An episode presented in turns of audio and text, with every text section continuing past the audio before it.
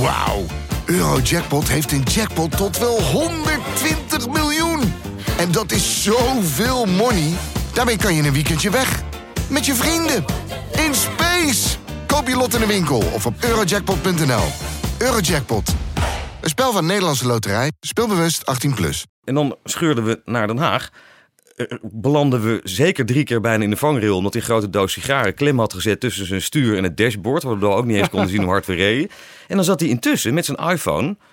eh, te bellen met de redactie van het Oog op Morgen of van Argos... want dat moest allemaal nog voorbereid worden... Eh, en een half uur later hadden we dan een interview met bijvoorbeeld Mark Rutte. Met een morsig notitieblokje. Wat krabbels opschrijvend. En, en dat je denkt, ja, wat wordt dat ooit nog? Terwijl intussen in dat brein van hem natuurlijk al lang een beeld was ontstaan. En dat hij nog een paar... Ja, de kleurplaat moest hier en daar nog ingekleurd worden. Ik denk dat, ze, dat dat soort mensen opvallen omdat het persoonlijkheden zijn. Niet alleen een functionaris, niet alleen een, iemand die een professie um, uitoefent, maar die gewoon uh, waarvan je ziet dat het hem ook een manier van leven is. En hij wist altijd net ietsje meer dan ik. Want dan zei ik, ja, maar in de PvdA hebben we dat en dat. En dan zegt hij, ja, maar ik heb die en die gesproken. Die denkt heel anders daarover. Zelfs binnen de eigen partij had hij soms ja, meer bronnen. hij had altijd bronnen. Hij had altijd bronnen en hij had met iedereen contact. Hè. En wie snuift als eerste op dat er een of ander vreemd, merkwaardig geheim project gaande is... waar hij alles van af moest weten? Je raadt het al. Max van Weesel. Het is niet wie de steen verlegt, maar het is dat, Dat die de steen verlegd wordt. En je Dat je ego, een klein beetje invloed op het geheel hebt kunnen hebben. je ego en alles is weg. Hè? Jij bent weg als persoon, maar je laat toch wel degelijk een stempel achter. En ik denk dat die stempel van Max heel groot is geweest in Den Haag. Dit is Betrouwbare Bronnen met Jaap Jansen.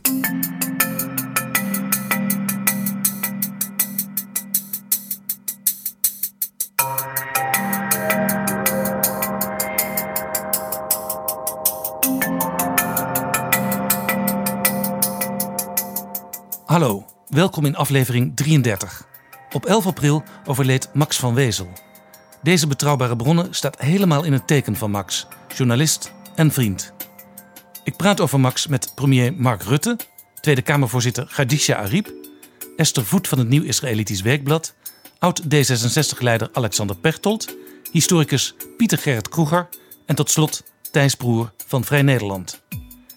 Max werd geboren op 9 juli 1951. Het verhaal van Max is ook een verhaal over de politiek en de journalistiek in Nederland en over de veranderingen daarin. Dit is Jaap Jansen met Betrouwbare Bronnen. Ik ga praten met Mark Rutte.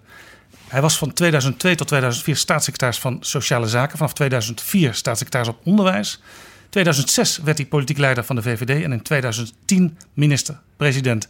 Welkom in Betrouwbare Bronnen, Mark Rutte. Goed hier te zijn. Dit is een first voor mij. We praten over Max van Wezel en u leerde hem denk ik kennen in 2002 toen u staatssecretaris was. Ja, zeker. Ja, ik, ik, ik heb nog herinnering aan dat hij bij die eerste presentatie van het kabinet ook was. Uh, ik weet niet helemaal zeker of ik het nou achteraf bedacht heb, maar ik meen toch vrij zeker te weten dat hij er was.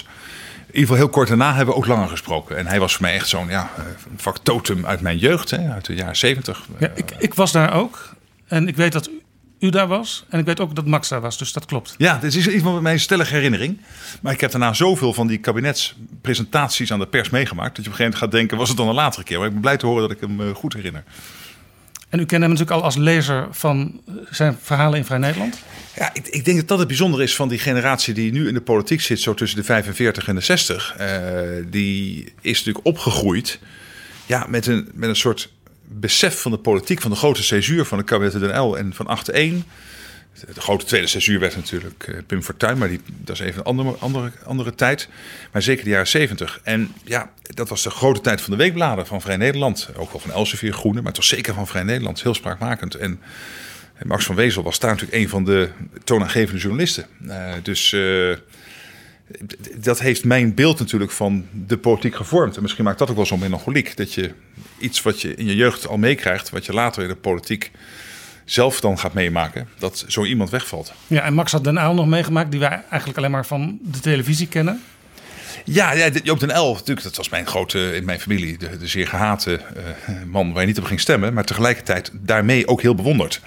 Want iemand die, eh, waar je een grote politieke hekel aan hebt, heeft dus stiekem ook grote bewondering voor. Een man die dus wel iets teweegbracht en die de politiek opschudde. En Dries van Achten, die strijd, het prachtige boek van eh, Ed van Tijn, eh, Dagboek van een onderhandelaar. Nog steeds misschien wel het mooiste eh, politieke ego-document van na de oorlog. Eh, die periode en, en Van Wezel, Max van Wezel, was daar instrumenteel, eh, vormde zich als journalist in die periode. Was ook een spreekbuis van die tijd. Eh, zat ook op de linkervleugel. eh, paste ook helemaal in die sfeer van Vrij Nederland. Spraakmakende interviews.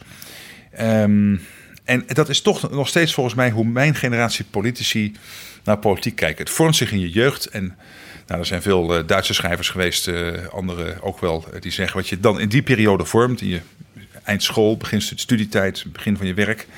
Dat is ook heel bepalend voor hoe je nog 20, 30 jaar later ook, door welke bril je naar dingen kijkt. Ja, u Hij vormde die bril. u refereerde op de persconferentie, de wekelijkse persconferentie in Nieuwsport, aan Wendepunt van Klaus Mann. Hij beschrijft eh, heel mooi, de zoon van Thomas Mann, eh, hoe die generatie die jong was in de Eerste Wereldoorlog, eh, die dat wilde goed maken later. Dus, maar, en even los dat dit gelukkig niet gaat over oorlog en geweld en nazisme, maar gaat, het gaat wel over wat impregneert je brein, wat, wat komt er binnen. Eh, Sebastian Hafner heeft er ook over geschreven.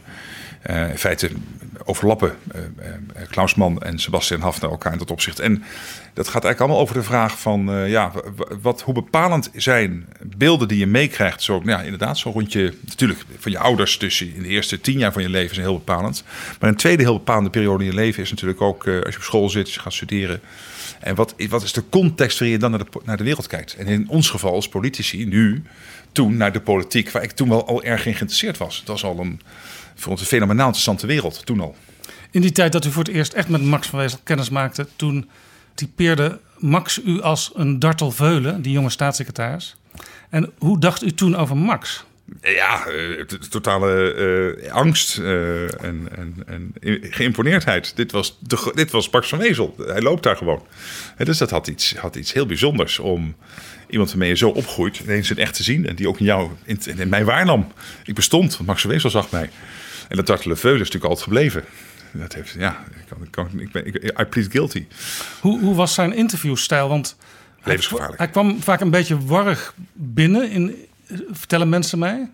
Met die tas eh, vol met stukken. Die, die, die rechter eh, zak van zijn jasje eh, met zo'n grote houten kist. Uh, hygiënische sigaar erin. Ja, morsig, maar ook hoe een journalist eruit hoort te zien. Dit is natuurlijk het beeld wat we kregen van de, van de grote films over, over Watergate. Hè? Zo, zo hoort een, zo, Bernstein, Woodward, zo hoort een journalist eruit te zien. Met een morsig notitieblokje.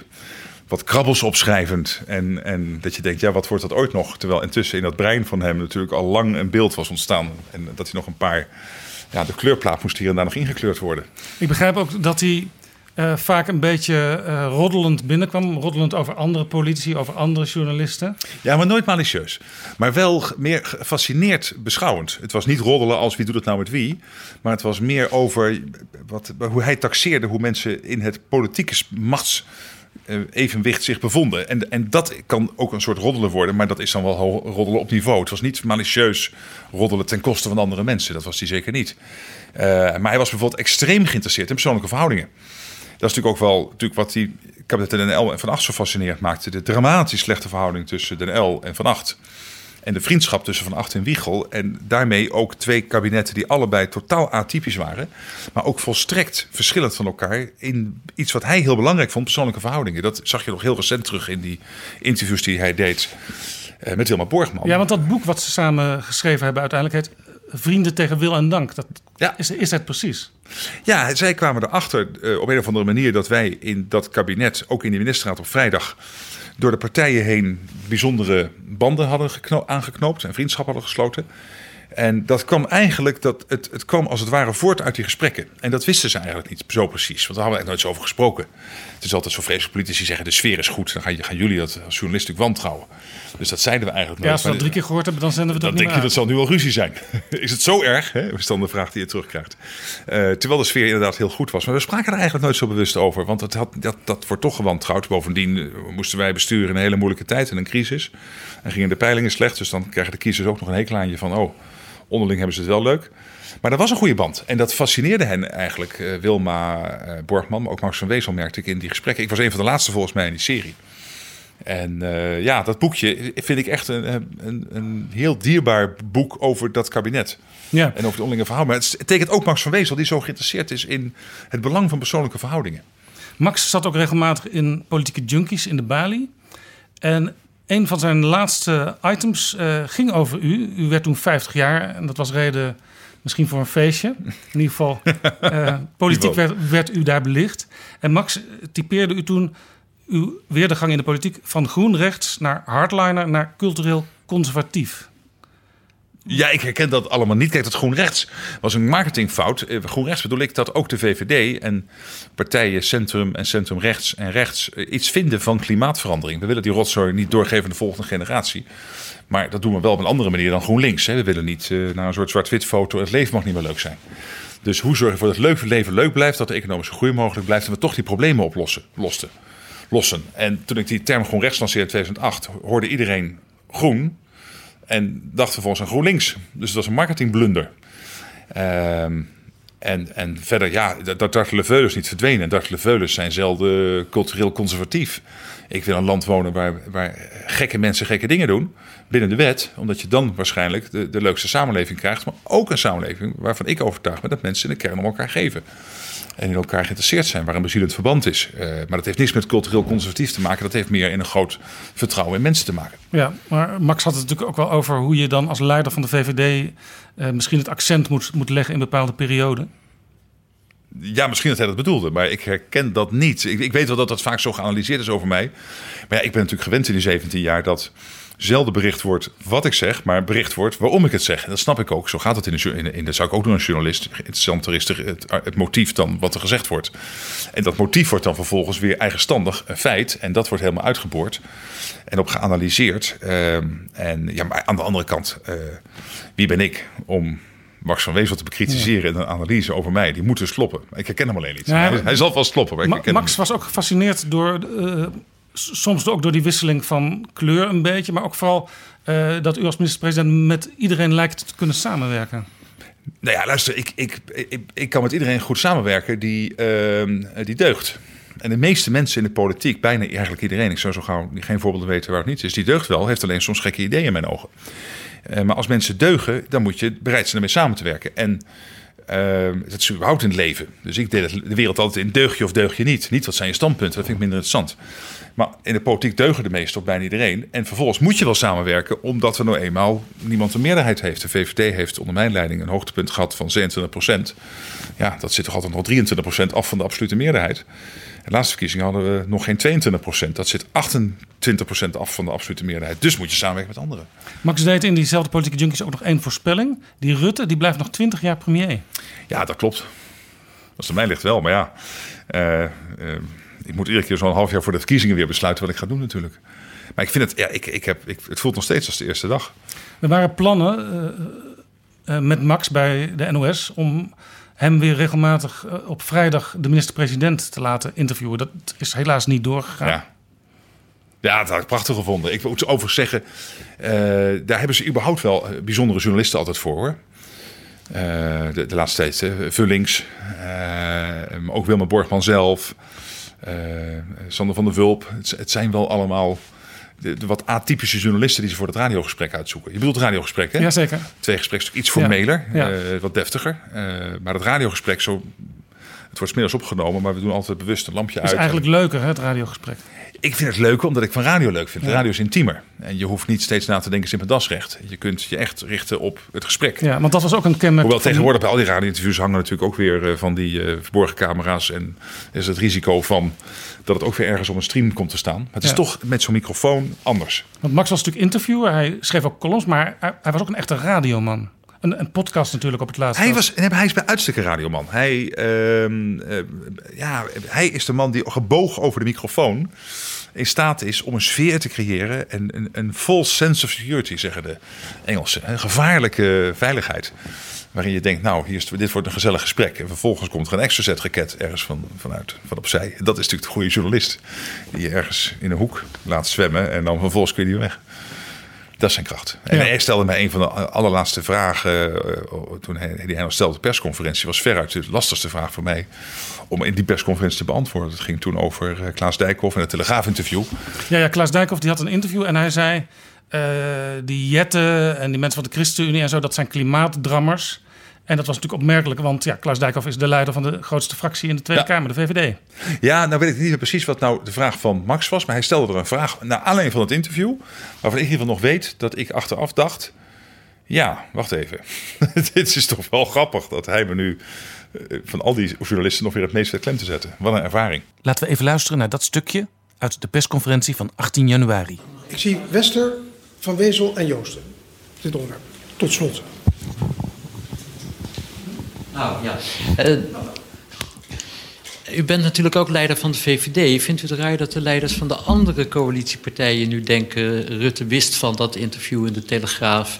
Rutte heeft daar toestemming voor gegeven. En dat ja, maakt Rutte's bemiddelende rol eh, wat moeilijk. Ik bedoel, er is ook wantrouwen tegen uw regisserende rol nu bij de anderen.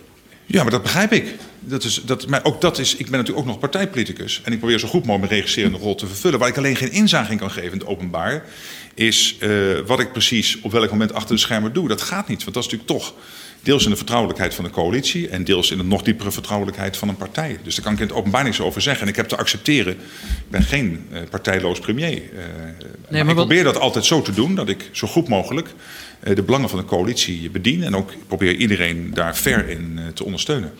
Ja, maar wat het zo ingewikkeld maakt is als premier in Katowice en zo houdt u vurige pleidooien voor een ingrijpend klimaatbeleid. Vervolgens geeft de fractievoorzitter van de VVD een interview dat daar ongeveer haaks op staat. Eh, u blijft zeggen van we komen er wel uit. Ik bespeur bij de andere drie coalitiepartijen nu een soort van wantrouwen van eh, waar staat Rutte zelf nou voor? Ja, ik ben het niet met de analyse eens. Eh Dijkhoff stelt niet ter discussie de doelstelling. De doelstelling van het kabinet is, en hebben we ook in Katowice uitgedragen, ook op CNN. eh, dat interview wat eh, ook hier de pers heeft gehaald, dat wij 29% CO2-uitstoot willen bereiken. Maar dat we eigenlijk vinden dat Europa naar een doel zou moeten van 55%. Omdat je dan echt de anderhalve graad opwarming veel meer kunt naderen dan met 49%. En dat we dus ook een lobby hebben in Europa om de 49 te verhogen naar eh, eh, naar 55 procent. Dat staat ook in het regeerakkoord. Daar ben ik ook echt aan gecommitteerd. Dat heb ik in Katowice uitgedragen. Volgens mij stelt Dijkhoff dat niet in vragen in het eh Telegraaf-interview. Eh, waar hij volgens mij aandacht voor vraagt. Eh, en je zag ook breed in de coalitie steun, ook bij andere partijen, dat zij dat ook vinden. eh, en ook al vonden, neem ik aan, dat je het moet doen op een manier dat ook de mensen het kunnen meemaken. En dat heb ik ook dinsdag gezegd. Dat is een van de randvoorwaarden voor deze coalitie. Dat als je die maatregelen neemt, dat ook iedereen in staat moet zijn om dat in zijn persoonlijk leven eh, zo te organiseren. Dat je niet ineens de vakantie hoeft af te zeggen of de auto te verkopen of te verhuizen. Maar u heeft niet zelf gevraagd, Klaas, geef eens een eh, stevig interview aan de Telegraaf. Want dat denken sommigen in de coalitie nu. Ik, ik kan echt nooit antwoorden geven op wat er diep in een partij gebeurt. Dat gaat niet. Eh, daar kan ik geen ja of nee of reflectief iets over zeggen. Dus dat moet ik onbeantwoord laten. Want dat raakt echt aan het vertrouwen van het interne partijoverleg. Joost. Nou is het zo dat wij journalisten en politie komen niet eh, vaak bij elkaar thuis over de vloer. Dat blijft vrij zakelijk in Nederland. Ja. Maar u bent wel nog een aantal keren bij Max thuis geweest in zijn laatste periode. Ja, ik ben één keer bij hem thuis geweest, maar ik heb veel, en daarna veel gebeld. Eh, en, en ja, het is niet zo. Kijk, ik, ik kijk ook daar niet naar. Oh, het is een journalist, dus dan kom ik niet thuis. Of het is een politicus, dan kom ik wel thuis. Ik ben bij de meeste politici eigenlijk nooit thuis geweest. Ehm, maar het groeide zo. Hij, ik, ik kreeg dat bericht dat hij ziek was. En hij zat toen thuis. En toen had ik eigenlijk het, het vage idee van... joh, zolang jij dan met die zware behandelingen zit en niet echt kunt reizen... moet jij eigenlijk... Ik, ik, had, ik had het romantische idee van eh, ehm, ehm, eh, Hans van Mierlo... eh, die iedere week belde met Bobby Brugsma. Op zondagmorgen om half elf ging de telefoon. Vertelde ik aan Max van Wezel. Die kende dat verhaal wel of niet, weet ik niet zeker. Maar dan ging de telefoon om half elf. Brugsma aan de lijn. En dan moest eh, Van uitleggen wat er die week weer allemaal was gebeurd. Feiten, cijfers, eh, gegevens. ehm, en daarna een half uur strijk en zet. Schreef Van later in een column. Hing Brugsma op met de woorden. Dus kijken wat de typemachine ervan vindt. En dan kwam daar een column uit voor de Haagse Post die week. En bekend van Brugsma overigens dat hij eh, alleen die column las in zijn eigen blad. En als het blad uitkwam, die column ging lezen met zo'n blik. Goed dat het weer eens gezegd is. En verder lagen alle, lag alle kopij keurig opgestapeld in, in zijn kast toen hij wegging. Had hij waarschijnlijk nooit gelezen. Ehm, maar dat idee dus, dat je dat soort contacten hebt in de politiek als journalist om je eens even te laten bijpraten. Ik zei, joh, misschien is dat een manier voor jou om nu jij ziek bent en niet zelf in Den Haag kunt komen. Om voorbij, wat je natuurlijk nu kan tegenwoordig met al die livestreams, je kan al die debatten volgen. Dat ging toen natuurlijk niet. Uh, je hebt eindeloos radio en internet maar, en televisie. Maar toch nog wat meer achtergronden. Dus dat was eigenlijk. Maar hij is toen heel snel was hij weer op de been. Ja, maar dit, was eind, heel- dit was eind april vorig jaar. Het was dus Eh, heel eventjes Max zijn van Mierlo. Nee, het is nooit gebeurd. Het was meer zo'n vaag idee wat ik had.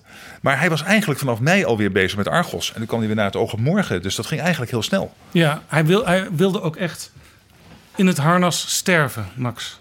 Hij bleef maar aan het werk. Ja, ik weet niet of zijn doel was in het harnas sterven. Maar het, zijn doel was niet ziek zijn. Ik weet dat hij een keer tegen mij zei: van ja, dan ga je naar het ziekenhuis en dan ben je een patiënt. Dan ben je een oudere meneer die ernstig ziek is. En dat wil ik helemaal niet. Ik ben gewoon een journalist, ik ben hard aan het werk. En ik moet even tussendoor, sorry jongens, ik moet even naar het ziekenhuis. Maar het moet niet te lang duren, want ik moet vanmiddag nog een radioprogramma maken.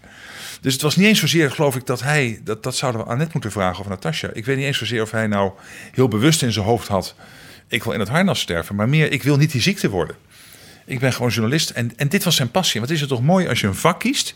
En dan heb je nog een tijdje te leven. Je weet, het is aflopend. Een vreselijke ziekte die hij had. En je weet ook dat dat, dat niet heel lang meer duurt. Ja, heel veel mensen zullen dan zeggen... nou, nu ga ik leuke dingen doen. Nu ga ik reizen of naar musea. Nee, hij ging nog meer doen van wat hij al mooi vond. Namelijk dit vak. Dan heb je toch een waanzinnig mooi leven gehad. En alleen veel te kort. We gaan Max missen. Als u Max tot slot in één karakteristiek moet omschrijven, wat zegt u dan? Ehm, een hele lieve man. Een, een, een, een razend knap, iconisch knap journalist. Hij, hij, hij, heeft een, hij heeft het beeld wat heel veel mensen van de jaren 70 en 80 van de politiek hebben, is, is door hem bepaald. In belangrijke mate. Maar ook een hele lieve man. En die combinatie was heel gevaarlijk. Want er komt een hele lieve man binnen. Maar ook een van de allerbeste parlementaire journalisten na de oorlog. Eh, Die niet alleen maar lieve dingen gaat doen. En, en toch bleef hij lief. En toch hield je het respect. Nee, sterker nog, hield je een enorme affectie voor hem. En dat is een, een combinatie van eigenschappen ja, die heel bijzonder. Die kun je niet kopiëren. Dank u wel, Dank Mark wel. Rutte. Dank.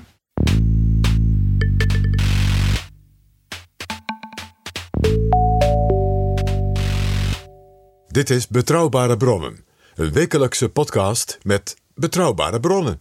Ik ga praten met Khadija Ariep, Tweede Kamerlid sinds 1998 en sinds 2016 voorzitter van de Tweede Kamer. We praten over Max van Wezel. Welkom in Betrouwbare Bronnen, Khadija Ja. Ariep. Dankjewel. Vorig jaar schreef u in het Liber Amicorum dat van Max gemaakt werd. Wie was er eerder, Max of de politiek? Ik denk eigenlijk Max. Ja, dat is ook zo. Zo ervaar ik het ook toen ik eh, in 1998 in de Kamer kwam.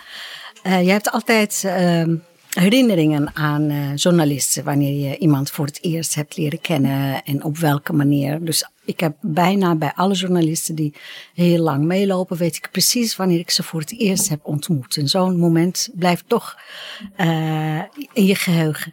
Maar bij Max weet ik het niet. Ineens was hij er. En daar, ja, bij hem heb ik altijd iets van. Ik hij is gewoon in mijn politiek leven eh, terechtgekomen, maar ik kan niet het moment markeren eh, waarop dat heeft plaatsgevonden. Dus ik denk dat hij inderdaad voor de politiek hij hier al was. Kwam dat misschien ook omdat u al zijn verhalen las in Vrij Nederland, misschien hem al op de radio beluisterde, voordat u hem ooit echt ontmoette? Nou, het, het kwam denk ik doordat ik, ehm, dat was heel vroeg, ik sprak bijna geen Nederlands, maar met het oog op morgen heb ik wel eh, meegekregen. Op de een of andere manier was dat een, ja, en nog steeds overigens, een vertrouwd radioprogramma. En ehm, ik weet wel dat hij daar wel een rol in heeft gespeeld. Hij heeft een hele fijne stem, eh, een warme stem. Eh, en eh, hij zegt soms echt eh, heel ehm, belangrijke dingen, maar dat zegt hij op een toon dat het ook heel vertrouwd overkomt. Misschien dat het daarmee te maken heeft. Ja. Liefde voor de radio heb ik altijd gehad, maar dat is door hem enorm versterkt. Dus dat vertrouwenwekkende, dat was er al en dat heeft zich ook doorgezet, voortgezet toen u elkaar echt tegenkwam. Ja, ik heb hem hier eh, zien rondlopen. En in die periode natuurlijk, dat is de laatste jaren is dat niet eh, van. eh, is het er niet van gekomen. Maar in die periode was het heel normaal dat je af en toe naar Nieuwspoort gaat. En daar was hij ook altijd. En hij komt uit Amsterdam. Dat schrijf ik ook in dat stuk. En dat schept natuurlijk ook weer een band. En hij, hij verkeerde ook in een kring waar ik ook kwam in Amsterdam. Eh, mijn beste vriendin, dat is Margaliet Kleiwicht.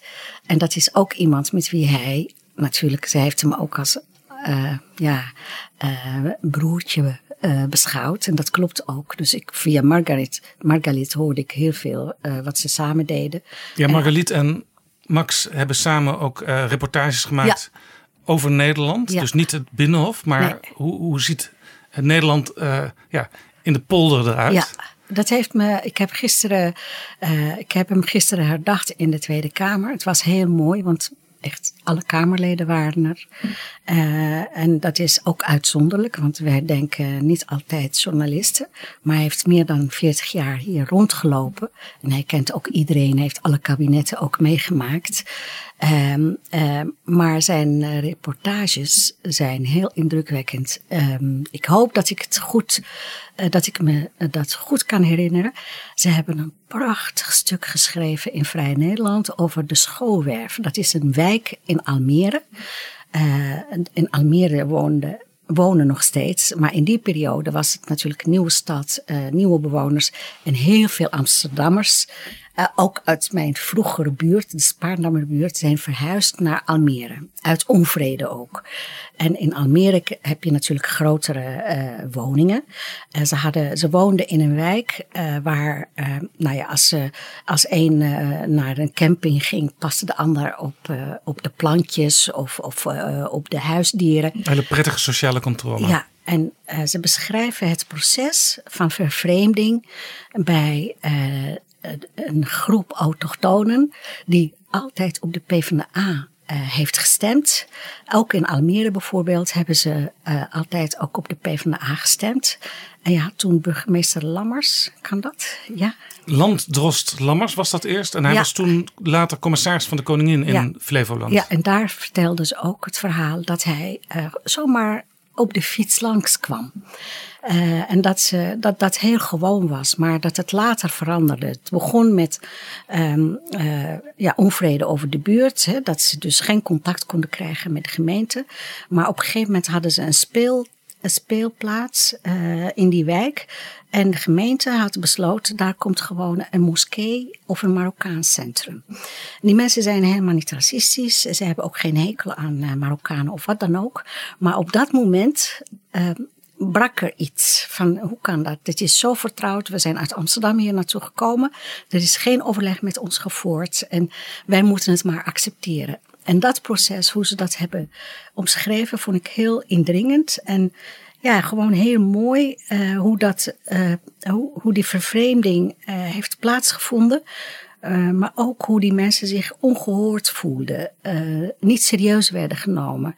En hoe zij dus op een gegeven moment helemaal de PvdA de rug hebben toegekeerd en op Pim Fortuyn zijn gaan stemmen.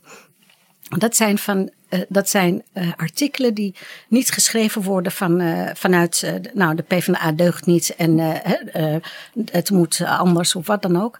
Maar via de persoonlijke verhalen van gewone burgers die altijd PvdA trouw waren.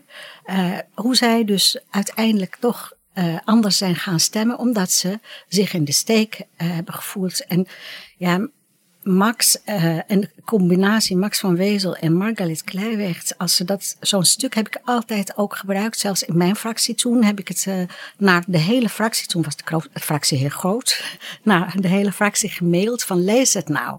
Dit is zo bijzonder en zo goed geschreven. En eh, ja, je, je maakt daar heel veel, ja, je, je krijgt een ander beeld van de mensen die eigenlijk, ja, zich eh, En eigenlijk eh, ook verlaten voelen dit door zijn ons. tussen aanhalingstekens onze mensen. Mensen Ja. die vroeger PvdA Ja. stemden. Ja. En die het gevoel hebben dat ze ons zijn kwijtgeraakt. Dat wij ze niet meer horen. Ja, maar dat, hij, hij kan ja, hij, hij kan het zo goed beschrijven. Zonder dat je meteen in politieke statements valt. Of uh, uh, dat je meteen een soort standpunt hebt. Of dat hij links of rechts. Maar gewoon vanuit het dagelijks leven. Uh, de strijd van, van, van burgers elke dag met de overheid. Met de gemeente. Volgens mij hadden ze ook, ik weet niet, een plaag. Ik weet, niet, nou, ik weet het niet meer of het nou van muizen of, of andere ongedierte.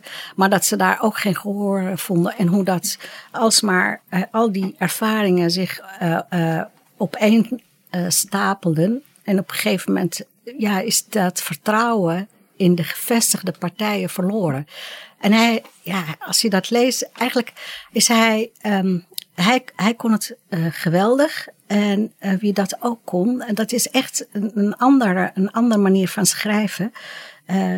Gerard van Westerlo. Van Westerlo. Ja, die heeft ook een boekje, een bundel Ja. daarvan gemaakt. Niet spreken met, de bestuurder. Ja, precies. Dat is, die genre, die vond ik, eh, die vond ik mooi. En, en Max, eh, ja, dat- hij was briljant. Maar het is ook heel bijzonder, want de meeste politieke watchers kennen Max natuurlijk als de Binnenhofman. Hij hoorde bij het Binnenhof. Hij was daar bijna altijd. Hij kende iedereen, hij wist alles. Ja. Maar hij ging dus ook naar zo'n wijk in Almere eigenlijk met een leeg notitieblokje. Ja, ja, ja. eh, dat, dat maakt hem eh, toch heel, eh, heel bijzonder. Dat, dat zei ik gisteren ook bij zijn herdenking. Dat hij ook niet alleen kritisch was naar politieke partijen. Ook naar de PvdA was hij kritisch. Maar hij was ook kritisch op zijn vakgenoten. Omdat in die periode ook een beetje badinerend werd gedaan over verslaggeving. ook die, de mensen die jullie collega's dan op een andere eh, eh, terrein, eh, lokaal, of dat ze gewoon dagelijkse dingen beschrijven in lokale kranten of regi- regionale kranten. En dat nam je ook natuurlijk de journalisten in, eh, in Den Haag kwalijk. Maar dat was, ook, dat was ook wederzijds. Want die verslaggevers vonden Ja. weer dat de journalisten op het Binnenhof onder een kaasstolp ja, zaten. Ja, misschien hebben ze ook een beetje gelijk. Ja, toch? Ja, nou ja, Ja. kan geen kwaad om af en toe eens buiten ja, te want kijken. soms denken we allemaal dat alles om ons draait. Eh, en eh, eh, ja, iedereen kent iedereen hier. En jullie doen geweldig werk, want ik, ik vind dat ook heel bijzonder. Ik heb er soms ook wel last van, maar dat hoort in een democratie. Dat jullie ons in de gaten houden. Dat jullie ons... kritisch geweten zijn. en dat jullie ook ons controleren. Maar soms denk ik ook van, van er zijn meer dingen eh, dan alleen wij in de samenleving. En Max wist die combinatie wel eh, tot stand te brengen. Zowel in Den Haag als wat er in de samenleving gebeurt. Eh, dat, wist hij altijd te verbinden. En ik heb ook vaak met hem discussies gehad hoor. Dus hij had ook uitgesproken opvattingen. En, en Ja, want hij, hij was ook vaak teleurgesteld in de Partij van de Arbeid, waar hij notabene zelf lid van was. Ja, ja, dat is ook zo. Hoe gingen die discussies dan? Ja, Nou ja, ik, ik weet bijvoorbeeld het, het vorige kabinet, hè, Rutte 2, Partij van de Arbeid samen met eh, de VVD. dat vond hij helemaal niks.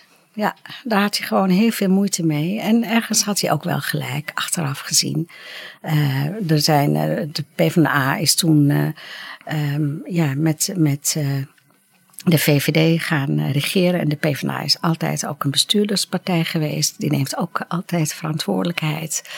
Eh, dat hebben ze ook gedaan en eh, ook besluiten genomen die pijnlijk waren. Zoals we nu over de zorg spreken of eh, over eh, toen hè, beschut eh, werkplekken en mantelzorg. En ja, daar heeft de PvdA ook een verantwoordelijkheid in gehad. En het idee van mensen als Diederik Samsom was, wij leggen dat aan de kiezers wel uit bij de volgende verkiezingen. Ja, maar zo werkt het niet. Mensen rekenen dat ons veel zwaarder aan dan bij de VVD. Van ons verwachten ze als je verantwoordelijkheid draagt, dan neem je het ook op voor je mensen. En zij voelen dat wij dat de afgelopen periode vooral ervoor hebben gezorgd dat wij eh, door die crisis heen eh, zijn gekomen. Op zich ook heel mooi en, en ook heel belangrijk. Eh, maar tegelijkertijd hebben we ook maatregelen genomen die gewoon pijnlijk waren voor Ja. de mensen met lage inkomens, voor mensen in de zorg. Dat is wel moeilijk. Dat Nou is Max zo. natuurlijk ook veel begrip voor de, de moeite waarin politici vaak besluiten moeten nemen, maatregelen moeten nemen. Maar ja, misschien ook wel door die ervaring in zo'n Almeerse wijk Ja. wist hij hoe het over kon komen bij de mensen in het land. Ja, ja. dat wist hij heel goed eh, aan te voelen. En dat wist hij ook heel goed te beschrijven. Ja, dat is zo. Ja. Als We u, gaan hem heel erg missen. Ja, ja. Ja. Als u met hem een glaasje wijn dronk of in de auto op weg naar Amsterdam was s'nachts, Ja. waar ging het dan over? Oh, natuurlijk over de politiek. Hij kan eh, nergens over praten. En hij wist altijd net ietsje meer dan ik. Want dan zei ik, ja, maar in de PvdA hebben we dat en dat. En dan zegt hij, ja, maar ik heb die en die gesproken. Die denkt heel anders daarover. Zelfs binnen de eigen partij had hij soms ja, meer hij bronnen. had altijd bronnen. Hij had altijd bronnen en hij had met iedereen contact. Eh, als hij iets eh, hoort over, eh, nou ja, over wat wij als PvdA van plan zijn, dan gaat hij dat niet alleen checken bij Kamerleden maar, of bij PvdA'ers. Maar hij praat ook met secretaresses, hij praat met, met chauffeurs, hij praat met kamerbewaarders. En zo heeft hij. Ja, Hij wist zelfs soms ook via zo'n secretaresse welk cadeautje die aan een minister moest geven om de minister gunstig te stemmen voor een interview. Oh, dat weet ik dan weer niet. Maar dat, eh, dat sluit ik niet uit. Ja, Ja. ja. ja, En als wij, ja, ik, ik heb hem eh, ja, in de auto vaak meegemaakt. En eh, op een gegeven moment zei ik, Max, ik rijd niet meer met je mee, want die rijdt zo. Eh, ja, on- onverantwoord. Want als hij zo bezig is met een gesprek en dan hoor je allemaal getoeter achter je, denk ik, eh, ik, kwam, ik kwam thuis echt helemaal bleek. Ik heb het ook wel eens meegemaakt midden in de nacht inderdaad. dat ik dacht, ja, ik wil, ik wil heel graag met Max naar huis. Ja, nee, maar- dan word ik weer zoveel verhalen rijker. Maar daarna ben je blij dat je thuis bent aangekomen. Dus ik ben ermee gestopt. Ze zei, die gaan we naar Amsterdam? Ze zei, nee Max, ik ga nu alvast met de trein. Ja. Ja, Ja. ja. Ehm, wat bij Max in alle verhalen over hem een beetje onderbelicht is, is eh, zijn Joodse kant. Ja. U bent natuurlijk van Marokkaanse afkomst. Ja. Ook dat kan een band scheppen. Ja. Die, die twee verschillende Ja, ja, groepen. ja. Ik was afgelopen vrijdag eh, op zijn begrafenis. Het was heel bijzonder om dat mee te maken. Het is een Joodse begrafenis. Voor mij is- Orthodox. ja, de eerste keer dat ik dat eh, heb meegemaakt. Ik heb heel veel Joods vrienden, maar eh, zo'n begrafenis heb ik niet meegemaakt. En het was heel eh, gek om te zien dat dat zo erg lijkt op hoe dat bij moslims gaat. Eh, hij was donderdag overleden. Vrijdag werd hij begraven. Ja, dat gaat dus heel binnen snel. 24 uur. Ja, heel snel. Gelukkig was zijn broer hier eerder.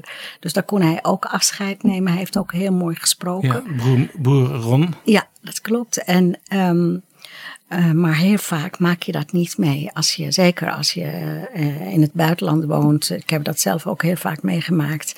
Iemand eh, overlijdt en dan wil je heel graag naar Marokko, maar dan ben je te laat. Dus je neemt geen afscheid. Ja, het was ook heel tekend misschien dat er waren meerdere Kamervoorzitters. Ook Gerdy Verbeet was er. Ja, Frans, Frans Wijsglas. Wijsglas, Ja, Dat waren- geeft aan hoe breed hij gewaardeerd werd. Ja, ja.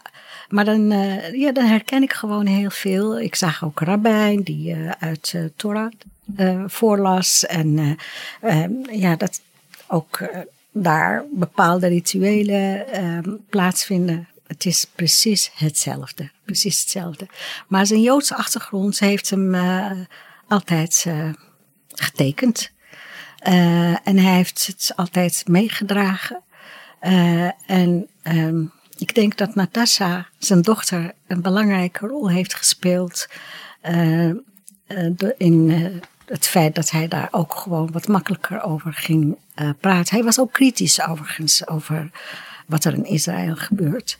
Maar ja, hij draagt gewoon een geschiedenis mee. Ja, Natasja ging natuurlijk ook vragen aan Ja. hem stellen. En Ja. ze heeft zelfs een boek geschreven over de derde generatie, haar eigen generatie. Ja. En daar zag Max, toen zij met dat boek bezig was, dat eigenlijk die derde generatie weer een aantal eigenschappen heeft die hij ook heeft. Namelijk hard werken, altijd weer bewijzen Ja. dat je er Ja, mag moet- zijn. Mag zijn, ja, dat klopt. Eh, dat heeft hij natuurlijk altijd gehad. En eh, het is een andere geschiedenis natuurlijk. Want eh, wij weten allemaal hoe dat gegaan is met 6 miljoen Joden. Dat, is- dat is nergens mee te vergelijken. Maar hij Max, heeft- Max zijn twee voornamen, Max en Hans. Dat waren ook de namen van ooms die toen zijn omgebracht Ja. in de Tweede Wereldoorlog. Ja, maar hij heeft altijd, eh, dat zei hij ook volgens mij in een van de interviews. eh, hij is van 1951, maar eigenlijk ja, mocht hij er niet zijn. zo- zo'n eh, zo'n gevoel. En hij heeft altijd hard gewerkt om op de een of andere manier te laten zijn dat hij het laten zien dat hij er wel mag zijn. En die, dat gevoel, dat herken ik wel. Dat je altijd moet laten zien dat je, dat je er bent en dat je het ook goed kan en dat je er mag wezen en eh, dat je jezelf moet bewijzen. Eh, dat, dat is natuurlijk wel heel herkenbaar. Ja. Ja. Als u Max in één zin nog zou moeten zou mogen samenvatten, wie was Max? Eh, wie was Max? Mooi mens. Hij ziet er een beetje eh, ja, slordig uit soms. Ongestreken overhemden. Soms heeft hij van die rare t-shirts met teksten dat je denkt, maar hoe komt hij daaraan in godsnaam? maar dat is gewoon Max zoals hij is. En eh, van buiten lijkt hij verstrooid, maar hij is zo scherp eh, en ook heel diepzinnig, niet oppervlakkig. En ja, het is een, een bijzonder mens. Ja. Het is mooi dat u blijft praten over Max in de tegenwoordige tijd. ja, zo voelt het ook. Ja, hij blijft bij ons, Max. Hij blijft altijd bij ons. Zo Ja. is dat. Dank u wel voor dit gesprek. Gadisha. Graag gedaan. Dankjewel.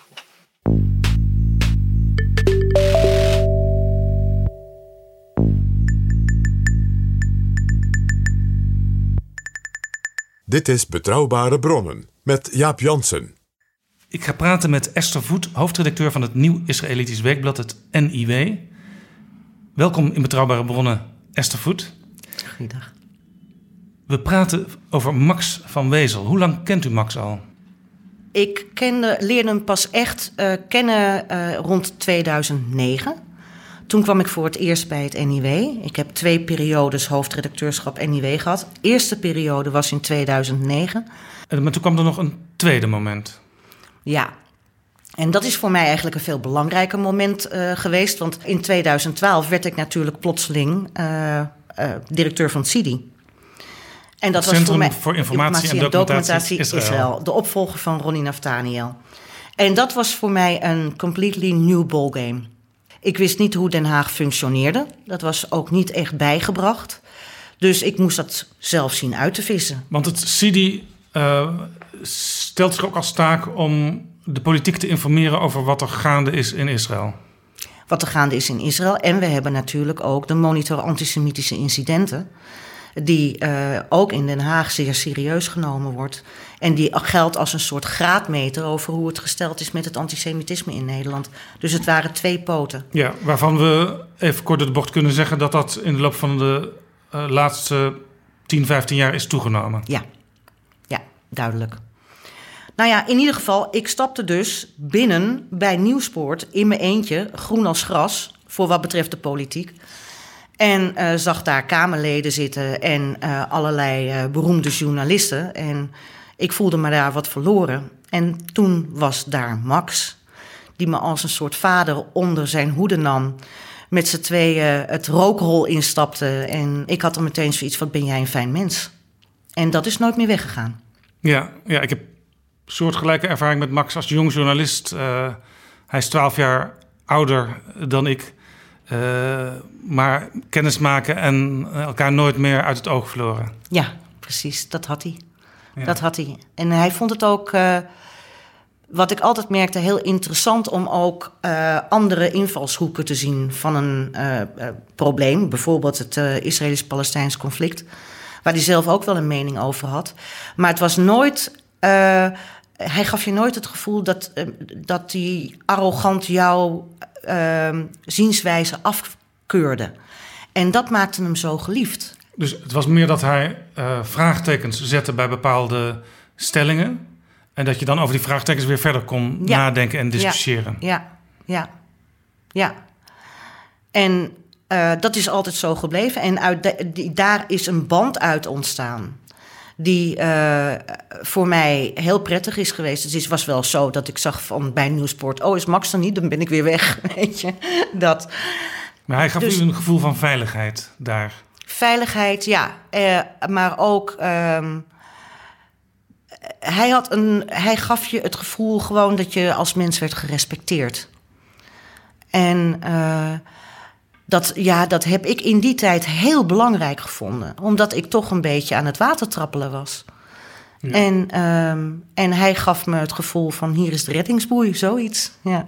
Ja, ja want het CD werd eh, door sommigen ook wel gezien als een soort verlengstuk van de Israëlische regering. Wat Ja. niet zo is. Nee, en dat is zo moeilijk om daartegen te boksen. Eh, we worden niet gefinancierd, of we, het CIDI wordt niet gefinancierd door de Israëlische staat. Het is een private instelling.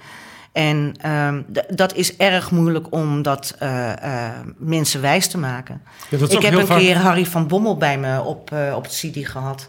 En daar heb ik hem ook brieven laten zien. Toen op een gegeven moment ehm, de Israëlische regering iets wilde doen met NGO's. die zeer kritisch waren. En dat wij daar ook gewoon een brief over hebben geschreven naar de Israëlische regering. Van doe dit nou niet. Het hoort in het, thuis in het kader van meningsuiting. Vrijheid van meningsuiting. Dus dat, was, eh, dat is altijd heel erg moeilijk gebleven. Ehm, tot op de dag van vandaag. Ja, Max van Wezel zelf had natuurlijk ook een dubbele verhouding met Israël. hè. Heel Ja. veel liefde voor het land, maar Ja. hij was niet echt fan van Netanyahu, zou ik maar zeggen. Nee, daar zijn er ook maar weinig van. Dat ben ik zelf ook niet. Maar ehm, eh, wat hij ook in het afscheidsinterview heeft gezegd. eh, daar heeft in januari dat wij publiceerden in het NIW. eh, ja, toen heeft u een mooi, mooi interview gemaakt over, het, ook over de Joodse identiteit van Max. Ja, eh, want die was eigenlijk best onderbelicht, terwijl het best eh, be- bepalend is geweest voor zijn leven. En daarin deed hij ook eh, uitspraken die ik niet van hem zou hebben verwacht. Ook ten opzichte van bijvoorbeeld organisaties als een Onderjoods Geluid. Maar ook, hij zei heel duidelijk, ik ben nog steeds Zionist. Nou, Zionist is tegenwoordig bijna een scheldwoord geworden. En ik vond het eh, heel fijn om dat uit de mond van Max op te tekenen. Want Zionisme is niets meer dan Joden het bestaansrecht geven op een staat. En die staat is Israël. Dat heeft verder niets te maken met de manier waarop ze Gaza behandelen of de Westbank behandelen. En dat wordt heel vaak onder, eh, ondergesneeuwd. Ja, het was nog scherper. Hij zei, ik voel me socialistisch zionist. En daar zei hij bij, een groep die niet meer bestaat. Ja, ja. Daar heeft hij een punt. Wat je, die hele ontwikkeling eh, eh, ten opzichte van Israël hebben we natuurlijk gezien dat hè, de tijd van Den Uil en van Drees ook, waarin ja, Israël enorm eh, werd opgehemeld. Ik zeg wel eens ook bijna op een manier die je nooit had kunnen waarmaken. Ja, Den Uyl had een enorme relatie met Golda Meir, toen premier. Ja, ja. Eh, er is zelfs nog eh, door minister Vredeling vanuit het kabinet Den Uyl hulp aan Israël Militaire gegeven. hulp, ja. Zonder dat de andere ministers dat wisten. Ja, we weten niet helemaal zeker of Den Uyl daar niet van wist. Daar heb ik het ook wel eens met Max over gehad. Zo van, nou, misschien heeft hij het achter de schermen wel geweten. Maar dat was dus een hele andere relatie dan nu eh, vanuit Europa met, met Israël eh, Ja. plaatsvindt. Want de meeste Europese landen, ook Nederland, staan nu heel kritisch tegenover Israël. En, Het beleid, ja. en behandelen vaak Israël en de Palestijnen gelijk. In hun politieke benadering. Eh, da- daar heb ik op zich helemaal niet zo'n problemen mee. Ik heb er wel problemen mee op het moment dat je Israël gaat, gelijk gaat behandelen als Hamas. Hè, we hebben kort geleden het interview met Dries van Acht gelezen. En eh, eh, Dries van Acht vindt Hamas een verzetsbeweging. Ja, hij heeft En- weer een nieuw boek geschreven, Dries Ja, van Acht hierover. Ja, Ja. een eh, brochure van 66 pagina's, heb ik begrepen. Ehm, maar natuurlijk, hij vertel, Max vertelde ook de eerste keer dat hij naar Israël ging... en dat hij zag wat er gebeurde op de Westbank. En dat hij zoiets had dat al die hippe, moderne Israëlische meisjes... met korte minirokjes eh, de Westbank op werd gestuurd. En dat hij zei, ja, maar dat kan helemaal niet... want daar heerst een totaal andere mentaliteit. Dat gaat botsen. En daar had hij natuurlijk ook gelijk in. Ja, Max kwam voor het eerst in 1968 op de eh, Westbank. Ja.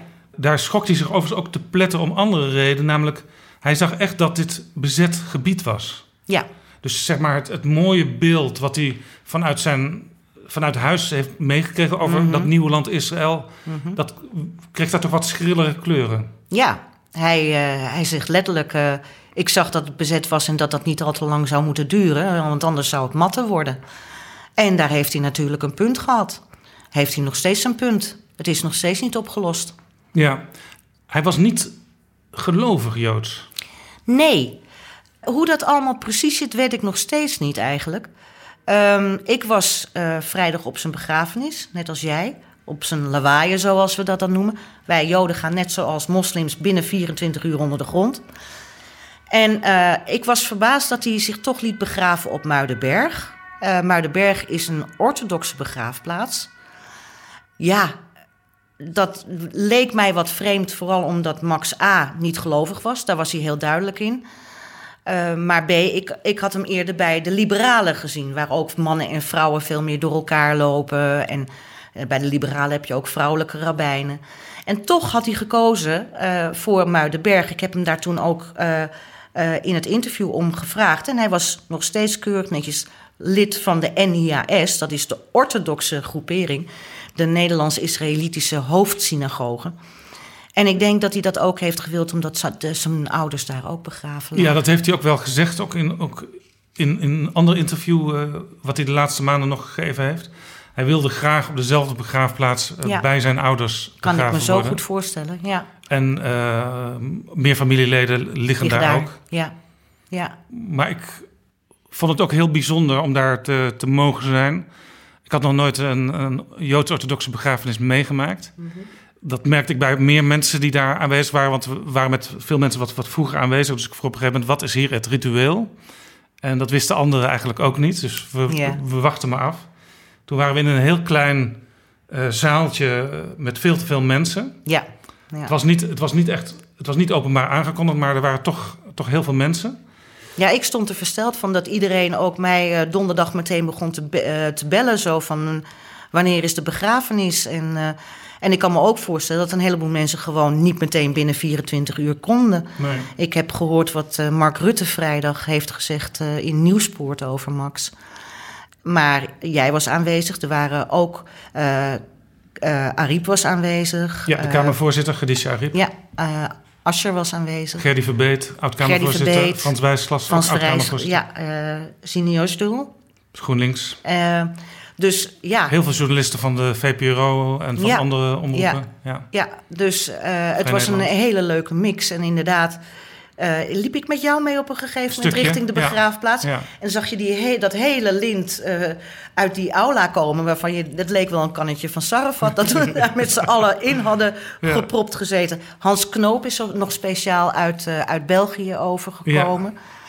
Dus uh, ja. En een jonge uh, journalist van BNNVARA was ook even uit Luik, waar hij aan het fietsen was, overgekomen. En s'avonds ging hij weer terug naar Luik. Niet te geloven, ja. hè? Ja. ja.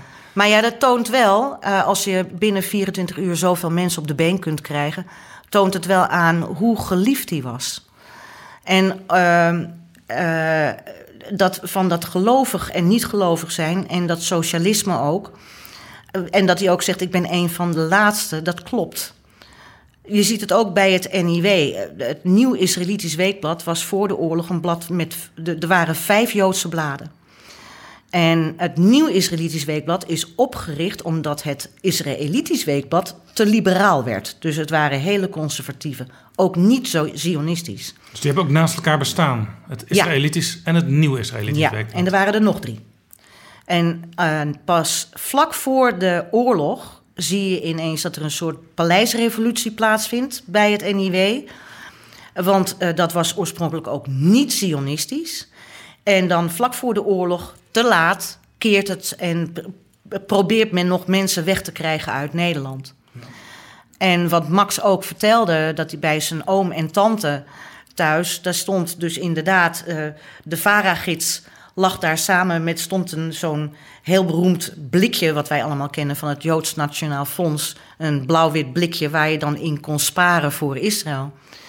Um, en dat is eigenlijk in de jaren 70, 80 is uh, die link met het socialisme um, de pottenbak opgegaan. Ja, want zijn, zijn oma die was een aanhanger van Sam de Wolf. Ook ja, een, Sam de Wolf. Een bekende Joods-socialistische politicus. Ja, groot bekende Joodse politicus. Um, ze, ze waren ook communistisch, socialistisch-communistisch.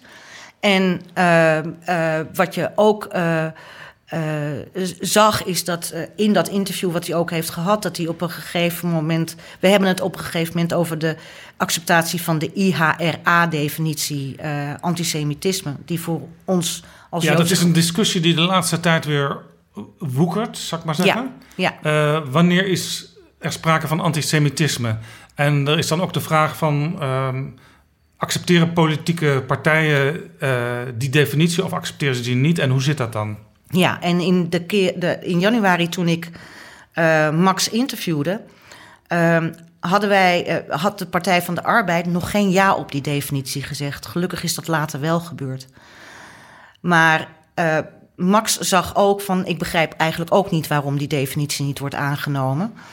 En eh, vertelde bijvoorbeeld ook dat hij op een gegeven moment ehm, in Amsterdam leden van de Partij van de Arbeid is eens is les gaan geven hoe die Partij van de Arbeid eigenlijk is ontstaan. Dat die voor een groot deel is voortgekomen uit de Joodse Diamantwerkersvakbond enzovoorts. Dat is een, is een stuk geschiedenis dat helemaal weg is.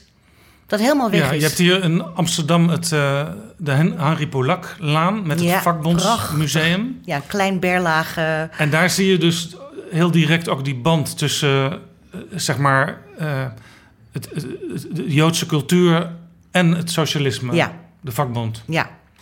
En de, heel veel vooraanstaande socialisten waren ook Joods. Kijk inderdaad ook naar Henri Polak. hè. Ja. En eh, daar, da- links Nederland weet dat helemaal niet meer. En trouwens, in dat vakbondsmuseum heb ik nog eh, een quiz met Max gedaan voor de eh, televisie. De kleine geschiedenisquiz. Ja. En we gingen de hele tijd gelijk op. Uiteindelijk had, heb ik gewonnen. Maar Mazzeltov. de volgende aflevering mocht ik weer meedoen met mijn groepje. En toen moesten we tegen de mensen van RTL, onder andere Connie Mus. En Connie Mus die wist echt alles uit zijn hoofd. Mhm. Dus toen hebben we van Connie Mus eh, zijn team verloren. maar dat, ook dat, die herinnering heb ik nog aan Max. Ook zo'n laatste der Mohikanen, Connie. Ja. Ja. Ja. Ik Max was in Israël toen Ja. eh, Connie overleed. Ja. Ja, Max was ehm, eerst heel erg marxistisch, zeg maar, in zijn studententijd. Ja. CPN lid ook een tijdje, maar Ja, hij hij kon niet met de, met de partijcultuur overweg. En Nee. is daar toen, of hij er nou uit is gegaan of gezet, dat laten we Hij even was in het te optimistisch over hoe je die partij kon moderniseren. Ja. Dat, dat lukte toch niet goed genoeg. Ja. En later natuurlijk Partij van de Arbeid lid. In die zin is hij nog wel een, een beetje... Was hij een journalist van de oude stempel. Want lid zijn van een partij en tegelijkertijd politiek journalist... dat wordt toch niet echt als wenselijk ervaren tegenwoordig. Mhm. Maar bij Max vond men het wel gewoon. Dat wist Omdat men van iedereen Max. wist dat Max ook een, iedereen een fair chance gaf. En dat is natuurlijk, eh, kijk, eh, eh, in politiek Den Haag en ook in politiek Hilversum, iedere journalist gaat naar de stembus. En ik zou het op zich best eh, transparant vinden als we eens weer zouden weten wat men daadwerkelijk stemt. Want dan kun je dingen misschien een beetje plaatsen. En, eh, maar dat gebeurt vooralsnog. Het wordt inderdaad steeds minder bonton. eh, waardoor het ook veel minder transparant wordt. En dat vind ik wel jammer. Ik vind Ja. het best. je- de, kijk, want dan heb je het over de basisdiscussie. wat, wat objectieve journalistiek is. En die is er natuurlijk niet. Nee, die bestaat Er is niet. wel eerlijke journalistiek, maar het is wel. ehm, het zou wel fijn. Waar Max dus een voorman van was. Maar het is wel fijn als je weet vanuit wat voor gezichtspunt een journalist praat. Ja, en het was natuurlijk ook niet zo wat sommige mensen misschien zullen denken bij iemand die ergens lid van is en ook journalist is, dat hij dan altijd die partij maar naar de mond praat. nou, dat deed Integendeel Max in tegendeel. Ja, dat Hij schreef natuurlijk hele kritische columns. Hij- Ja. Hij had hele kritische, harde interviews. Ja. Hij was ook, we hadden het er net al een beetje over, heel erg teleurgesteld hoe de Partij van de Arbeid eigenlijk van Israël wegdreef. Ja, en, maar daar hebben we het ook natuurlijk uitgebreid over gehad. Er zijn natuurlijk twee zaken die hierin ook heel erg meespelen. Allereerst werd Israël dus rechtser. En verloor eh Avoda, nou ja, nu tijdens de laatste verkiezingen eindigde ze geloof ik op vier of zes zetels. Het is helemaal niets meer. Komt ook door ego-haantjespolitiek daar. Ehm, eh, en eh, tegelijkertijd zag je ook dat links had zich natuurlijk jarenlang ingespannen voor Zuid-Afrika. En die strijd was gewonnen. En je ziet dan ook vooral dat die strijd zich vervolgens begint te concentreren op Israël.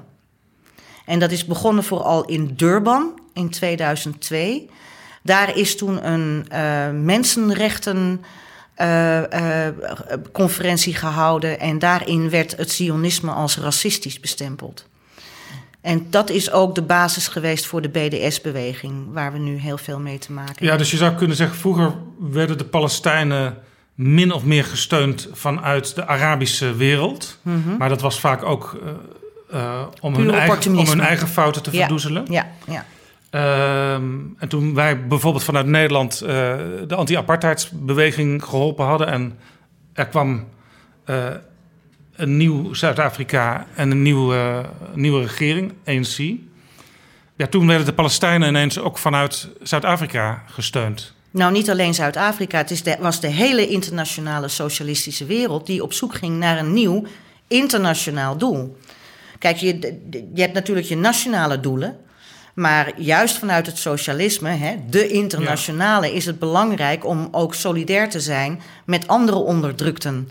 Ja, en het was dus, je zag heel duidelijk dat die verschuiving ineens plaatsvond. Ik vond het dus ook erg fijn om gewoon van Max te horen dat hij zei: Ik ben nog steeds een socialistisch sionist. Want daar hebben we er veel te, veel te weinig van. Ja, ja. En dat betekent dus niet dat je geen kritiek mag hebben op het Israëlische regeringsbeleid. Maar dat je in ieder geval wel het bestaansrecht van Israël erkent. En dat deed Max net zoals ik. In een van de interviews vertelde Max dat hij vroeger, toen hij nog eh, bij zijn ouders woonde, ja. dat hij heel vaak boos wegliep als het weer eens tot, tot in de verste verte bleef doorgaan over Israël en antisemitisme. Ja. Uh, dan sloeg hij wel eens keihard de deur achter zich, was hij weg, kwam hij natuurlijk later weer terug. En ook toen hij allang op zichzelf woonde, uh, belde zijn moeder hem nog vaak bij nacht en ontij. En daarvan zei Max, het werkte me op de zenuwen. Ja. Uh, want die moeder was heel erg met dat onderwerp bezig, mm -hmm. altijd. Dus, dus er was liefde van Max, maar ook wel ergernis over die discussie de hele tijd. Dat ja, maar dat kan ik me helemaal voorstellen, want dat heb ik zelf ook. Kijk, ik word hier natuurlijk ook uitgenodigd omdat ik het met Max daarover gehad heb. En um, je wordt er op een gegeven moment gallies van. Uh, A, omdat de discussie oneindig is.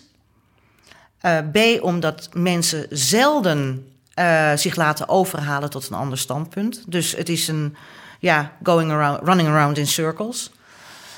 En inderdaad, als Jood word je hier in Nederland ook voortdurend aangesproken op uh, wat er in Israël gebeurt. Ja, alsof, alsof jij daar direct verantwoordelijk ja, voor bent. En als, alsof jij dus dat ook maar moet verdedigen. Ik zeg altijd, de, tegenwoordig worden, wordt, wordt Nederland ingedeeld in goede Joden en in slechte Joden.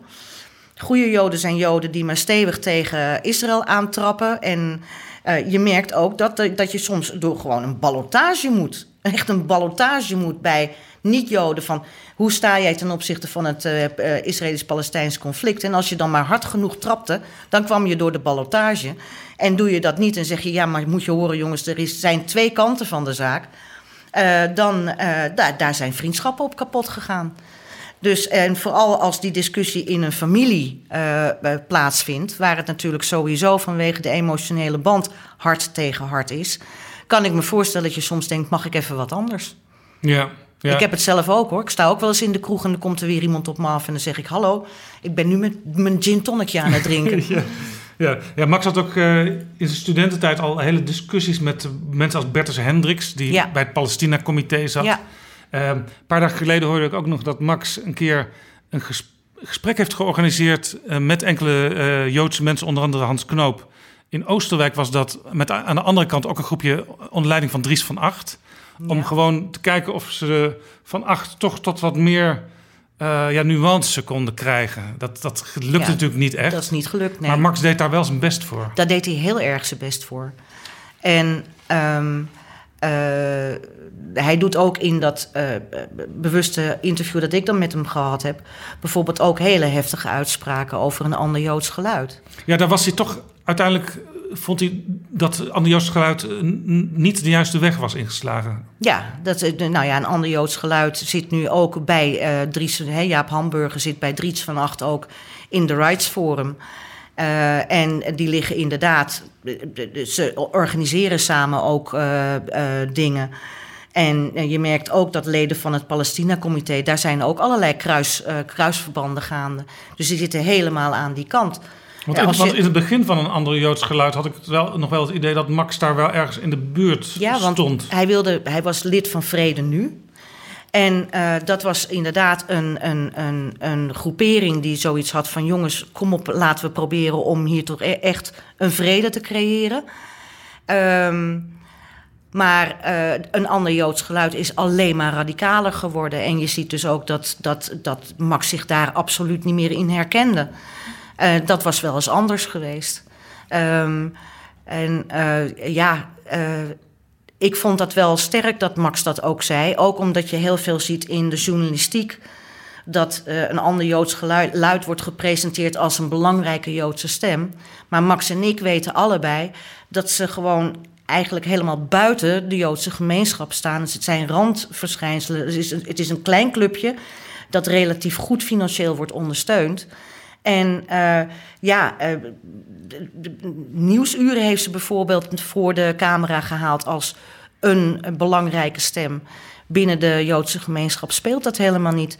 De, eh, een ander Joods geluid, daar waren Max en ik ook echt heel verbolgen over. Zo van wat gebeurt hier. Heeft ook op een gegeven moment een brief geschreven ehm, eh, naar alle fracties in bijvoorbeeld de, de Amsterdamse Raad. Eh, om, om dat akkoord niet te ondertekenen. En daarin staan ze samen met Bijeen en Denk. Nou, dan Ja. weet je waar je staat. Ja, en dat was ook de aanleiding, dacht ik. Er was nog een ander moment ook. ehm maar de aanleiding van Max om de Partij van de Arbeid in Amsterdam eens eh, les te komen geven over hoe de, de historische band is tussen de sociaaldemocratie in Nederland Ja. en eh, het socialisme in Israël. Hij heeft inderdaad toen eh, getwitterd van... ik weet niet of ik eh, bij de volgende gemeenteraadsverkiezingen... nog wel links stem. En naar aanleiding daarvan is hij inderdaad uitgenodigd... bij de Partij van de Arbeid... om inderdaad eens te, te, uit te leggen... waar die eh, partij eigenlijk vandaan kwam... en wat de roots en de wortels Ja. waren van die partij. Er waren plannen voor een stedenband, maar die is Ja. er niet gekomen. Ja, dat klopt. Die, dat is getorpedeerd ook door de partijen aan, linker, aan de linkerkant in Amsterdam. En eh, ja, dat was zo ridicuul wat daar gebeurde. Van der Laan had ook zoiets van, wat gebeurt hier? Ja, de burgemeester Eberhard van der Laan die was voorstander van zo'n stedenband. Ja, zeer. Ja. En, ehm, maar uiteindelijk heeft dat eh, door de stemmen van GroenLinks en ook de Partij van de Arbeid... eh, heeft het niet gehaald. D66 misschien ook. Ja, geloof het ook. En eh, wat je nu ziet, ik heb begrepen, er gaan geluiden, tenminste dat heeft Max mij verteld. Dus ik heb het uit tweede hand dat Femke Halsema daar wel weer oren naar zou hebben. Maar ik ben ervan overtuigd dat dat met eh, een, een lijsttrekker, eh, partijleider als Grootwassink, eh, Rutger Grootwassink hier in Amsterdam helemaal niet gaat gebeuren. Terwijl Tel Aviv en Amsterdam inderdaad heel veel parallellen hebben. Heel Ja. veel parallellen Overigens hebben. waren de leider van de Partij van de Arbeid landelijk en de leider van de Partij van de Arbeid in Amsterdam ook op de begrafenis aanwezig. Ja, Asscher ik- en Marjolein Moorman. Ja, ik heb Lodewijk inderdaad gezien. Wat niet meteen hoeft te betekenen dat ze ook eh, hetzelfde standpunt Nou, hebben. Lodewijk heeft zich nu in, in de tussentijd vanaf januari wel hard gemaakt dat de Partij van de Arbeid nu dus inderdaad wel die IHRA-definitie heeft gea- geaccepteerd. Wat is, misschien even voor de luisteraars heel kort... wat is precies die definitie en waarin verschilt die van sommige andere definities? Hij, het, is de definitie die is samengesteld door de International Holocaust Remembrance Alliance, een hele mond vol. eh, waarin eh, eh, dus antisemitisme wordt beschreven in als zowel het, het, het, gewoon puur antisemitisme van, van Joden minderwaardig of Joden eh, bestieren de wereld en alle idiote complottheorieën die je hebt. En waar ook in gezegd wordt, kritiek op Israël moet aan alle kanten kunnen. Eh, je moet alleen wel kijken naar de proporties eh, op het moment dat Israël voortdurend wordt gesingled out. Dus bijvoorbeeld voor wat betreft bezetting. Je hebt ook een westelijke Sahara, hè, die wordt bezet gehouden door Marokko. Waarom wordt dat bezet gehouden door Marokko? Omdat daar 75% van de fosfaatvoorraad van de hele wereld zich bevindt. Dus kassa. En je ziet dus dat, dat eh, eh, waar andere landen niet worden aangesproken op hun bezettingspolitiek, Israël dat voortdurend wel wordt. Kijk naar de Verenigde Naties. Waar, Ja, er worden eh, altijd weer resoluties aangenomen tegen achter- ik Israël. geloof vorig jaar 88 tegenover vier anderen of zo. De- echt ridicule cijfers. Ja, nou zal, eh, laten we zeggen, Bert Hendricks of, of ik zeggen... eh, maar het is natuurlijk ook begonnen met de VN-resoluties... die nooit zijn uitgevoerd door Israël uit de jaren 60. Eh, moet je horen, het grote probleem is dat ehm, de Arabische landen en de Palestijnen voortdurend op alle vredesonderhandelingen ne- nee, nee, nee, nee hebben gezegd. Hè? Je hebt Khartoum gehad, je hebt eh, het Oslo-akkoorden. Clinton is daar heel duidelijk over. Meneer Arafat, weet u nog een ander woord dan nee? Ehm, eh, dus dat moeten we wel ook in ogenschouw nemen. Ja, er was één moment eh, dat Max heel erg ontroerd was... nu we het over de akkoorden hebben. Eh, dat was toen Clinton en... Arafat en Perez en Rabin. Ja, Die, de- dat was voor hem ook een heel emotioneel moment. Dat die eindelijk daar bij elkaar Ja. waren. Ja, heb ik ook zitten Maar janken. sindsdien is het eigenlijk weer misgegaan. Ja, want eh, daarna krijg je dus inderdaad eh, ehm, dat er aan alle kanten niet aan afspraken wordt gehouden. Eh, en natuurlijk, Rabin werd vermoord. Ja. En Rabin had wel de statuur, eh, ook als voormalig eh, grote man van het leger, om eh, de Israëli's voldoende vertrouwen te geven dat hij wel degelijk zou kijken hoe het zou zitten met de veiligheid van de staat Israël. Want laten we wel wezen, het is een. De Arabieren noemen het een dolk in de rug van de Arabische wereld. Dat kan je ook voorstellen zo tegen de Middellandse Zee. Maar het is natuurlijk een, een, een landje zonder de bezette gebieden... dat nog niet eens de helft van Nederland meet. Daar hebben we het over. En inderdaad, als jij eh, voortdurend allerlei oorlogen hebt moeten voeren... voor je bestaansrecht...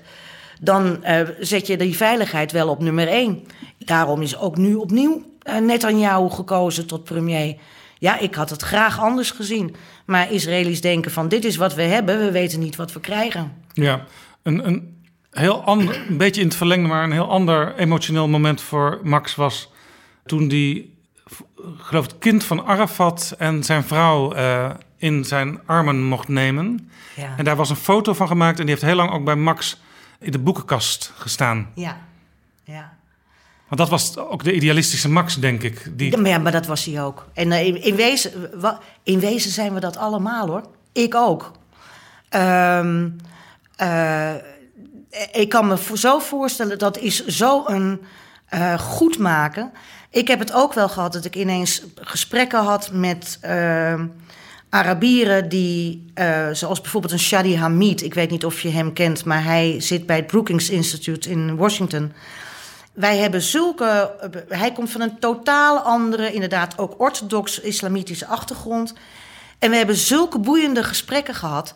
En dat, dat is wel iets waarvan je dan zegt: van daar kan ik op teren. Daar kan ik gewoon een tijdje op teren. Het is dus wel mogelijk om die brug te slaan. Hij wordt alleen lang niet meer voldoende geslagen. Max zei in het marathoninterview op Radio 1 afgelopen jaar, eind van het jaar, het volgende. Het is überhaupt een wonder dat je geboren bent. Dat heeft nogal veel invloed op je psyche. Je bent altijd dat jongetje gebleven dat er niet mocht zijn van Adolf Hitler. Ja. Ja, ik denk dat dat het Joodse jongetje in me is. Die eh, door zijn ouders is opgevoed met... het is helemaal niet zo logisch dat je geboren bent. Het was niet de bedoeling van Adolf Hitler dat jij ooit geboren zou worden. Zo hard werd dat door mijn ouders gezegd. Die hele generatie eh, Joodse jongeren van toen... dus eh, Joodse babyboomers van nu... heeft dat denk ik allemaal een beetje van. Het is niet zo logisch dat je bestaat. Je moet extra hard je best doen. Mensen die Max goed kennen, die weten ook dat hij eh, heel hard werkte. Altijd met zijn vak, de journalistiek en de politiek bezig was.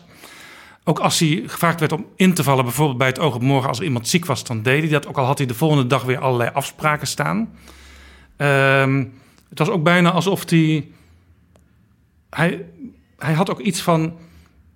Ik moet alles wat ik aangeboden krijg, moet ik aangrijpen.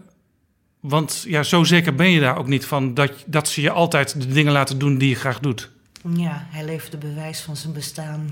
Ik moet de laatste paar dagen zo nadenken aan de tekst van De Steen van Bram Vermeulen. Ehm, ja, en Ik heb je een steen verlegd. Ik heb een steen verlegd in een rivier op aarde. Ja, prachtig is dat. Ehm, En dat merk ik ook heel, want eh, Max was ook heel erg bang om vergeten te worden. Hè? Dat, eh, maar je merkte het ook aan Natasja, weet je. Dat Natasja toen die documentaire wilde gaan maken en dat afzegde omdat het zo slecht was met haar vader. Ja, ze ging een documentaire maken, die is inmiddels ook uitgezonden over Ja, eh, Israël en de Palestijnse gebieden. Ja, en hoe jongeren daar met elkaar omgaan. Precies. En ja, Max was dus ziek. Natasja wilde dus niet gaan. En hij was ook echt woedend. Hij heeft ook echt niet met, met haar gesproken. Maar dat is niet uniek voor Max. Dat zie je helemaal in de, baby, de Joodse babyboom-generatie. Die eh, hebben, of laat ik het zo zeggen... ik zie een heleboel mensen bij de Joodse babyboom-generatie... die kei en keihard hebben gewerkt om eigenlijk zoveel mogelijk die complete kaalslag goed te maken. Goed te maken. Ja, wat Isra Meijer wel eens heeft gezegd, het jongetje dat alles goed wilde maken. Ja, dat, dat klopt ook. Dat zie je bij heel veel eh, mensen van vlak na de oorlog. Dat kind is dan natuurlijk eh, het, het bewijs van het nieuwe optimisme van ze hebben ons er niet onder gekregen. Maar ja, bewijs maar dat het goed bewijs is, weet je? Ja, ja. En dat zit heel diep. Ja, overigens heeft hij eh, vrij recent ook nog wel laten blijken dat hij ook heel trots was op Natasha. Ja. Heeft een boek geschreven over de derde generatie. Max was de tweede generatie, Natasha is eh, de derde generatie. En hij zei daarover in het eh, blad Benjamin, ik citeer, dat workaholic-achtige, de enorme prestatiemoraal, de lat zo hoog leggen en je voortdurend doelen stellen die je helemaal niet kan bereiken, zodat je er doodongelukkig van wordt. Dat herkent hij dus bij die derde generatie door dat boek van Natasha te lezen, eh, van zichzelf weer terug. Ja, ik herken het ook. Ik werk me ook het rambam. Ehm, ja, het is een. Het, eh, eh, je ziet het. eh, en het is ook. het heeft iets heel diep Joods om te woekeren met je talenten. Iets diep Joods. Ehm, het, het, het- Ook los van, van wat er in de Tweede Wereldoorlog gebeurd is. ja, het, het, het, het, het begrip van tikkun olam, het heel maken van de wereld... en je daar met hart en ziel en volledig voor inzetten... dat, dat zit in de genen. Dat zit zo diep, dat ontstijgt ook eh, de religie... Ehm, je ziet het, of mensen nu volledig atheïstisch zijn of diep gelovig. Toch dat die drang van tikkun olam, die drang van zoveel mogelijk doen in je leven. Niet, niet, niet, bij, niet gaan zitten of eh, hè, ledigheid is des duivels oorkosten is een christelijk ding. Ja. Maar moet je horen, wij kunnen er ook wat van. Dat, dat harde werken, dat zie je echt eh, overal. Er wordt van s morgens vroeg tot s avonds laat heel hard gewerkt. Ja, wat, wat wel een beetje met, met eh, wat in de Tweede Wereldoorlog is gebeurd te maken heeft, denk ik, is het volgende wat Max heeft gezegd, was, was ook vorig jaar in Trouw. Als het erop aankomt kun je op niemand rekenen. Je moet altijd je best doen, anders dumpen ze je. Zeker als je Joods bent. Ja. Ja. Dus voortdurend laten zien, eh, hier ben ik, dit doe ik, dit draag ik bij. Hebben jullie me morgen nog nodig, bij wijze van spreken? The need to belong. Eh, the need to belong, zo noem ik dat ook. Dat herken ik heel erg. Dat, eh, dat, volgens mij eh, voelt Max en Natasja trouwens ook... die zijn een enorme fan van het Songfestival. En dat ben ik ook. En heel toevallig Een heb ik... heel kort- ander aspect van Max. Je heel ander, vond hij prachtig. Ik ook. Ik zat als klein meisje met mijn vader, dan mocht ik het Songfestival kijken. Waar, waar, waar trouwens een heel merkwaardig aspect aan zit aan het Eurovisie Songfestival. Dat, het heet Eurovisie, maar bijvoorbeeld Israël doet er ook altijd aan mee. Ja, maar waar zou Israël anders aan mee moeten doen? Trouwens, Australië mag tegenwoordig ook meedoen. Maar dat zie je ook met voetbal. Dus ze kunnen niet ingedeeld worden in hun, in hun regio, want ze zijn in staat van oorlog. Daarbij komt Israël is natuurlijk zo'n westers land. eh, eh, met eh, zo'n westerse mentaliteit. Dat het hoort gewoon, misschien dan fysiek niet, maar wel degelijk als eh, lid van de grote gemeenschap hoort het gewoon bij Europa. Waar komt die Ehm, fascinatie bij Max vandaan voor het Songfestival? Ik denk dat het is, ehm, eh, eh, tenminste wat ik heb, en ik denk dat die dat ook, het is, we horen erbij.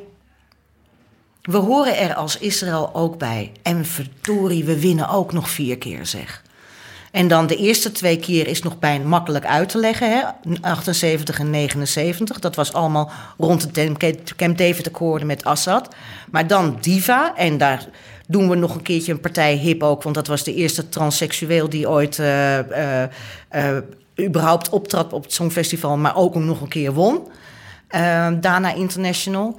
En het, dat gevoel van erbij horen. We zijn nu allemaal een grote club. We hebben het even niet over politiek. Nou ja, tussen haakjes. Weet je wel, hè, want, Max, de puntenverdeling. Max, Max, wist ook waarom de Grieken en de Turken en zo op een bepaalde manier stemden. Tuurlijk, en Montenegro. En ja, ja, ja dat, dat, je ziet het iedere keer weer. En Wit-Rusland, dat zie je, nou ja. Maar toch, uh, waar even iets anders, het, het, het vieren van het leven... en iets anders uh, in, in de schijnwerper staat... en waar we bij mogen horen. Ja. Ik denk dat dat mij ook iedere keer weer ontroert. Ja, ja, ja. Maar dat is projectie hoor, want dat Ja. weet ik niet. Daar heb ik het niet met hem over gehad. Eh, maar dat gevoel voor het Songfestival, ik vond het frappant toen ik hoorde dat zij er allebei ook zo enorm van hielden. Ja. Ja. Wat bij Max ook heel bijzonder is, althans hij heeft het zelf ook wel als bijzonder gezien, zeker als hij keek naar zijn omgeving, de mensen de, met wie hij student was geweest, met wie hij verder was, door het leven was gegaan.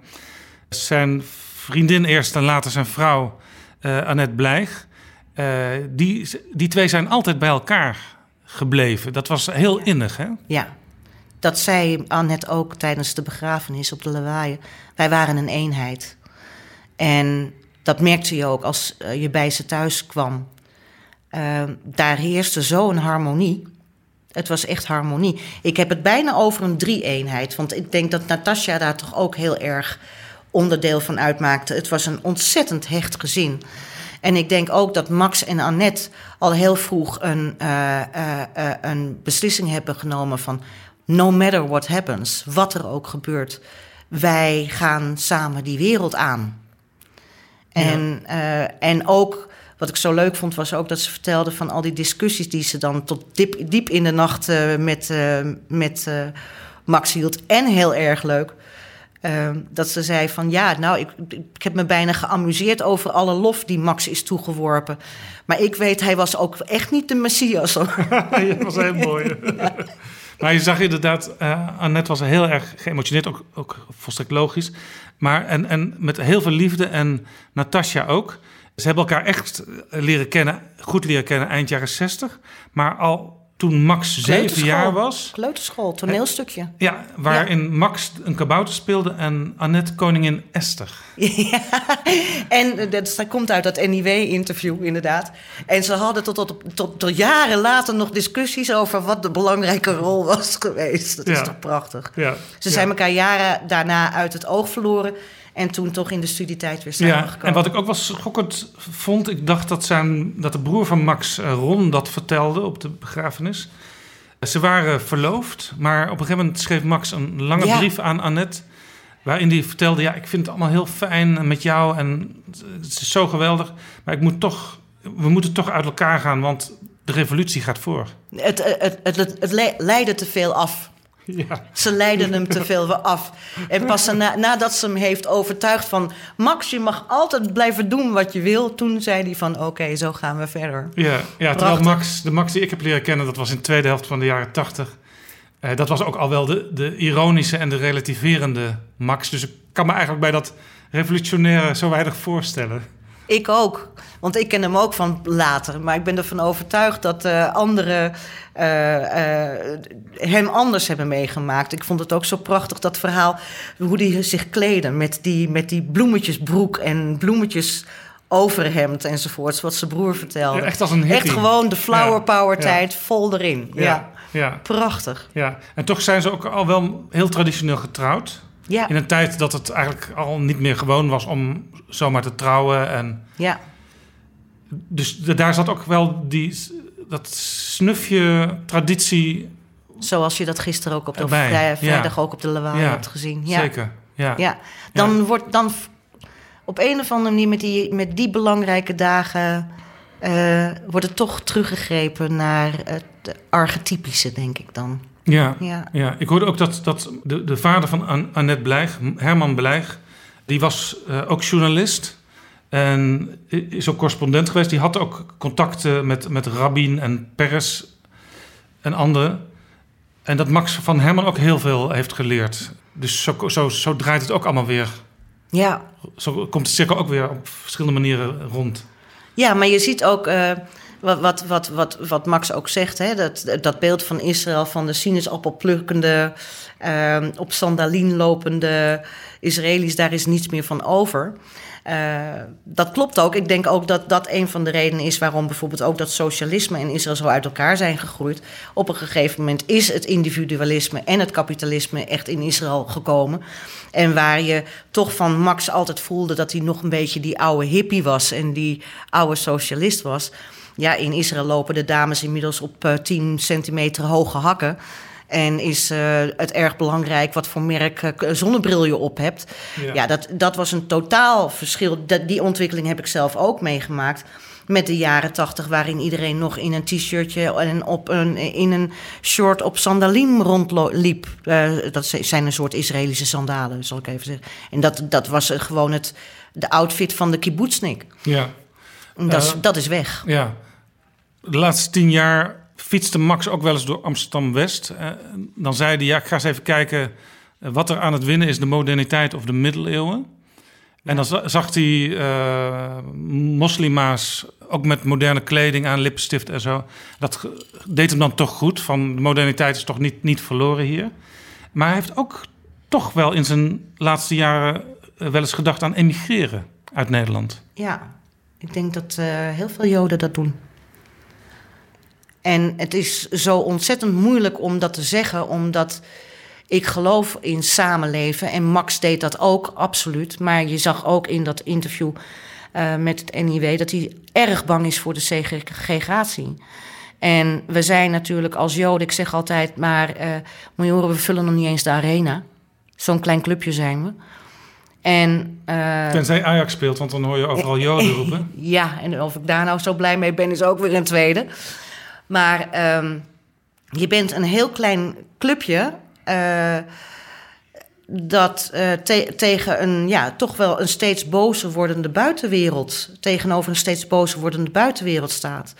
En als je ziet hoeveel, uh, hoe het antisemitisme nu toch wel ook onder invloed van sociale media heel snel in opkomst is. En ook op een hele agressieve manier. Kijk, ik ben ervan overtuigd dat er ook in de jaren zestig nog uh, antisemitisme bestond. Maar toen keek iedereen wel uit om dat uh, uit te spreken, omdat je wist dat het niet meer bon ton was. En op een of andere manier lijkt En omdat de schaduw van de Tweede Wereldoorlog natuurlijk nog heel vers was. Daarom, daarom was het niet meer bon ton. He, je wilde niet voor natie uitgemaakt worden. Maar tegenwoordig ben je gewoon, je bent geen antisemiet, je bent anti-Zionist. En uh, dan mag je alles zeggen. Tot, tot inderdaad uh, jullie uh, Zionisten die uit zijn op ons geld en ons bloed. Nou is gewoon puur het bloedsprookje. Alleen er wordt nu Zionist gezegd, dus er kan niks tegen gedaan worden. En Max zag dat ook. En Max ja. uh, zei ook, ik, ik denk dat de bestuurlijk Amsterdam voor een enorme taak staat. En op dit moment zie ik dat niet gebeuren. Zie ik niet dat ze dat goed aanpakken. Bijvoorbeeld ook door in de klasse les te geven. Uh, uh, over uh, onder meer holocaustonderwijs enzovoort. Hij ziet dat gewoon ontsporen. Hij ziet ja. dat mislopen, omdat mensen dat niet meer durven. Ja, ja ik, vond het, ik vond het wel schokkend om te horen dat hij dacht aan emigreren. Juist Max, die zo verklonken is met de Nederlandse politiek, met de Nederlandse ja. journalistiek. Ja, weet je... Um, ik weet niet of je dat hebt gezien, maar uh, Verborgen Verleden heeft een prachtige aflevering gehad met Ronald Plasterk. En Plasterk was ook, is ook van Joodse afkomst en die vertelt dan hoe zijn vader en een oom al heel jong als kinderen in Nederland terechtkomen. Vanuit Duitsland? Vanuit Duitsland. En dan is de, um, um, de wat, wat Plasterk zegt, Oké, we zaten in Duitsland, we zijn nu in Nederland, dan gaan we nu hier ons best doen. Hier gaan wij een bijdrage aan leveren. We gaan er alles aan doen om een bijdrage aan deze maatschappij te leveren. En je ziet dat Max dat ook heel erg heeft geprobeerd. Ik denk dat heel veel mensen eh, eh, Joden dat proberen. Of dat nou op zakelijk niveau is, of op onderwijsniveau, op wetenschappelijk niveau. En als je op een gegeven moment ziet dat je, ondanks het feit dat je zo ontzettend je best doet, ehm, toch eh, de wereld zich meer en meer tegen jou als groep keert. Denk niet eens als individu, maar als groep keert. Dan denk je, wat moeten we dan nog? En misschien is het dan het overwegen waard om ergens anders ons best maar weer te gaan doen. Ja, en dat ergens anders, dat vond ik eigenlijk ook wel weer een beetje komisch. Annette, die wou per se niet naar Israël. Mhm. En toen zei Max, dan kunnen we niet naar Berlijn gaan. Ja. Eh, de, de, op dit moment wordt er een. eh, de, de Joodse gemeenschap in Berlijn is groeiende. Vorige week werd nog bekend dat er notabene een Palestijnse ge- gemeenteraadslid zich in gaat zetten voor de wederopbouw van een, het heet niet Frankfurter, het is maar, maar van een grote synagoge in Berlijn. Omdat daar nu op dit moment, de, dat is ver- vernietigd door de Duitsers, er was nog een klein uh, sjoeltje, ruimtetje over, maar daar groeien ze uit. En eh, ja, de- ook heel veel Israëli's trekken, eh, oh ironie, naar Berlijn. Maar het is daar wel een, ehm, een, een omgeving waarvan ik denk... nou, misschien wil je daar op dit moment als Jood wel liever zitten dan in Londen. Ja, want Max zei ook, ehm, als je daar bijvoorbeeld een rondvaart maakt, dan hoor je nog altijd eh, zeggen: hier in dat huis woonde tot in 1931 die en die Joodse kunstenaar. Dus die Joodse Ja. cultuur zit nog heel erg in Berlijn. En Max zei ook, eh, er staan heel veel Joodse monumenten. Ja. Ja. Nou, moet je horen wat dat er gaat. Kunnen we allemaal een lesje eh, bij de Duitsers eh, gaan leren. Want als er nou één volk is dat eh, zichzelf na de oorlog onder de loep heeft gelegd. En heel duidelijk de, de, de meest pijnlijke vragen heeft gesteld, dan is het Duitsland wel. En ja, Duitsland is ook heel erg. ehm, dat merk ik op, op heel veel manieren. Zelfs in hele kleine plaatsjes in Duitsland. Eh, waar ooit een synagogetje heeft gestaan. Dan ineens dan sta je ergens in Duitsland. En dan zie je van. Ja, dit was de voormalige synagoge. En dat is dan nu eh, een klein Judisches museum. over wie er daar allemaal in dat dorpje hebben gewoond. Ik heb vier jaar lang eh, een relatie gehad met een Duitser uit Stuttgart. En ken dus ook dat, dat die, ja, die, die ehm, omgeving daar. En men probeert aan alle kanten ehm, daar het leven in te houden. En ja, inderdaad, Berlijn groeit. Ik denk dat het in andere steden minder is, misschien ook in Frankfurt. Maar je moet ook je realiseren dat er heel veel Duit Russische Joden naar Duitsland zijn getrokken. Een, miljoen naar Israël. En, eh, maar ook heel veel trekken naar Duitsland. Ja, hoewel Israël is misschien het feit dat daar heel veel Joden uit Rusland zijn gem- naartoe gemigreerd. Ook een reden dat de partij van Netanyahu met steun van kleinere partijen toch steeds weer kan doorregeren. Hè? Want die mensen zijn in het algemeen wat conservatiever. Ja, Eh, sowieso ook. eh, kijk, wij hebben nog dat beeld van Israël van de Ashkenazische Joden, hè, van de Europese Joden die naar Israël gegaan zijn, die daar ook in het begin helemaal de dienst uitmaakten. Wat wij vergeten is dat eh, de Arabische wereld eh, inmiddels jodenvrij is geworden. Ik zal niet dat andere verschrikkelijke woord gebruiken. Ja, het klinkt al wel zo ongeveer. Maar de- Ja. het is gewoon zo. Ja. De- de- In Marokko had je een, een gemeenschap van 150.000. Daar zijn er nu nog 25 van over. 2500 van over. Een heel groot deel is naar Israël gegaan. En als je die Joden speelt, spreekt, al die Mizrahi-Joden zoals we ze noemen. eh, de, eh, en de, de eh, Sephardische Joden, die komen onder meer ook uit Marokko.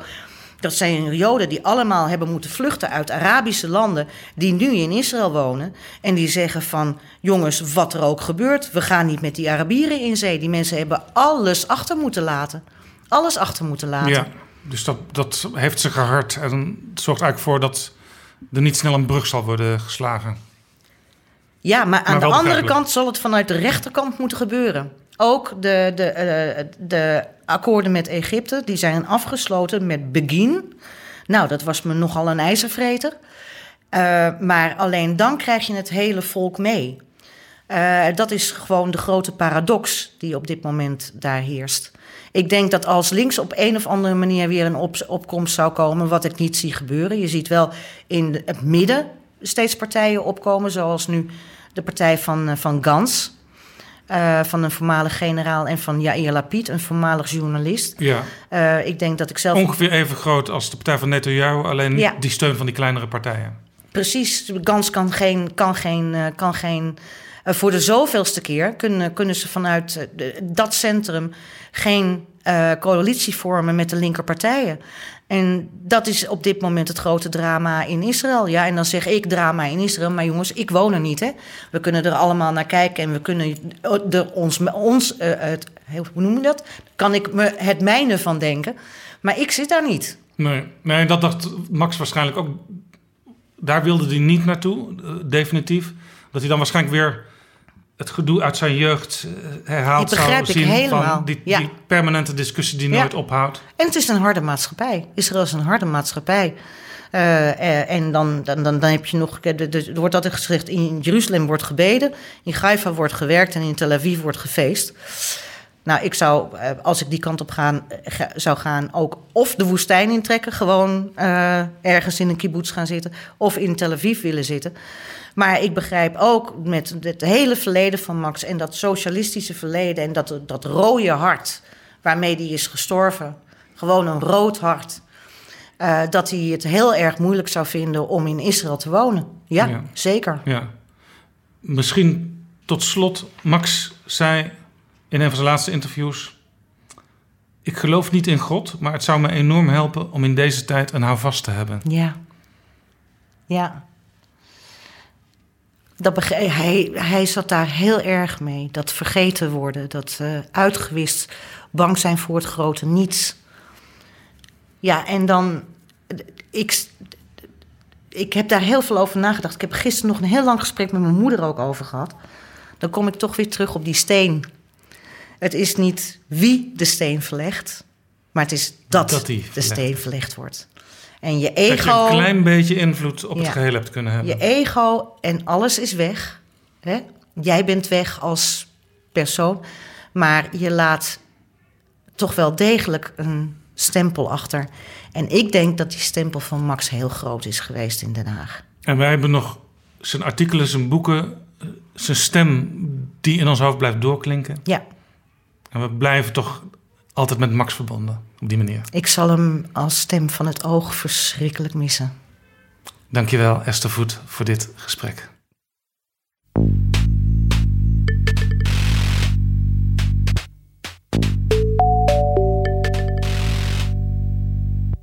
Dit is Betrouwbare Bronnen.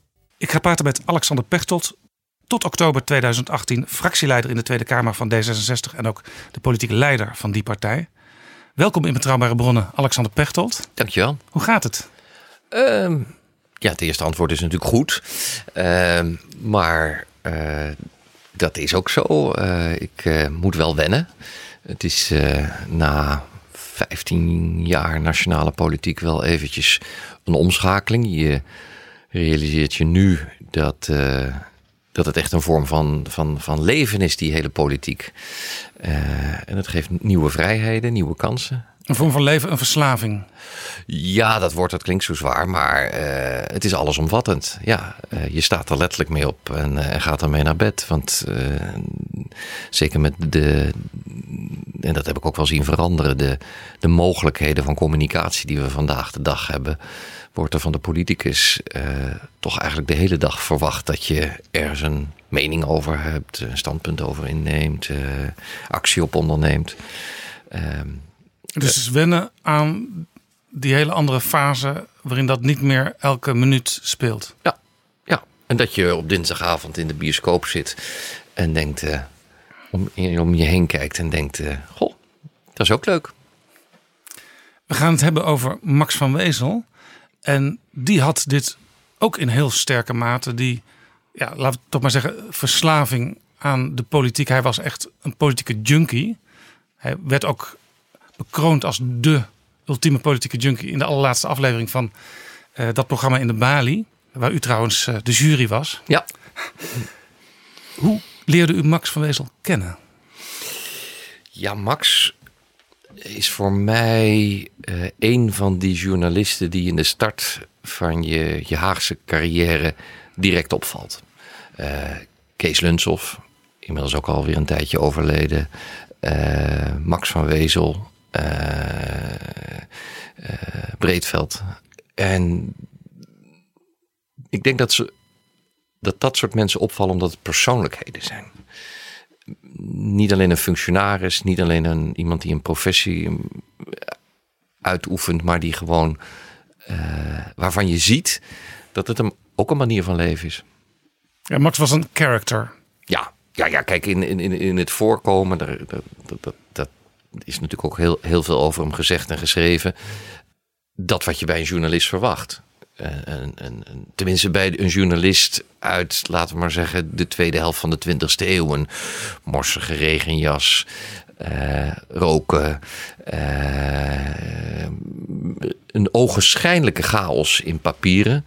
Volgens mij hebben dit soort types daar zelf wel het goede overzicht over. Maar voor de buitenstaander is het, denk je van, hoe doet zo iemand zijn werk? Ja, hij was een beetje een, een filmische figuur als je hem zag. Ja, ik denk dat hij zo gecast had kunnen worden voor uh, een, een. Ja, denk toch niet snel aan een Amerikaanse, maar een Franse film. Daar had hij zo in gepast. Hij had ook wel een paar merkwaardige dingen. Bijvoorbeeld, uh, hij heeft de hele periode gehad dat hij altijd t-shirts met Hard Rock Café erop. Dat vond ik onbegrijpelijk. Dan denk ik, uh, kerels boven de 50, uh, ik behoor er zelf ook toe. Uh, je kan het allemaal accentueren. Of je kan proberen het een beetje te verhullen. Nou, Max had daar geen last van. Die uh, accentueerde uh, met zo'n t-shirt. Ja. ja. Heeft u nog herinnering aan het eerste gesprek of het eerste interview met Max?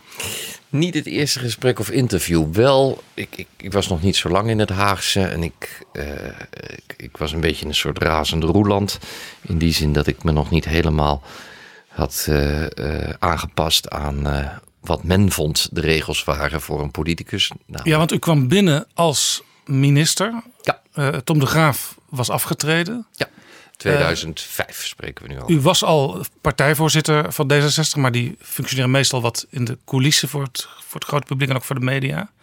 Maar toen stond u daar plotseling als minister. Het ging heel slecht met D66 in de peilingen. Klopt. Dus u had een opdracht om die partij smoel, te, smoel geven. te geven. Smoel te geven. En dat was een opdracht die ik min of meer mezelf had gegeven. Omdat ik dacht, ja, die, die partij, uh, het, het, gedachtegoed daarvan, dat is onmisbaar. Uh, dus we moeten er weer aan gaan werken. We moeten iets minder na-u-gedrag hebben richting de voormalig grote drie. Uh, de PvdA, de VVD en het CDA. We hebben het nu over 2005. Vijf, ja. En toen had ik een interview gegeven aan uh, het, uh, het, maandblad Opzij, Siska Dresselhuis, voor vele politici een, uh, een, een, een, een, memorabele dame.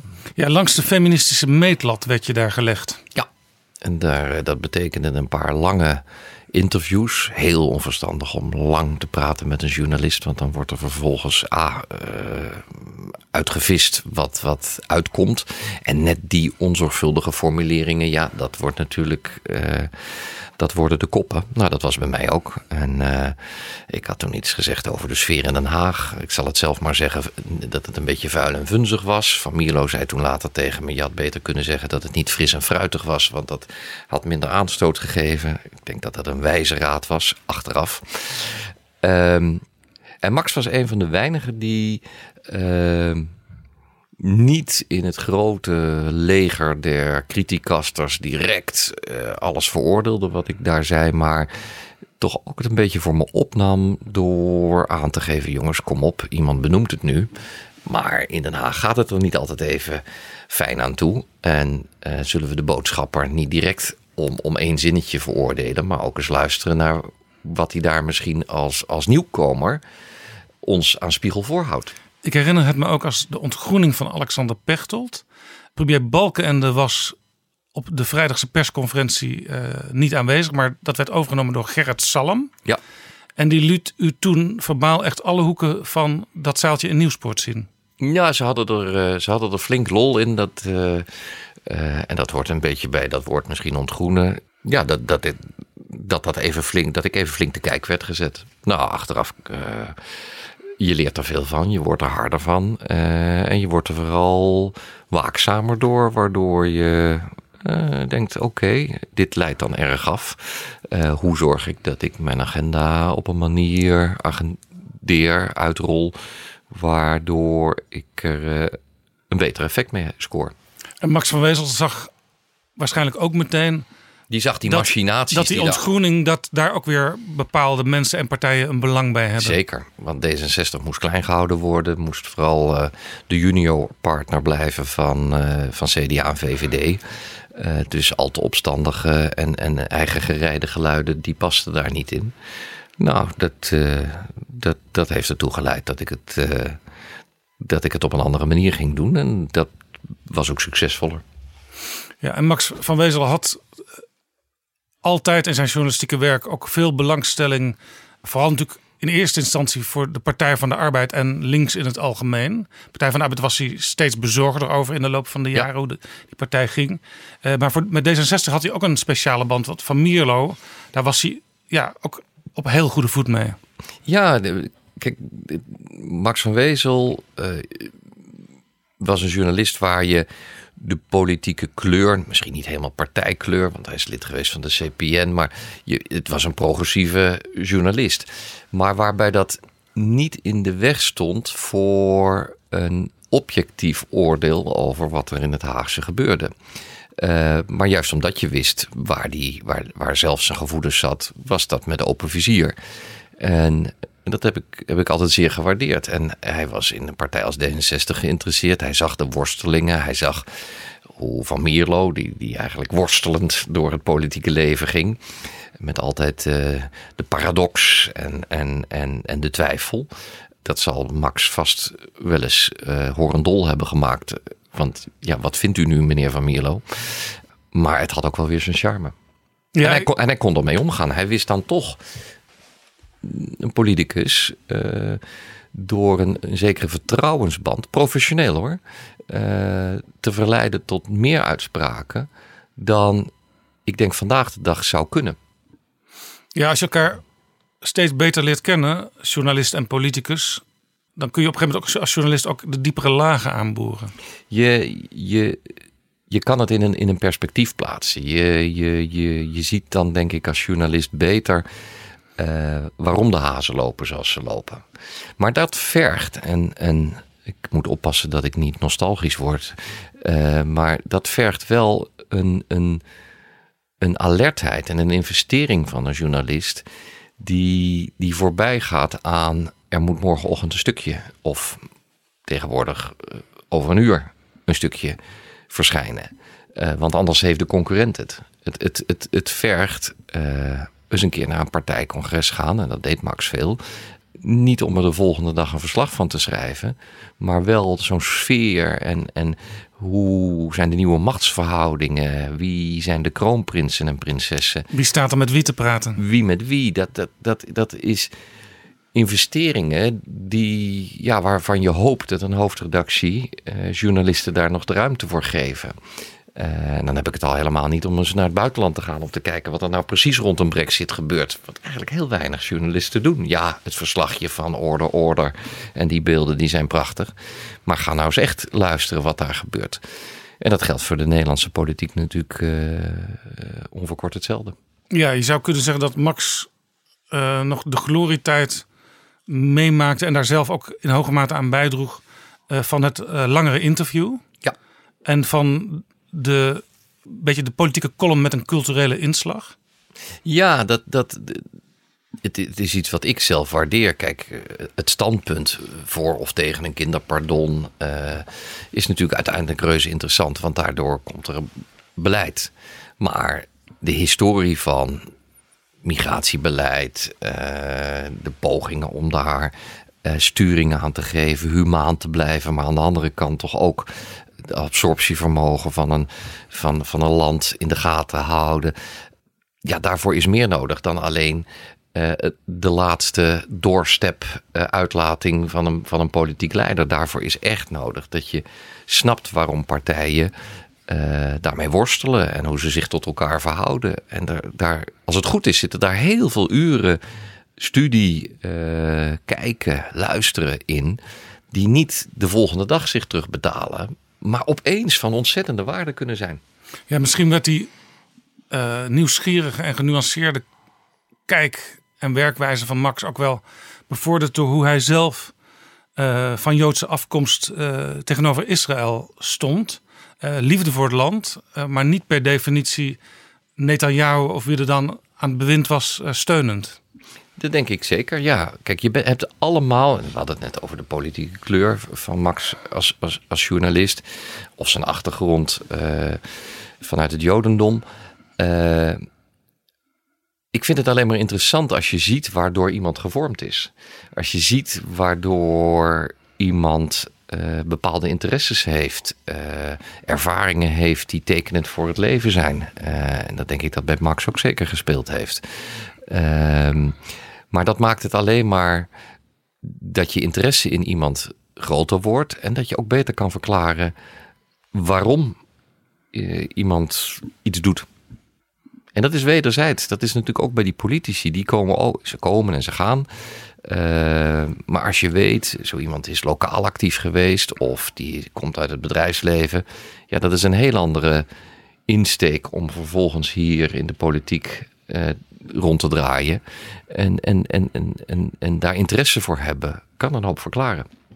En dan moet je natuurlijk, en dat, daar was Max mee gezegend, ook nog een karakter hebben waardoor je met heel veel mensen kan verkeren. En, en, en, eh, en dat vind ik ook eh, een gave. Als je echt, eh, en dat is de afgelopen jaar natuurlijk tijdens zijn ziekte gebleken, uit zoveel verschillende generaties, uit zoveel verschillende politieke stromingen, ik, ik gebruik het woord, vrienden blijkt te hebben. In 2009 heeft Max van Wezel een dubbel interview gemaakt met u en Hans van Mierlo. Toen omschreven als de vader van D66. Ja. En u was daar nerveus over voorafgaand aan het gesprek. Zeker, want ik wist, eh, ik kende Van Mierlo. Eh, ik, ik, ik, ik wist dat hij eh, nou, geen blad voor de mond zou nemen. Ik, ik kende zijn, zijn, zijn, zijn standpunten over wat er wel en niet goed ging met de partij. Maar ik wist ook dat de journalistiek wel even veranderd was sinds de tijd dat Van Mierlo zelf heel actief was. En ik dacht, ja, voor je het weet zit, zit ik dadelijk met hem eh, te discussiëren eh, eh, en van mening te verschillen in het bijzijn van een journalist. Nou, was Max wel van het soort die ik dat enigszins toevertrouwde. Maar überhaupt geschreven interviews en lang praten, in je eentje is het al een, een opgave. Eh, maar als je het met z'n tweeën moet doen, ja, je bent ook van die ander afhankelijk. Maar je kunt bij Max geen toneelstukje opvoeren. Nee, nee, nee dat, dat zat er niet in. Maar de rechtvaardigheid voor als iets gewoon, als je iets een beetje wilde corrigeren of zei van nou, ik heb dat misschien zo geformuleerd, maar dat is wat te straf. Dan, dan was er ook wel een, een, een, een bereidheid om uiteindelijk met een interview te komen waar ook de geïnterviewde zich senang bij voelde. Kijk, als iemand stomme uitspraken eh, doet, dan schrijft iedere journalist ook Max dat op. Eh, daarvoor is het dan te mooi. Eh, maar je hebt wel eens in een formulering dat je achteraf denkt, nou, dat kan wel wat anders. Bij Van Mierlo was dat overigens rampzalig.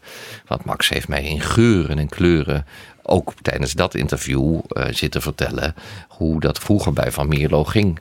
Eh, dat hij dan een prachtig stuk had. Maar dat als Van Mierlo dan zijn eigen woorden teruglas, dacht ja, maar zo wil ik het niet opgeschreven hebben.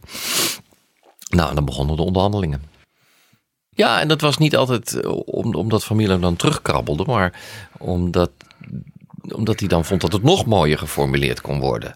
Nou ja, daar zat bij Van Mierlo geen, geen, geen eind aan. En ik, ik heb, Nee, want ik herinner me van Mierlo ook nog op partijcongressen van D66 dat hij in een, in een soort bezemhok zat te schrijven nog Oh ja. aan zijn speech een paar minuten voordat hij op moest. Ja, dat was een soort, ja, als een kunstenaar. En, en, en dat was van Milo zeker verbaal.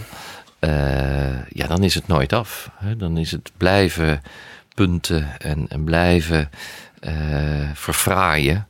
Eh, maar dat kan voor een omgeving tot gekmakens toe zijn. En zeker voor een journalist die denkt, ja, maar ik moet uiteindelijk wel een, gewoon een, een stuk kopij inleveren.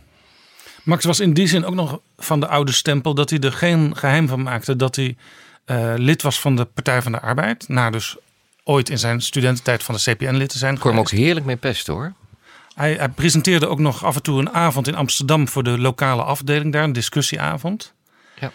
Partij van de Arbeid mensen hebben al- altijd een soort haat-liefde verhouding met, met uw partij, met D66 gehad. God, God dat voor Max ook? Nee, dat was anders. Ik denk dat de politici van de PvdA en, en D66, ja, die hebben een geschiedenis van 50 jaar waar D66 de PvdA vermolmde regentenpartij vond. Ik chargeer expres nu. En, en de PvdA'ers dachten, wat moeten die nieuwkomers, eh, er is niet nog meer progressief geluid nodig. Nou, dat, dat eh, hebben we decennia lang over en weer gecultiveerd. Hoe dichter een politieke partij tegen elkaar aan zit, hoe, hoe meer natuurlijk ook de, de nijd er is wanneer het met de een goed gaat. Want dat is vaak ten koste van de ander. In, in zijn laatste jaren eh, werd Max een keer gevraagd of hij nog lid was van de Partij van de Arbeid. En toen moest hij even gaan zoeken in zijn Giro-afschriften of er nog steeds werd afgeschreven. En dat bleek het geval te zijn. Maar dat geeft eigenlijk aan dat het voor hem niet meer zo heel belangrijk was. En ik weet ook van Max dat hij, eh, als D66 weer eens werd dwars gezeten door de Partij van de Arbeid, dat hij eigenlijk steeds meer begrip kreeg ook voor D66 in zo'n geval. Ik, ik, ik, ik merkte bij, bij Max, een, een, een, een- toch is hij wat mij betreft altijd professioneel gebleven. Ehm, hij had een, een, een gevoel voor de underdog. Of je dat nou als persoon was op dat moment, of als een partij onterecht eh, naar zijn idee eh, al te zwaar eh, voor regeringsdeelname of het nemen van moeilijke besluiten werd afgestraft, dan, dan kwam er toch ook een, een soort rechtvaardigheidsgevoel boven. En, en daar kon je met hem ook heerlijke discussies over hebben.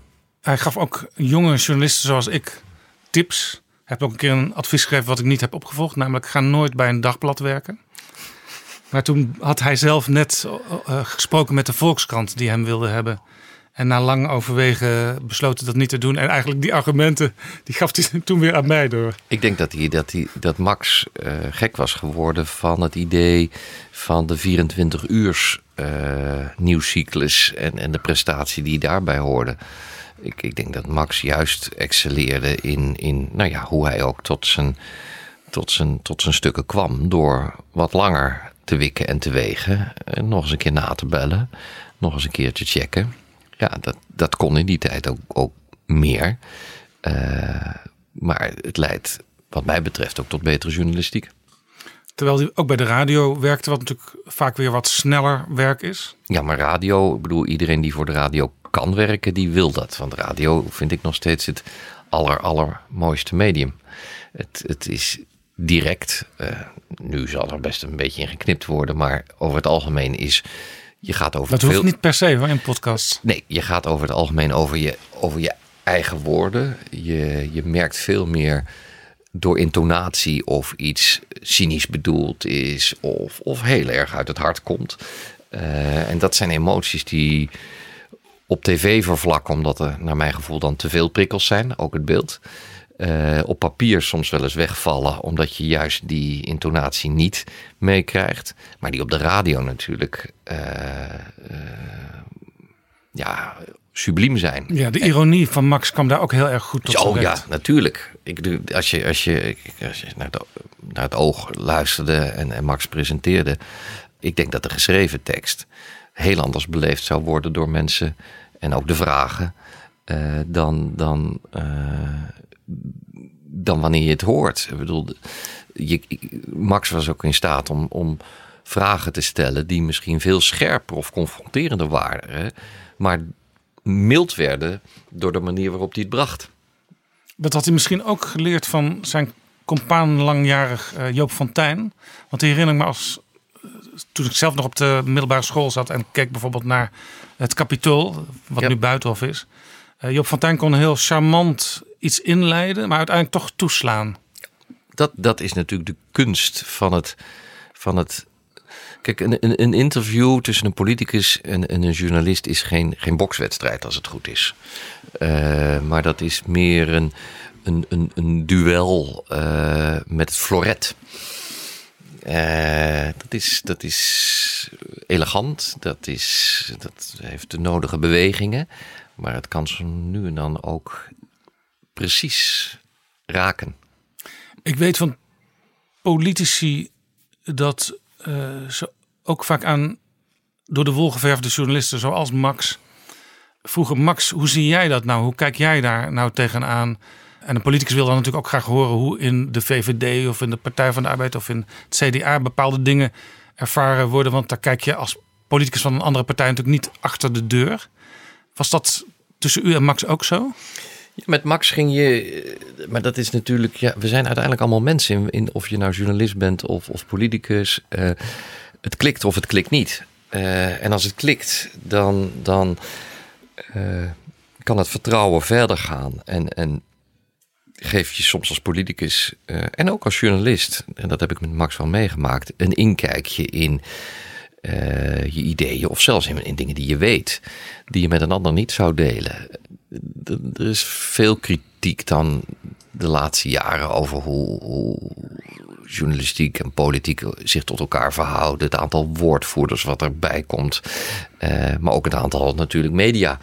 Waardoor. Ja, er wordt wel eens berekend dat er vele malen meer woordvoerders op ministeries en bij partijen tegenwoordig zijn dan er journalisten in Den Haag rondlopen. En dan heb je ook nog rondom ministers de bondkraag, alle assistenten, waardoor je iemand minder makkelijk dan vroeger kan aanspreken. Ja, dat, dat is veranderd. Maar het aantal journalisten is ook explosief gegroeid. En het aantal momenten dat er nieuws is, uh, is natuurlijk totaal veranderd. Dat had ik, zei ik wel eens tegen Van Mierlo. Hè? Jij had s morgens het ochtendblad en s'avonds het acht uur journaal. Ja, en in die minuten dat wij nu zitten te praten... hebben we alweer heel wat tweets gemist. We hebben waarschijnlijk alweer de nodige, door velen als uh, ongelooflijk belangrijke politieke ontwikkelingen gemist. En het gekke is, en dat merk ik nu ik er een tijdje uit ben... Uh, je mist zo weinig. Want als je er 24 uur niet mee bemoeit, dan... Uh, dan is het nog steeds hetzelfde nieuws. En soms is het zelfs wel prettig, want dan is, dan is de eerste heigerigheid eraf. Dus slow journalism is, is toch wel iets waar ik uiteindelijk uh, blijer van word. En als je dan, als we nu een paar jaar geleden nog zaten te praten, dan was altijd s'avonds om 11 uur nog het oog met Max van Wezel, die het nieuwsoverzicht bracht. Ja. En nog een paar interessante gesprekken. En dat is natuurlijk, daar, daar, daar daar excelleerde hij natuurlijk in. Dat, dat is even voor het slapen gaan, het kaf van het koren binnen het nieuws scheiden. Uh, en, en, en eigenlijk het, het, totaaloverzicht en wat is nou echt belangrijk. Uh, en, en ja, daar, volgens mij is daar weer steeds meer behoefte aan. En ik ben heel blij dat mensen als Max dat door decennia lang toch hebben weten te koesteren, zich niet gek hebben laten maken door uh, waarschijnlijk de druk van heel veel hoofdredacties en uitgeverijen en weet ik het allemaal niet. Om maar sneller, sneller, snel uh, en, en, en, en hyperig in het nieuws van vandaag mee te gaan. Laten we een voorbeeld nemen aan Max. Dankjewel Alexander Pechtold voor dit gesprek. Graag gedaan.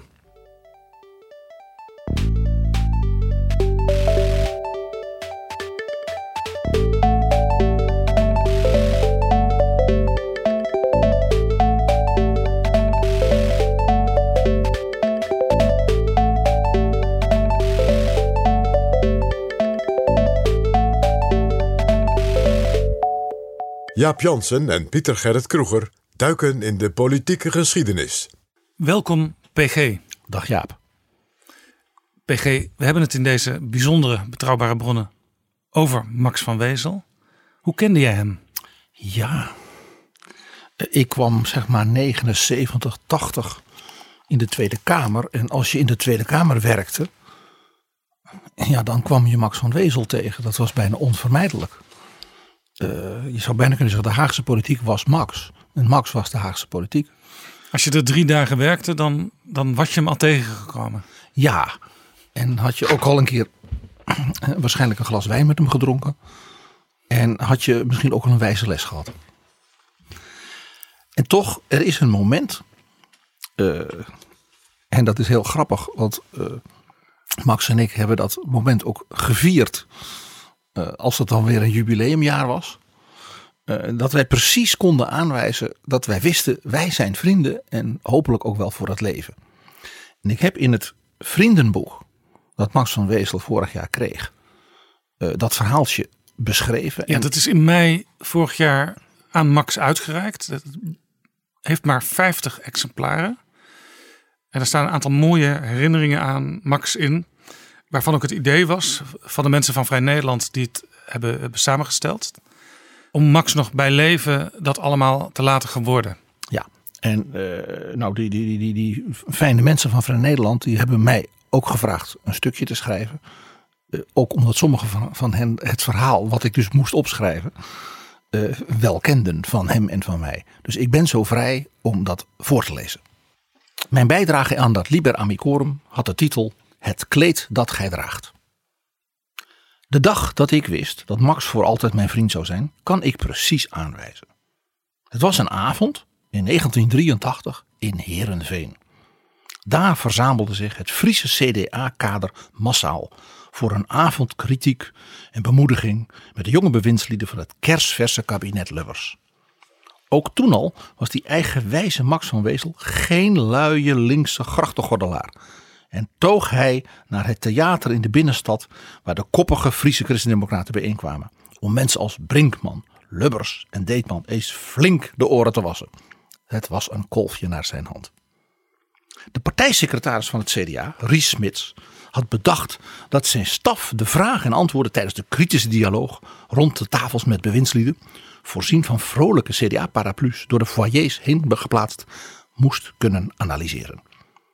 De kabinetsleden droegen daarom een soort bandrecorder mee en werden geacht met een microfoon in hun hand de dialogen met de achterband te registreren. Niemand van hen deed dit na drie minuten gesprekken nog, want van dat zware apparaat om je nek en dat zwaaien met dat onhandige microfoontje werd je natuurlijk gek. Ze legden het ding allemaal gauw opzij. Op één hardnekkige en onvermoeibare partijsoldaat na, Wim Deetman. Max ging bij hem staan. En Deetman liet zich met enige regelmaat voorzien van een glas bier, omdat hij braaf die microfoon moest vasthouden. Zo werd Max ook meteen gelaafd vanuit de begroting van onderwijs en wetenschappen, die in die jaren toch al niet zo ruim was. We stonden erbij en keken ernaar. Om de gedrongen gestalte en het embonpoint van de jonge onderwijsminister hing die bandrecorder en dat maakte hem nog paffiger en onhandiger in zijn bewegingen. Hij liet zich er niet door afremmen in zijn vurige betoog. Op een gegeven moment keken Max en ik elkaar aan en we hielden het niet meer droog. Bij de bar in, het, in de theaterfoyer zaten wij te proesten om de logistieke zotteklap van het partijbureau en de ijzeren heinigheid van Deetman, die als altijd deed wat hij moest doen. We bleken eenzelfde gevoel voor lichte absurditeit en dezelfde empathie voor onhandige plichtsbetrachting te hebben. In de auto van Herenveen naar zijn huis in Gouda zei de minister tegen mij: Ik zag jullie wel hoor, die Max en jij. Zaten mij een beetje uit te lachen met dat gehannes met die microfoon. En hij grinnikte. In 2010 hebben Max en ik in een mooi restaurant met een keuken uit de Elzas in Amsterdam gevierd dat wij nu al 30 jaar vrienden waren. Wij raken gewoon niet uitgepraat, uitgelachen en uitgevierd.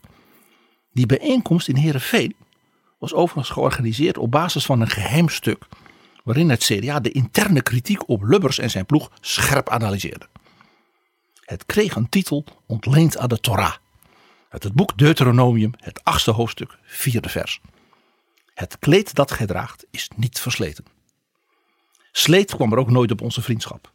Sleets werden de gesprek en het plezier om de eigenaardigheden van de politiek, politici en andere ambtsdragers evenmin. Een beetje bijbels, toch weer. Heel mooi, PG. Ik had me ook een kop in Vrij Nederland kunnen voorstellen. De Deetman tapes. Boven een verslag van deze bijeenkomst. ja, dat, dat had warempel gekund. Even nog over dat Liber Amicorum. Daar zit een anekdote aan vast van dus een jaar geleden. En dat is, mag ik het zeggen, Max van Wezel in een zekere zin helemaal. Het maken van dat Liber Amicorum was natuurlijk een geheim project. Uiteraard. Van collega's, vrienden, bewonderaars van Max bij Radio 1. Nooit gehoopt, toch gekregen, zoiets. Met het oog op morgen, Arg, Argos, natuurlijk de redactie van Nederland, mensen in het Haagse. Hij zou dus verrast worden bij de overhandiging van een heel ander boek. Namelijk een boek dat hij had gemaakt over het kabinet Rutte 2. Ja, wat hij met Wilma Borgman samen heeft geschreven... naar aanleiding van gesprekken die ze samen voor het Oog op Morgen hebben gevoerd. Een prachtig boek. En premier Mark Rutte was bereid gevonden het eerste exemplaar dan van Max in ontvangst te nemen. En die zat natuurlijk in het complot. Want ja, want hij, Rutte had zelf ook een stukje geschreven in het Liber Amicorum. Dus Rutte zou hem daarna verrassen. Samen met Thijs Broer. De redacteur van Vrij Nederland. Juist. Om hem dat te geven. Dus hij gaf weer iets, weer iets aan die politici om hun tanden in te zetten. En nou kreeg hij iets terug. En wat gebeurt er? Ach ja, Max van Wezel loopt natuurlijk gewoon ziek als hij was rond op die redacties en bij de radio en in Nieuwsport. En wie snuift als eerste op dat er een of ander vreemd merkwaardig geheim project gaande is waar hij alles van af moest weten? Je raadt het al. Max van Wezel. En Thijs Broer heeft dus bij die overhandiging verteld. Ja, het was dus de bedoeling dat wij Max zouden verrassen hiermee. En dat is dus helemaal mislukt. Want een dag of wat geleden zei Max: Ik weet het hoor. En eh, eh, hebben jullie al gedacht aan die en die om een bijdrage te laten schrijven? Max was wat dat betreft de ultieme persmuskiet. De ultieme onderzoeksjournalistiek, ook in eigen zaak. Ja, altijd net iets langer ergens blijven staan, waardoor misschien net dat gesprek gaat plaatsvinden waarvan je niet had gedacht dat dat nog zou komen. Altijd net even je tas om een hoekje van een pilaar zetten en daar dan misschien wel een flart van dat Liber Amicorum al vinden. En net slimmer, net uiteraard nog ervarener, net nog een soort, mag ik zeggen, bijna een soort, niet alleen IQ, maar ook een heel hoog EQ. En daardoor gewoon voelen, ruiken, snuiven wat er gebeurt. Het is een unieke capaciteit. Ja, over dat EQ gesproken. Ik heb wel eens met hem in, uh, was geloof ik een, een Volkswagentje gezeten. Kwamen we van een politieke bijeenkomst ergens in het land. Er zat ook nog een P van de A mevrouw, een senator in de auto die we thuis moesten afzetten in Apkoude. En ondertussen Roddels achterklap, zo heet het trouwens ook een rubriekje wat hij ooit schreef. Uh, van alles en nog wat. Want Max was zich als geen ander van bewust. Het is niet alleen leuk natuurlijk om een beetje over anderen te zitten praten. Maar uh, verhoudingen tussen mensen zijn vaak heel bepalend ook voor dingen die in en om de macht gebeuren. Max had een ongelooflijk scherp gevoel. En dus niet alleen in Nederland, maar ook in landen als Duitsland, als Israël, waar hij ook grote belangstelling voor had. Voor, ik zal maar zeggen, de, de persoonlijke kant van machtsverhoudingen. Uh, met dus ook de mooie kanten daarvan en ook de allerminst mooie kanten daarvan. Ook daar had hij een buitengewoon scherp oog op. En ja, het is dus niet alleen maar uh, beleid. En het is ook niet alleen maar mannetjesmakerij. Dat is bijna een soort derde dimensie. Uh, waar hij een ongelooflijk gevoel voor had. Ja. Uh, ik wou eigenlijk, als je dat goed vindt, Jaap, één ding uitlichten. Want ja, het verhaal wat ik voorlas, dat ging dus over een bijeenkomst van het CDA. En Wim Deetman, de minister van Onderwijs en Wetenschappen, die onder zwaar onder vuur lag, enorme bezuinigingen. En Max had dus heel veel met dat onderwerp, het hoger onderwijs. Ja, en ook wel met de persoon. Even nog voor de nieuwe luisteraars van Betrouwbare Bronnen. Jij was in die tijd de politiek assistent van Wim Deetman. En politiek assistent is vaak een jonger iemand met grote talenten. En Wim Deetman, daar werd enorm tegen geprotesteerd vanuit de studentenwereld. De universiteiten en de lerarenvakbonden. Want er moest altijd weer opnieuw bezuinigd worden, was het beeld rondom die Deetman. Ja, 1983. Er werd ook heel algemeen al bezuinigd in dat kabinet Lubbers. Op alle fronten, maar zeker ook in het onderwijs. Ja. En Max en, had dus een bijzondere belangstelling voor dat beleidsterrein. En dat kwam doordat Max als student al snel... Hij was een beetje geroerd door het idee van... Ook in Nederland zou eigenlijk een revolutie moeten uitbreken op alle, op alle terreinen des levens. Maar zeker ook in het, uh, in het hoger onderwijs. En hij was al snel bestuurslid van de ASFA, de Algemene Studentenvereniging Amsterdam. En dat klinkt heel, heel braaf, heel neutraal. Maar dat was inmiddels een, een broeinest uh, van communisten, waarvan Max er één was. Zeker. Hij had ook een prachtige, bijna Sovjet-achtige titel. Waar hij ook jaren later eh, eh, nog altijd prat op ging. Dat hij een dergelijke, bijna soort politbureau-achtige eh, functie had. Want hij was geloof ik secretaris strategie, politiek en organisatie. Nou, je, je hoort bijna een soort, soort junior Stalin van de Universiteit van Amsterdam. Alle elementen zitten er wel in. Alles zat er allemaal in. Max had nog een baard in die tijd. Max had een baard in die tijd, zeker. Eh, eh, hij was geloof ik ook heel verdrietig dat hij net was gaan beginnen te studeren nadat het maagdenhuis was Ja, een bezet. jaar na de maagdenhuisbezetting en dat speet hem zeer. Ik kan me herinneren, eh, Jaap, dat rondom dit onderwerp, studentactivisme en dergelijke, dus de basis van zijn belangstelling voor het beleid waar we het hierna wel over gaan hebben, dat je een tamelijk komisch element had in het gesprek met Uri Rosenthal over zijn memoires. Ja, want in die tijd bij politicologie aan de UvA, ik heb dat eh, tw- een jaar of twaalf later ook mogen studeren op dezelfde plek en in dezelfde gebouwen nog. En in die tijd was het heel normaal dat de studenten eh, min of meer zelf of elkaars punten bepaalden, althans in hoge mate beïnvloeden. En Uri Rosenthal die vertelde daar eerder in betrouwbare bronnen dit over. En dan hadden we, eh, hadden we een situatie waarin, ik herinner me dat nog, ik als kandidaatassistent van een van, ehm, hoogleraar dan een werkcollege gaf. En dan werden de resultaten werden al dus bepaald. De helft door de docenten en de helft door, door het collectief van de studenten. En dan zei u bijvoorbeeld, nou ik denk dat, je, dat ik hiervoor een 7 zou geven. En dan ja, zeiden de zei, studenten... zei eh, nou, negen is, eh, en dan werd het een acht. En eh, ja, ik, ik heb dus ook fraaie voorbeelden gehoord van hoe in die tijd studenten erg gemakkelijk aan hun hoge cijfers kwamen. Hè. De, de later zo bekende journalist Max van Wezel, die, eh, die hoorde tot de gematigde kant van de activisten. En die vertelde een keer dat hij eh, bij het werkcollege Sociologie een 8,5 haalde eh, bij een goed glas wijn. En met als inzet diepe beschouwingen over de sociologie van de, eh, van de liedjes van John Lennon. Dat werd in die sfeer ging het. En terwijl wij, ik dus van mijn kant met harde empirische cijfers bezig was, kiezersonderzoek en al dat soort dingen meer. Dat was Uri Rosenthal in Betrouwbare Bronnen over zijn tijd eh, aan de Universiteit van Amsterdam, waar hij docent was en waar Max van Wezel zijn punten kwam halen. Ja, nou, je begrijpt dat een, dus een, laat ik zeggen, linkse activistische studentenorganisator als Max, die dus ook nog in die tijd werd afgevaardigd door, zeg maar, dit, zoals jij omschreef, communistische broeinest. Eh, Ik zei dat niet, hè? jij zei dat. Dus wat, wat was een van de eerste dingen die Max moest doen? Die moest dus lobbyen in de Tweede Kamer en de journalisten op het plein en Nieuwspoort en de ambtenaren van het ministerie van Onderwijs tegen het beleid van minister De Brouw.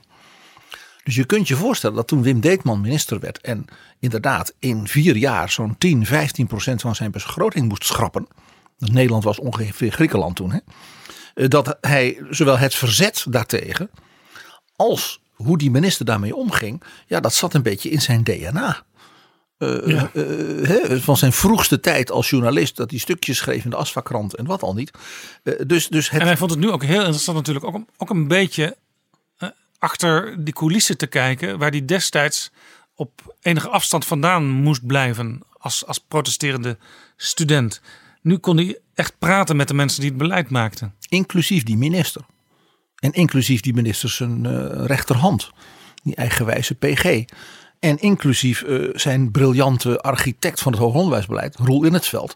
Dat een PvdA-partijgenoot inmiddels van hem was. Ja, want Max die was na een jaar of vier lid van de CPN te zijn geweest, eh, daar uitgestapt omdat hij toch zag dat eh, ja, zeg maar het communistische, autocratische van die partijtop, dat daar niet heel snel een eind aan kon worden gemaakt. En dat was wel het idee van Max.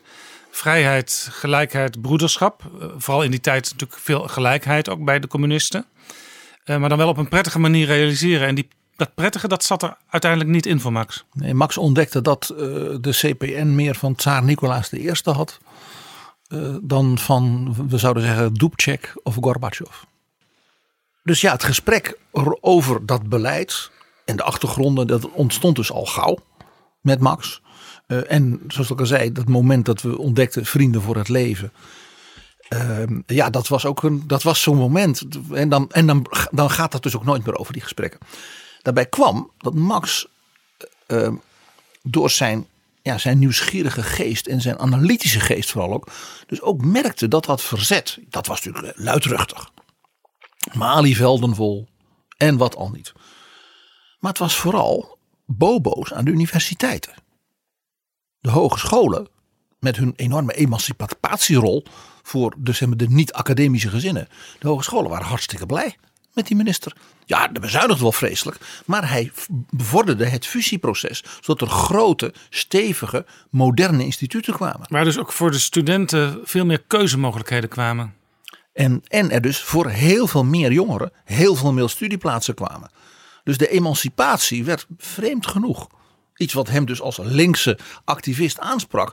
Enorm aangejaagd door die steile CHU-minister. En dat die bobo's allemaal boos waren omdat hun faculteiten werden gereorganiseerd. Ja, dat, in Amsterdam hoorde hij dat natuurlijk al wel. Maar hij dacht, ja, maar ik hoor ook andere dingen. Wat hem natuurlijk ook opviel, was dat een man als Jos van Kemenade, de voorganger van Deetman als Partij minister, van de Arbeid. een PvdA onderwijsvernieuwer van, van grote staat. Ik sprak er onlangs over toen we het hadden over ministers en hun ambtenaren. Dat Jos van Kemenade eigenlijk helemaal niet zoveel kritiek had op Wim Deetman. Ja, hij praat natuurlijk het PvdA kritiek toe braaf mee. Maar achter de schermen zei Jos van het is wel knap hoor wat die man doet. En hij wist dus ook dat Joop den Uil zelfs openlijk zijn bewondering voor Deetmans daadkracht en standvastigheid uitsprak. Dat, was Nou. heel, dat is heel opmerkelijk, want ik hoor Jacques Wallager keer op keer zeggen, daar zittend op de publieke tribune, de winter van Deetman zal eens voorbij zijn. Ja, maar de heer Wallager die, die, die moest als Kamerlid natuurlijk zich nog een beetje bewijzen. Laat dat maar zo zeggen. Wat natuurlijk ook opvallend was, dat eh, eh, eh, de studentenvakbonden, waar natuurlijk Max ja, een van de oprichters ongeveer van was. Eh, eh, tenminste de, de, de juniorstalen een tijd lang. Hè. ja, nou ja, de, de ASFA, eh, we gaan heel ver terug dan hoor, maar daar zat ooit nog in het bestuur Frits Bolkestein. Zo zie je maar weer. En de landelijke studentenvakbond, die werd opgericht in, die, in datzelfde 1983 van de, dat, dat optreden van Deetman. De LSVB. De LSCB. Die werd opgericht door ene Mariette Hamer. Interessant, die was dus niet van de universitaire bobo-wereld, maar die kwam uit het HBO. Ja, later Partij van de Arbeid Kamerlid en nu voorzitter van de Sociaal-Economische Raad, de SEG. Ja, dus, dus ook dat was een soort generatie van mensen, van, ook van emancipatie. Hè? HBO, vrouwen, jonge vrouwen, die zeiden wij gaan dat doen. Dus ja, dus, dus Max had een heel dubbel iets ten opzichte van Deetman. Nou, je begrijpt, dat leidde ertoe dat hij dus heel graag grote interviews met Deetman deed. Dat deed hij dan ook. eh, met Ben Heinrichs, met eh, Leonard Ornstein. En dat is ook wel heel apart. Dan zag je dus de werkwijze van Max van Wezel. Dat Hoe was die werkwijze? Nou, hij kwam dan naar het ministerie. En dan was er een gesprek over het gesprek. Met de voorlichters, soms zelfs met de minister dat hij even langskwam, handjes geven, kopje koffie. We zouden het graag willen hebben volgende week over dat en dat en dat. Dus dan, en dan proefde hij al, hoe is de sfeer? Kijken die voorlichters bezorgd als ik zeg, nou ik wil wel eens met u hebben met enorme kritiek op de korting op alle salarissen voor kleuterjuffen. Ja, want als ze bezorgd keken, dan dacht je, daar valt misschien wat te halen. Of als de minister een beetje stuurs keek als je begon over, ik noem eens wat, u, u- u zou komen met die nieuwe wet over dit en die is er nog steeds niet. Eh, als de minister glimlachte, zo, hè, dan, nou ja. Dus dat was gewoon testing the waters. En dan deed hij nog iets. Eh, dan eh, de dag voor dat eh, eh, interview eh, had hij een hotel in Den Haag. En dan liep je dus rond. Eh, sprak met een topambtenaar, sprak met de studentenbonden. Hij werkte zich helemaal in. En dan gingen wij samen eten. Want wat deed hij dan? Dan ging hij als het ware dat interview op mij uitproberen. Op de assistent van de minister. Van, nou ja, we, we kunnen natuurlijk niet omheen om het te hebben over dat rapport van de rekenkamer waarin staat dat het ministerie nou weer een gat van zoveel miljoen dreigt te hebben. In dit, in dit. Nou, dat vindt Onno Ruding natuurlijk niet leuk. Hè, gewoon beetje provoceren, een beetje kijken hoe je reageert. Ik wist dat, Dus ik had dat uiteraard met de minister voorbesproken, die voorbespreking. Want ja, dat. Het, en dat is natuurlijk een soort, bijna een soort, soort balsende dans die je met elkaar uitvoert. En ja, als je een beetje houdt van, ik zal maar zeggen, de creatieve kant van de politiek, elkaar een beetje uitproberen, een beetje kijken van, nou, dan is dat natuurlijk heel leuk om te doen. Ja, nu is er bijna geen tijd meer voor. Althans, men doet alsof er geen tijd meer voor is voor dat soort voorbereidende gesprekken. Maar het kan natuurlijk journalistiek ook heel nuttig zijn. Want aan de andere kant, aan de ministeriële kant, wordt nog eens extra nagedacht over dingen. Wordt misschien nog eens overwogen om nieuwe initiatieven te nemen en die in dat interview bekend te maken. Exact. Uh, wat er dus ook gebeurde, was dat de minister mij soms dan zei van, nou ja, als je nou toch met Max gaat eten. Uh, we hadden het vorige week nog over dat en dat en dat.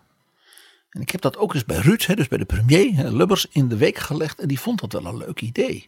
Nou, dan wist ik genoeg. Geen ambtenaar op het ministerie wist op dat moment of een enkeling, en die was vooral geschrokken.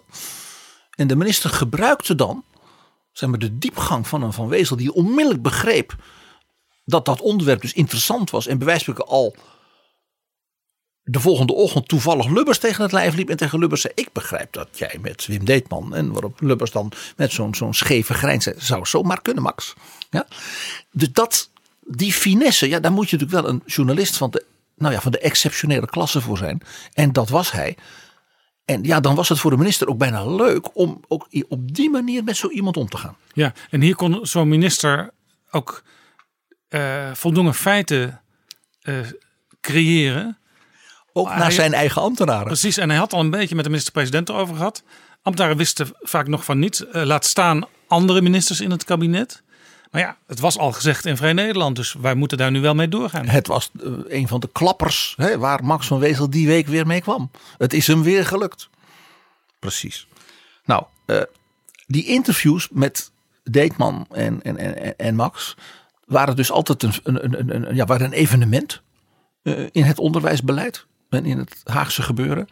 Ook omdat Max het dus niet alleen maar had over onderwijsdingen. Dat ging ook over de toekomst van het CDA. Dat ging over bijvoorbeeld vragen als euthanasie. En dat waren onderwerpen waar Deetman voor Lubbers, en dat wist Max, dus een hele belangrijke toetssteen was in zeg maar, hoe de wat meer bevindelijke protestanten in het CDA daarover dachten. Ja, en, en, en, en soms heb je dan als je nu een minister naar een onderwerp vraagt wat niet in zijn portefeuille zit, dat zo'n minister zegt, dan moet er bij die en die zijn.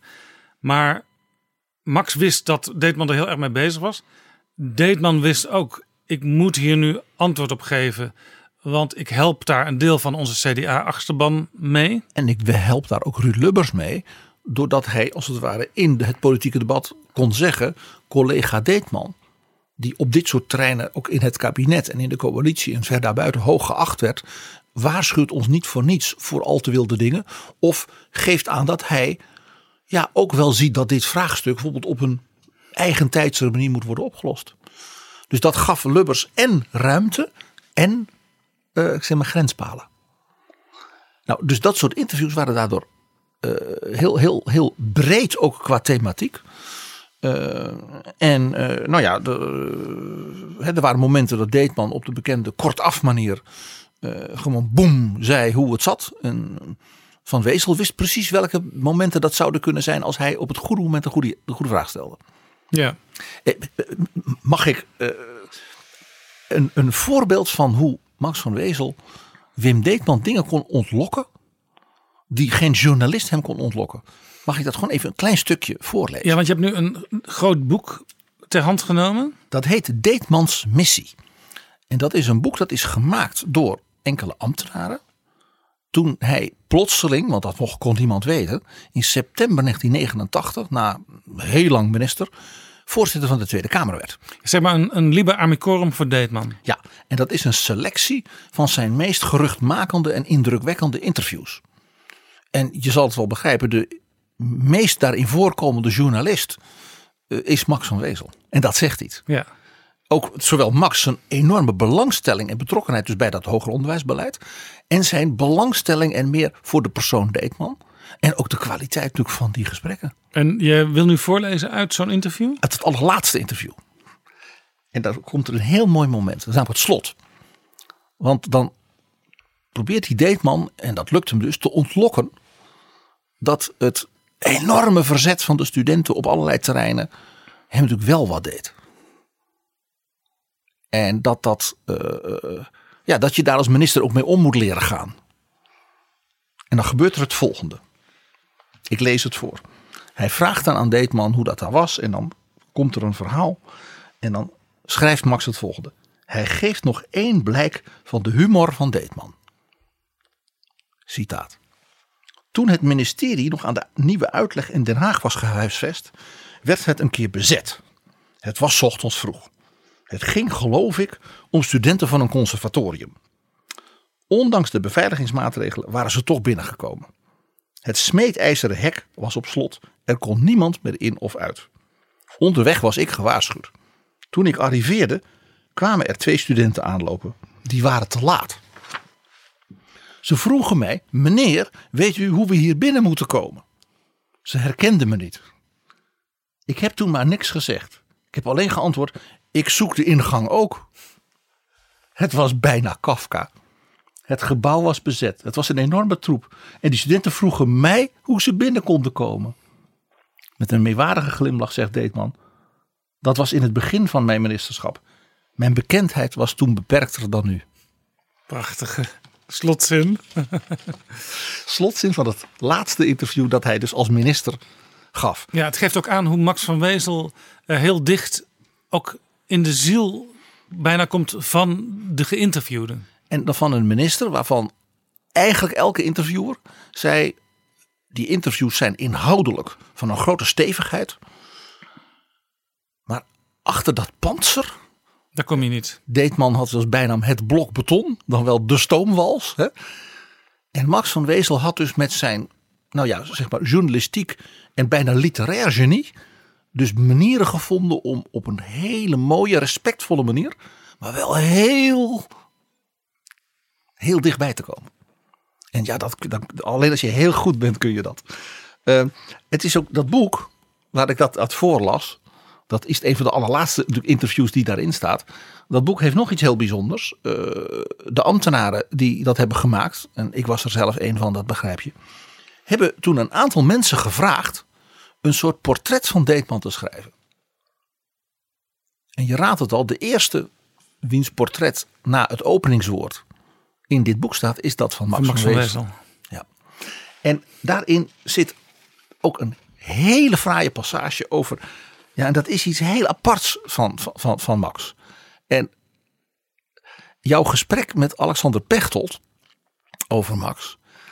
Zonder dat Pechtold dat weet, dat vond ik dus zo aardig. Die zegt bijna letterlijk wat Max in dat portret van Deetman schreef.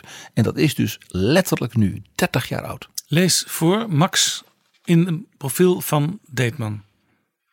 Zelden had een Nederlandse minister zich zo impopulair gemaakt.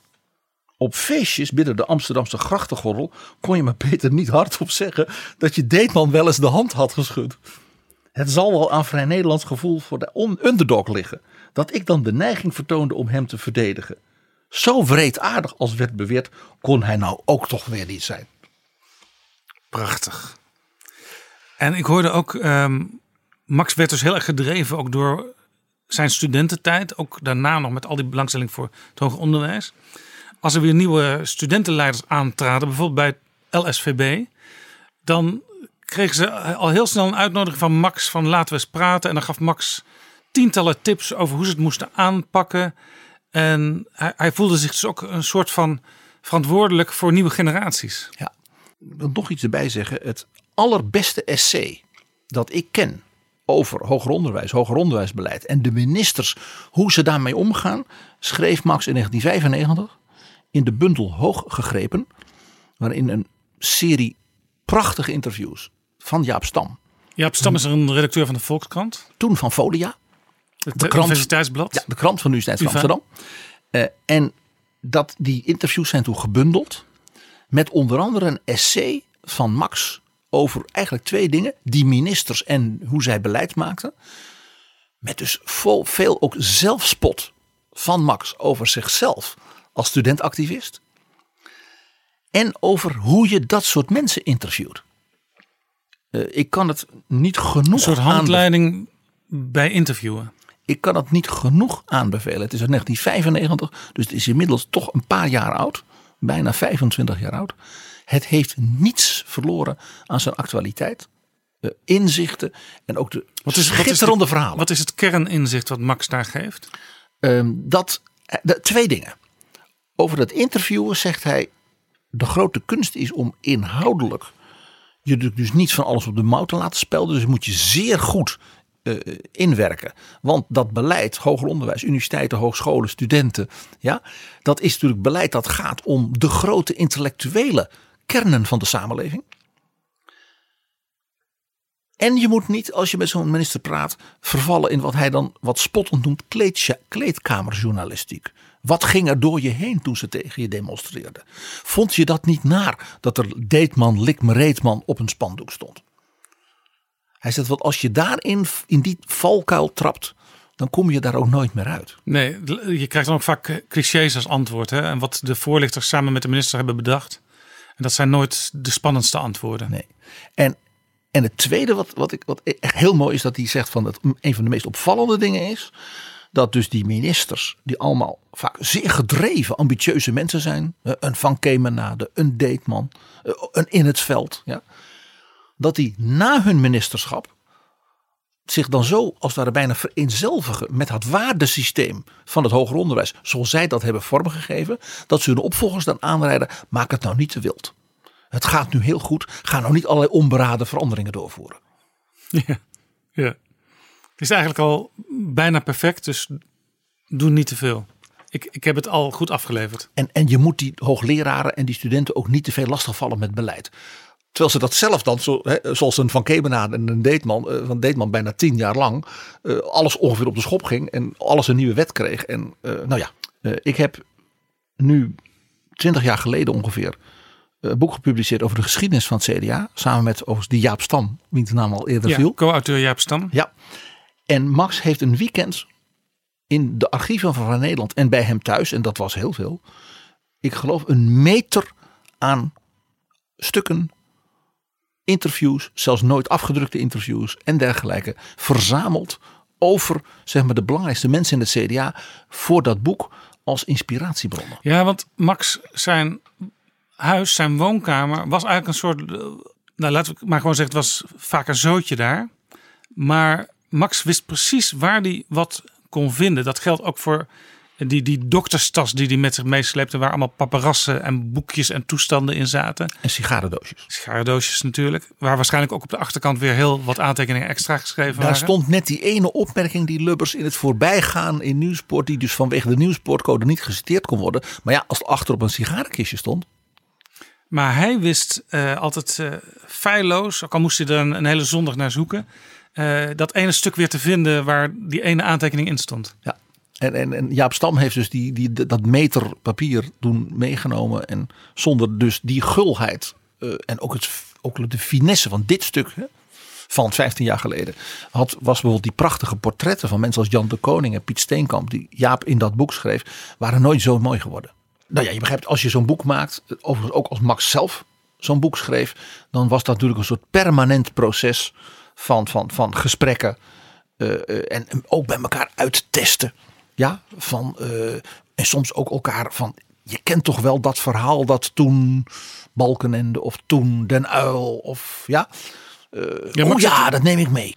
Ehm, in dat boek over het CDA, De Rogge, was een van de dingen waar we heel veel reacties op kregen.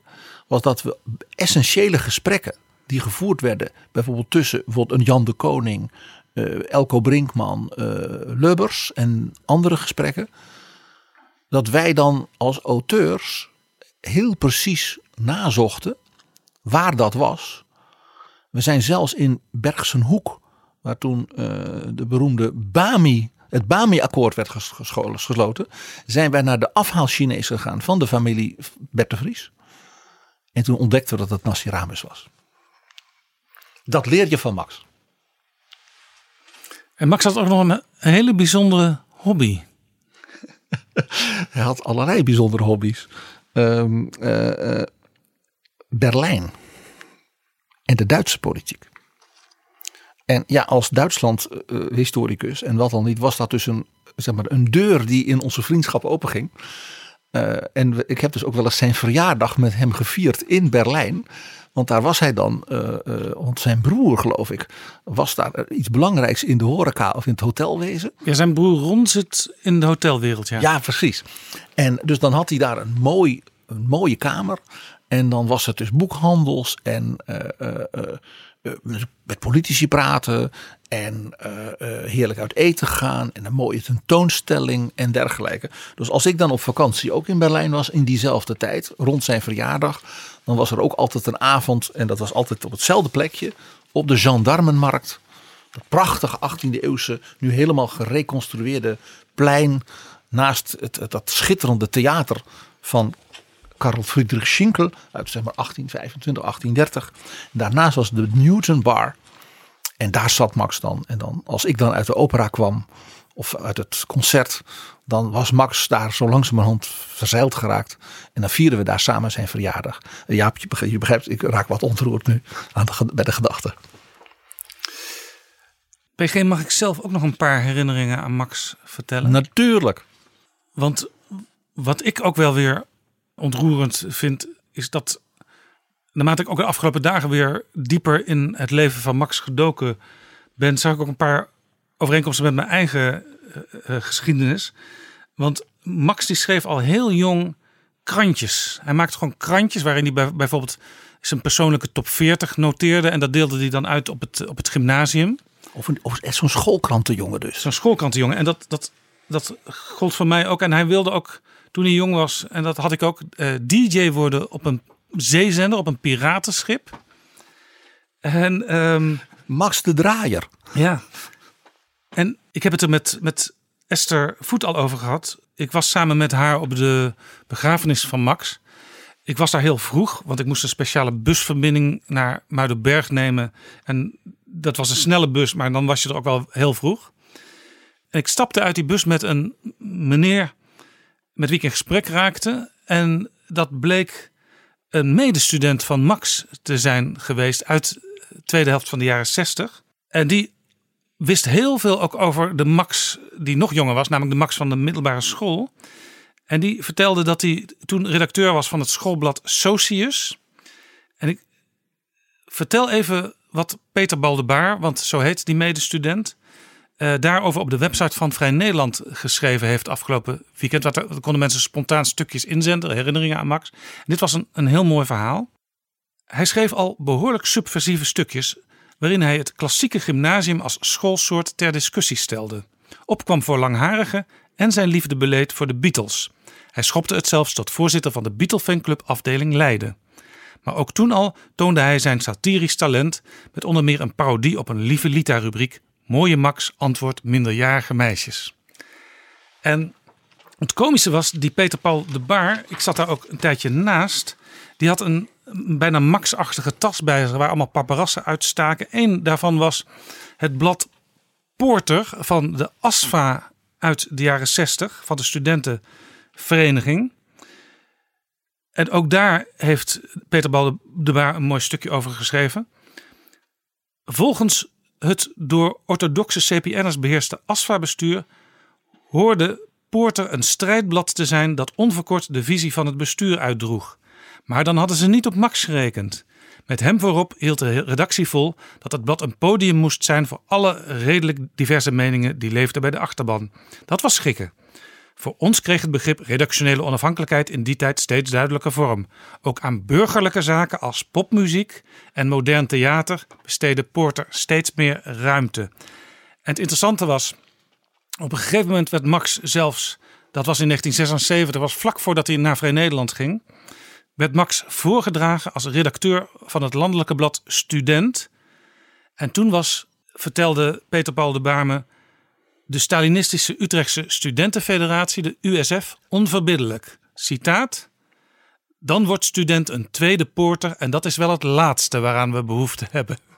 En het, het mooie is dat blad Poorter wat uit die tas stak. Eh, Peter Paul liet mij dat zien. Daar stond achterop een roddelrubriek, was niet ondertekend, maar eh, hij zei. De auteur hiervan, toen al was Max, hij schreef later in Vrij Nederland ook een rubriek, Het Wereldje. Toen ook al met die kant van de samenleving van de politiek en toen van de studenten politiek bezig. Ik ga nu een bekentenis doen, dat mag wel even. Voor die rubriek Het Wereldje eh, leverde ik eh, als eh, hoofdredacteur van Science Guide met enige regelmaat verhalen over bijvoorbeeld Annette Nijs, Ronald Plasterk Foei. en dergelijke, die ik in dat, in dat blad, vakblad voor het hoger onderwijs, zeg maar niet in een soort Henk van der Meijden-achtige rubriek kwijt kon. Maar Max die, die, die, die kon dan genieten van zo'n verhaal. Dan had ik in Nieuwspoort nog een tweede glas rode wijn verdiend. En dan de week daarop, of iets dergelijks, kwam dat dan in eh, eh, voor de liefhebbers onmiddellijk herkenbare eh, laat zeggen, wijze kwam dat terug. Zodat iedereen ongeveer begreep van wie die dat wel eens gehad zou kunnen hebben. En zo help je elkaar soms als journalist. Het staat te dicht bij je om het zelf te kunnen gebruiken, maar een collega kan er mee aan de slag en die geeft je dan later ook alweer iets terug. Nog een, ander, nog een andere herinnering aan Max. Ik zei het al even, de zeezenders. Hij was helemaal gek van bijvoorbeeld Radio Veronica. En eh, ik hoorde op die begrafenis ook dat hij nog eens een keer een bootje heeft gehuurd op Scheveningen. En toen met Annette, zijn vriendin toen, later zijn vrouw, richting dat Veronica-schip is gevaren met dat bootje. De details van het verhaal ken ik niet. Maar hij ging dus gewoon. Hij dacht: ik wil dat schip nou wel eens van heel dichtbij zien. Er was onlangs, nog vlak voor zijn dood, een programma op de VPRO-radio. Gemaakt door Chris Keijnen. Een uur lang het thema Max en de radio. Max heeft natuurlijk tal van radioprogramma's gemaakt. Maar daar gaat het ook eventjes over zijn liefde voor die zeezenders. Laten we even luisteren naar wat Max daar vertelde. In Nederland vooral Radio Veronica, maar in Engeland had je er ook eh, heel veel van. En eh, ja, ik werd dus al gauw een devoot fan van Radio London, Radio Caroline.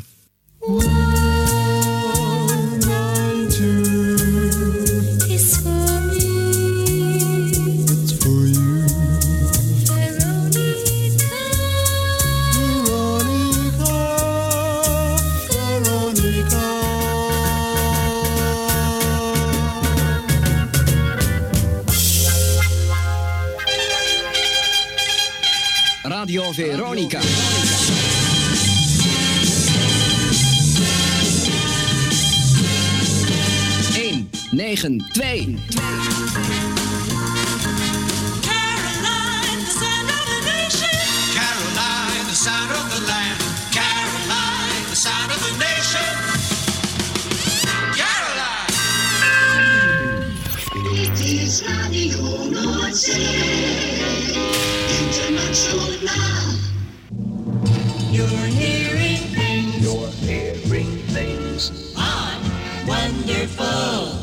Radio London.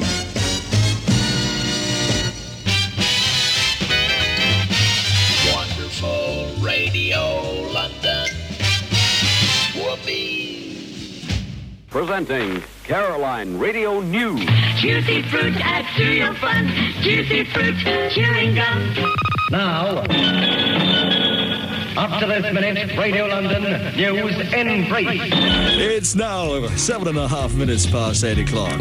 Radio Caroline, the Tony Blackburn Show. Here are the searches. Don't throw your love away. No, no, no, no. Don't throw your love away. For you might Nou, de legendarische Tony Blackburn. Die is Ja. er nog steeds trouwens. Is dat zo? Ja, die moet 80 zijn of zo, maar heeft nog steeds een programma op de BBC. En dat was, dit was Radio Caroline? Dit was Radio Caroline. Een groot schip op de Noordzee. En- Ja. ja. Je, je, je, je begon even eh, te stralen, Max, toen je de eerste geluiden hoorde. Ja, die zijn me ook dierbaar, maar ik was ook echt heel fanatiek. Want eh, ik herinner me dat ik ook allemaal schriftjes bijhield. Eh, ja, dat is echt typisch vanuit het voor-internet tijdperk. Want nu zoek je het even op. Maar eh, schriftjes bijhield met de Radio London top 40. En Caroline had geloof ik de top 50. En eh, dat was nog een heel werk om dan met je oor aan dat ding eh, geklemd eh, en een schriftje voor je te proberen die namen goed te verstaan. En, eh, Fonetisch Engels? Of? Fonetisch Engels. En later bleken die groepen dus ook heel anders te heten. Dan moest je het allemaal weer corrigeren. En ik had ook nog een eigen top 40 die ik eh, samenstelde met mijn eigen lievelingsnummers. En die eh, verspreidde ik dan in de derde klas van het gymnasium. En eh, ja, ze vonden me een absolute idioot natuurlijk. Dit was een fragment uit het programma wat Chris Keijnen met Max maakte in zijn laatste maanden over zijn liefde voor de radio. Eh, Max had ook een enorme eh, liefde voor de Beatles. We, zeiden het al, maar bijvoorbeeld ook de Beach Boys vond hij ook geweldig. Hij kwam ook. ehm, Paul Simon. Zelfs Neil Diamond. Hij is met Frits Wester van RTL nog naar Neil Diamond concerten geweest. Nou, dat zijn, want dan heb je wel de twee grootste fans eh, van, van, van Neil Diamond in Nederland bij elkaar. Hè? Max heeft een enorme liefde voor het Eurovisie Songfestival. Ja, dat, ja, Jaap, nou, je ik, wou, ik wou net roepen, vergeet het Songfestival niet. Dit was een van de dingen die, eh, laat ik zeggen, in alle warmte en, en, en vriendschap die Max en ik dan toch mochten delen. Waarin we elkaar dus konden plagen. Dat was mijn liefde voor de opera. Waar hij maar zeer beperkte zeg maar, verstandelijke vermogens kon opbrengen om dat te waarderen. En mijn identieke gevoelens voor zijn adoratie van het Songfestival. Hij was maanden van tevoren daar al bezig. En dan ging hij erheen. En dan de stralende foto's van Max. Met weer een, een of ander afzichtelijk eh, t-shirt van dat Songfestival. Met het logo erop. En een petje van de winnaar of van het land van de winnaar. En dan was hij helemaal in zijn element. Max kwam ook op bezoek als ik gouden oude radioprogramma's presenteerde. Dat was op een gegeven moment een jaar of 18 geleden in Hilversum bij Radio 192. En hij moest dan op zondag, was dat op zondagmiddag, eh, ik denk het oog voorbereiden. Of in ieder geval, hij, was, hij moest in Hilversum zijn. En dan kwam hij tussendoor eventjes bij mij in de studio. Had hij op gegeven ook nog een, een, een, verzoekplaatje aangevraagd. Daar heb ik helaas dat stukje niet kunnen terugvinden. Ehm, we zijn ook nog samen op het Veronica-schip geweest. Ook toen, toen ik daar ook live aan het uitzenden was. Eh, in het, in de oude, het oude hotel in Hilversum Lapershoek. Waar vroeger de opnamestudio's van Veronica zaten. En daar was een keer een vinylweekend een paar jaar geleden. Dus 24 uur vinyl draaien. Max kwam voordat hij naar het oog eh, ging om te presenteren daar ook langs. Eh, de volgende dag zat ik een beetje te kijken in de standjes waar je t-shirts, cd's, eh, dingen, boeken kon kopen. Ik zag een heel mooi t-shirt van de Beach Boys, dat wilde ik graag aanschaffen. Maar ja, ik zag ze hadden het net niet in mijn maat. Toen vroeg ik, hebben jullie die maat nog misschien? Nee, nee, die is net gisteravond verkocht aan Max van Wezel. Hij was je weer te snel af. Te snel, ja. En het, het- de, de derde herinnering, die is aan eh, toen ik voor het eerst op het Binnenhof kwam. Max 12 jaar ouder. Was daar nog koffiekamer 5. Dat was in het oude gebouw. Er was nog geen nieuwe kamer, nieuw kamercomplex. Koffiekamer 5 zat een beetje bij de Partij van de Arbeid en bij D66 in de buurt. En daar was het eigenlijk de hele dag eh, ja, groot feest. Daar, daar werden uitsmijters eh, op tafel gezet, maar vooral ook veel drank. En Max heeft daar een keer een, een, een heel mooi tekstje over gemaakt. Uit 2006 komt dat. Ik lees het voor. Mijn dag als parlementair verslaggever in de jaren 80 begon met een bezoek aan een ruimte die de koffiekamer op Binnenhof 5 werd genoemd. Koffie was er in geen velden of wegen te bekennen. Wel zat Marcel van Dam om half twaalf al achter zijn eerste glas whisky. De middaguren waren bestemd voor een biertje of wijntje op een terras in de Haagse binnenstad. Tegen vijven werd het tijd de stand van zaken te gaan opnemen. Waar anders dan op Binnenhof 5. Daarna moest je de avond nog door en als het tegen zat, de nacht. Want kamerdebatten duurden lang in die tijd. Zonder drank lukte dat echt niet. Achter de groene gordijnen liepen obers af en aan.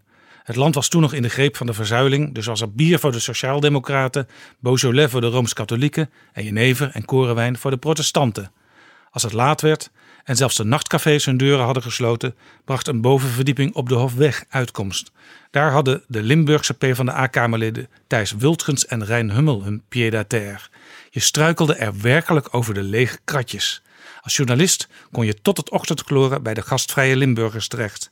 Wat bewonderde ik Wildgens als hij een paar uur later in de Tweede Kamer weer een vlammende redenvoering afstak.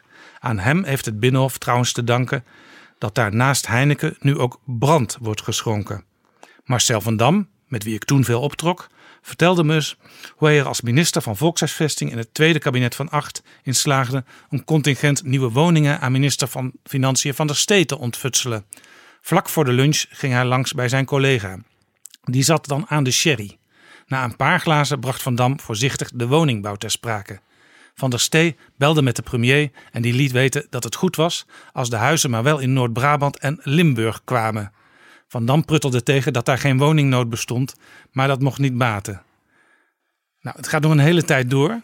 Maar dit was typisch die tijd. En ik heb ook nog dat beeld van die koffiekamer 5 waar ik Max vaak trof. Max neuriede altijd als hij ergens rondliep. Gewoon in de- wandelgang hoorde hij soms in de verte al Max aankomen, neuriënd. En hij was toen in mijn herinnering in koffiekamer 5 de Lambada aan het uh, neurien. Dat was toen een enorme hit in alweer de top 40. Ik heb eens even nagezocht. Dat was 1989. En dat was tijdens de formatie van het kabinet Lubbers 3 met de Partij van de Arbeid met Wim Kok als vicepremier. En als ik aan die tijd denk, dan is- dus het belangrijkste wat ik zie in eerste instantie Max de Lambada neuriënd. En het is geen toeval dat hij zo vrolijk was. Want Wim Deetman was toen net Kamervoorzitter geworden. Dankjewel, PG, voor dit gesprek. Dankjewel, Jaap. Dit was Pieter Gerrit Kroeger.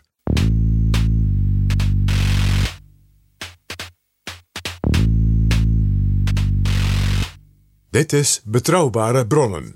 Ik ga praten met Thijs Broer. Hij kwam in 1997 bij Vrij Nederland, waar Max natuurlijk al heel lang redacteur was. En van 2006 tot nu is Thijs politiek redacteur bij Vrij Nederland en heeft heel veel met Max van Wezel samengewerkt. Welkom in Betrouwbare Bronnen, Thijs Broer. Dankjewel, Jaap. Hoe heb je Max leren kennen? Nou, in de eerste jaren bij Vrij Nederland al. Toen was hij al een van de grote karakters, een van de oudst gedienden. Hij is ook nog een tijdje adjunct hoofdredacteur geweest. Toen, hij, eh, toen had hij natuurlijk een heleboel voor het zeggen. En hij was altijd zeer en trouw en nadrukkelijk aanwezig in vergaderingen. Eh, wat mij toen al verbaasde, dat hij eigenlijk al van, van alle, in alle onderwerpen die ter tafel kwamen, dat hij er wel inzicht in had. Of het nou ging over mediapolitiek of de Haagse politiek, dat was natuurlijk vanzelfsprekend, dat was zijn domein. Maar ook over media, gezondheidszorg, landbouw, maakt niet uit wat er passeerde. Max had er een opvatting over en had al meteen ook ideeën. Oh, dat verklaart dus je- dat, dat lidmaatschap van de hoofdredactie. Want ik kan me bij Max en leiding geven eigenlijk helemaal niks voorstellen. Nee, dat was uiteindelijk vond hij het leidinggeven zelf ook helemaal niet zo heel leuk, geloof ik. Hij is ook na een jaar, als ik me goed herinner, mee opgehouden. Maar inhoudelijk was hij, zo- kon hij geweldige bijdrage leveren, altijd. En mensen en sturen en suggesties meegeven. Eh, zijn eindeloze stapel eh, not- notitieboekjes met telefoonnummers opdiepen. En dus ook de kleine details die een verhaal groot kunnen maken. Ja, precies. Dat er een feilloos inzicht in. En een, en een onvoorstelbare encyclopedische kennis. Hij wist altijd precies, oh dan moet je nog even kijken naar dat debat of dat interview van 13 jaar geleden in HP De Tijd. En dat klopt dat ook allemaal nog. Jij was in het begin natuurlijk algemeen redacteur, algemeen verslaggever. Hoe gebeurde het dat jij op het pad van Max kwam? In, die zin dat jij ook over politiek wilde gaan schrijven. Ehm, ik heb toen op verzoek van de hoofdredacteur, de toenmalige hoofdredacteur, volgens mij was dat Emiel Vallot, een eh, groot verhaal gemaakt over de migratie, het migratiebeleid van Rita Verdonk. Eh, een groot verhaal waarin Job Cohen als oud-staatssecretaris van Migratie ook voorkwam en nog een aantal anderen. En dat verhaal beviel de hoofdredactie toen zo goed dat, die, dat de hoofdredacteur me toen vroeg: wil je niet gewoon over politiek blijven schrijven? Zei nou, prima, dat wil ik graag doen. Eh, Max was toen, als ik me goed herinner, al freelancer. Dus had zijn vaste column in Vrij Nederland en schreef daarnaast af en toe een groot verhaal. Ja, Max is in 2005 eh, free- freelancer geworden. Ja, precies. Dat is, en twee jaar daarna ben ik dus ook over politiek gaan schrijven, eh, wekelijks. Hè, toen Vrij En, en waarom werd Max freelancer? Nou, er was toen een grote reorganisatie. Een van de vele die we bij Vrij Nederland hebben meegemaakt. Ehm, en Max was een van de oudgedienden die toen plaats maakte voor jonge mensen. Zo werd het toen eh, genoemd. Maar hij heeft toen wel de afspraak gemaakt om zijn vaste wekelijkse column te houden. Als een soort ankerpunt bij Vrij Nederland. Eh, en een afspraak dat hij regelmatig grote interviews en grote achtergrondverhalen over de politiek zou blijven maken. En dat heeft hij tot op het laatst eigenlijk gedaan. Ja, maar hij beschouwt het wel een beetje als een degradatie toen.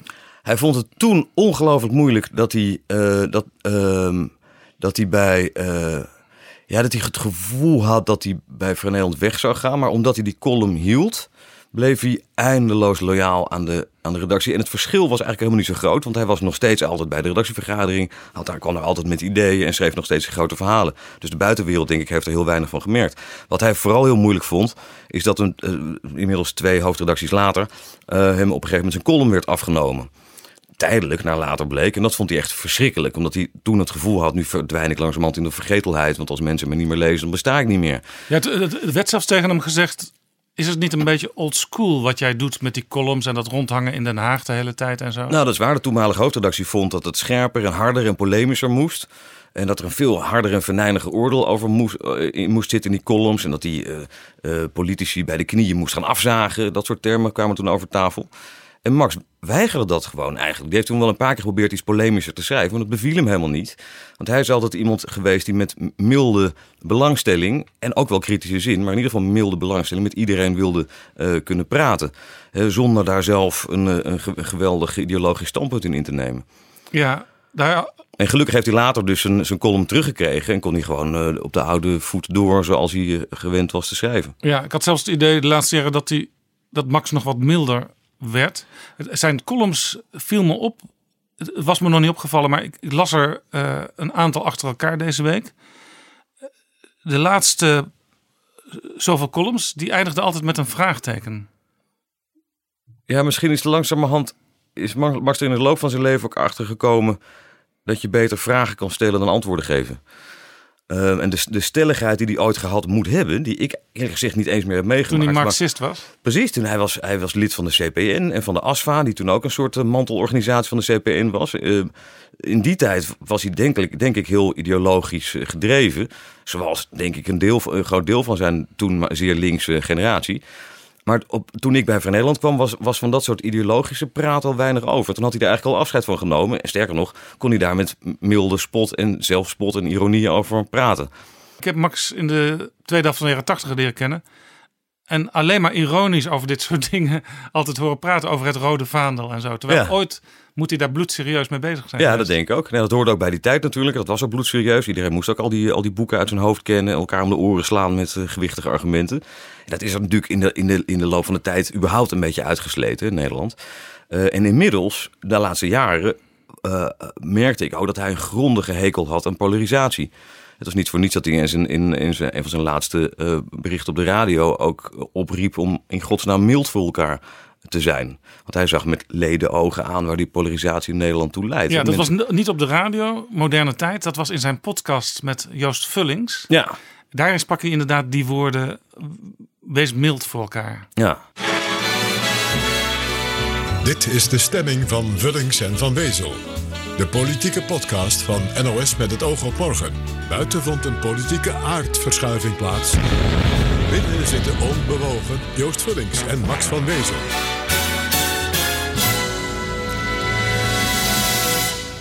Nou, klonk meer als een molotov cocktail die ergens ingeworpen werd. Maar van harte welkom bij een nieuwe stemming.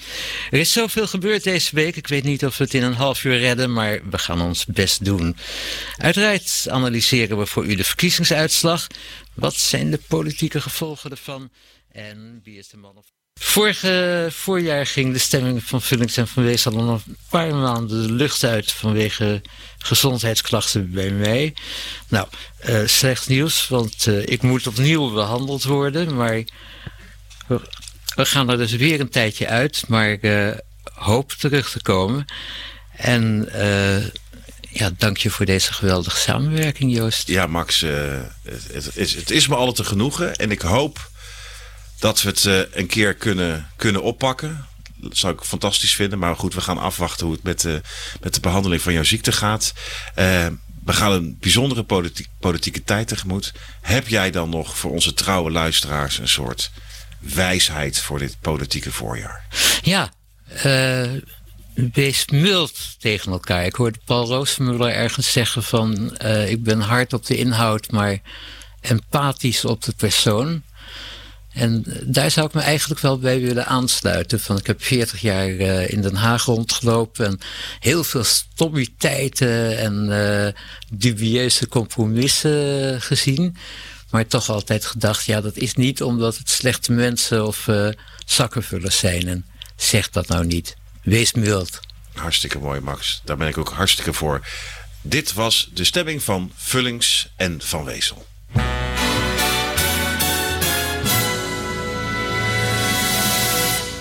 Ja, dat is een mooie opdracht. Die kunnen we ons allemaal in de oren En ook, ook een van de dingen waar Max ook wel door gekarakteriseerd werd, hij was altijd op zoek naar de drijfveren van mensen. Hè? Ook al begreep hij hun politieke standpunt niet. Ja. Hij wilde wel weten waar komt dat vandaan en wat beweegt jou. Ja, precies. En dat maakte dus helemaal, hem maakt het helemaal niets uit van wat voor politieke partij iemand lid was, waar hij actief voor was. Hij kon net zo makkelijk met Thierry Baudet praten, die het ook uitstekend met hem kon vinden, als met Gert-Jan Segers, als met Mark Rutte of eh, de Sociaaldemocraten. Eh, er wordt altijd, er wordt, wordt, is wel eens gezegd dat hij eigenlijk een, eigenlijk een soort verkapte PvdA was. Maar daar heb ik zelf eerlijk gezegd niet zoveel van gemerkt. Had ook hele goede banden met, met PvdA. Ja, Max was wel. maar ook met heel veel anderen. Hij was wel tot op aan lid van de Partij van de Arbeid. Ja. Hij heeft Ja. dat nog nagezocht. eh, Dat is waar. Het bleek dat er nog steeds contributie werd Ja. overgemaakt. Oh ja? Oh ja. Ehm, ja, daar is hij trouw aan gebleven. Zoals hij ook altijd trouw is gebleven uiteindelijk aan zijn, aan zijn Joods-orthodoxe eh, eh, achtergrond. Hè. Ja, wat ik weer heel merkwaardig vond, die, die, die Joods-orthodoxe Precies wat ik helemaal niet wist, terwijl hij heel vrijzinnig en, en vrijgevochten was, juist. En, en bepaald geen eh, trouw sjoelganger. Eh, maar toch wilde hij dat kennelijk niet opgeven. En dat, dat, hetzelfde geldt denk ik voor de sociaal-democratische familie, waar hij zich altijd mee verbonden is blijven voelen. Omdat hij, omdat het, nou ja, omdat hij uit een sociaal-democratisch nest kwam. Ja. Maar dat weerhield er dus niet van om juist eh, eh, hele kritische stukken te schrijven. Aanhoudend, in al die jaren dat ik me heb meegemaakt, over de aanhoudende neergang van de sociaaldemocratie. En de verkeerde beslissingen erin genomen zijn, et cetera. Dus we, we hebben prachtige serie grote verhalen gemaakt, niet alleen in Nederland. Over de worsteling van de sociaaldemocratie met zichzelf en met de wereld. Maar ook bijvoorbeeld in Engeland. Hè, over hoe, hoe Labour zichzelf hopeloos probeerde te vernieuwen en telkens weer niet lukte. En ook over de aanhoudende neergang eh, van de SPD in Duitsland. Ja, Max schreef in eh, april 2017 een column over de Partij van de Arbeid. En daarin memoreerde hij dat hij met een van jouw voorgangers, als, als eh, duo van Max, Leonard Ornstein, al in 1990 een rondgang heeft gemaakt langs de, de, zeg maar de traditionele achterban van de Partij van de Arbeid. Toen had de Partij van de Arbeid dramatisch eh, verloren bij de gemeenteraadsverkiezingen. En toen in 1990 bleek al dat vrijwel alle bevolkingsgroepen hun vertrouwen in de Partij van de Arbeid hadden verloren. Jongeren, hardwerkende Nederlanders, werklozen, Turken, Marokkanen. En dan schrijft hij: 25 jaar lang heb ik me afgevraagd of Leonard en ik toen niet te veel de onheilsprofeet wilden uithangen. Daarna kwamen nog Wim Kok, Wouter Bos, Job Cohen, Diederik Samsom, die allemaal bij verkiezingen op bepaalde momenten goed scoorden.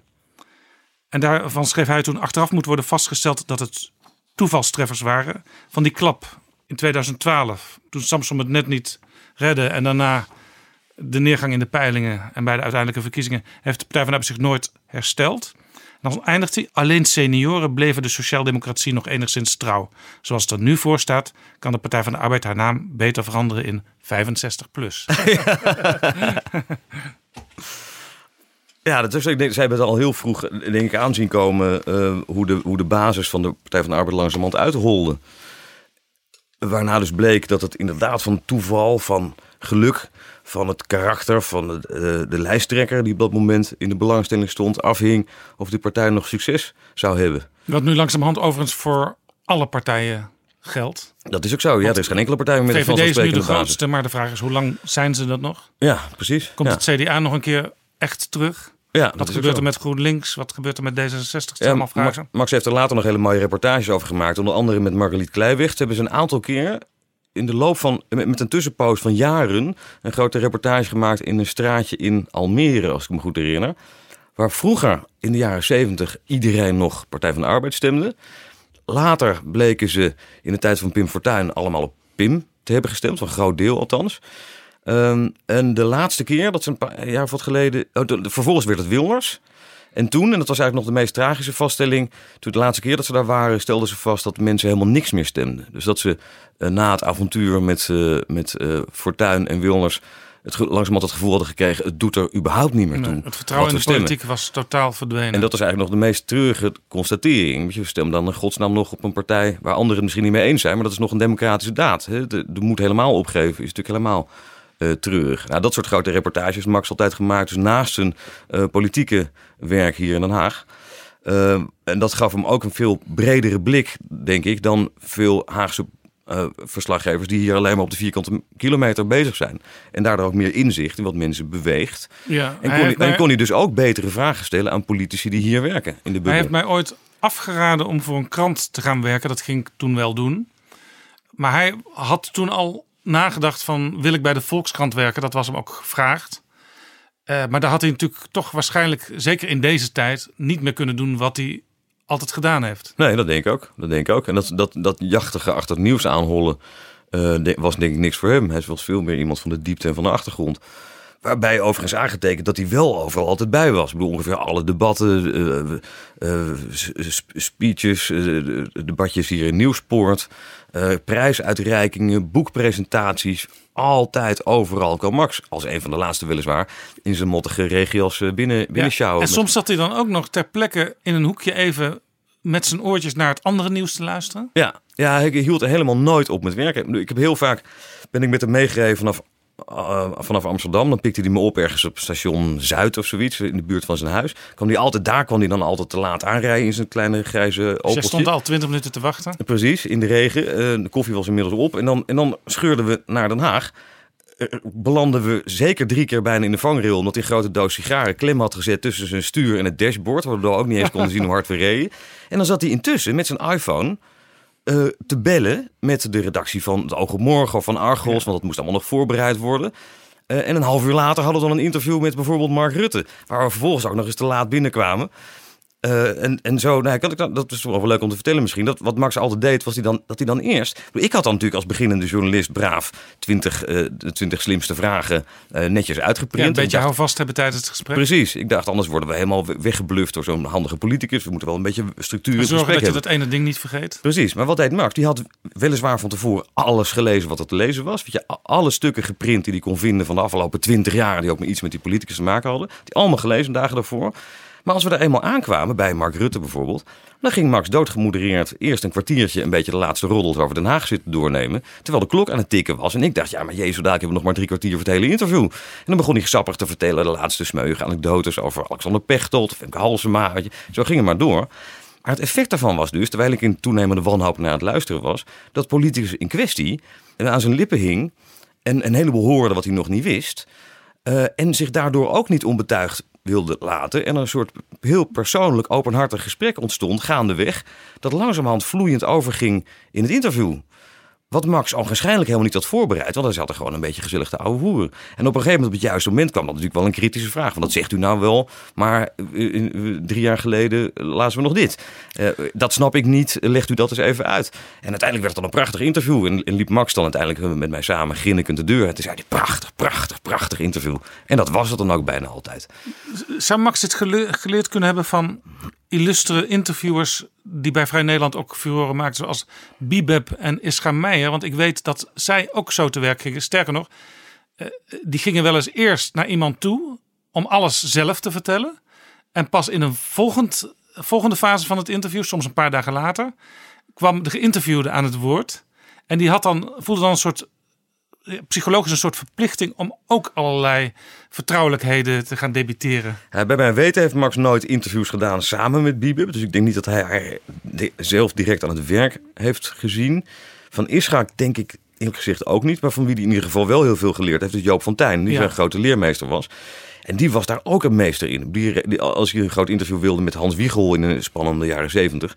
dan reed hij eh, naar, de, naar de boerderij van Wiegel ver in de provincie... met een grote bos bloemen en een fles cognac. Dan stonden ze onaangekondigd op de stoep. En en dat, dat was de manier om het ijs te breken natuurlijk. Een soort vri- vriendschappelijke relatie op te bouwen... die, eh, die Max later natuurlijk ook eindeloos heeft eh Ja, er is zelfs een anekdote dat ze op de stoep bij Hans Wiegel stonden, inderdaad met een bos bloemen. En dat net eh, twee redacteuren van Elsevier het pand verlieten. En dat Hans Wiegel toen zei, kijk, de heren van Vrij Nederland weten tenminste hoe het hoort.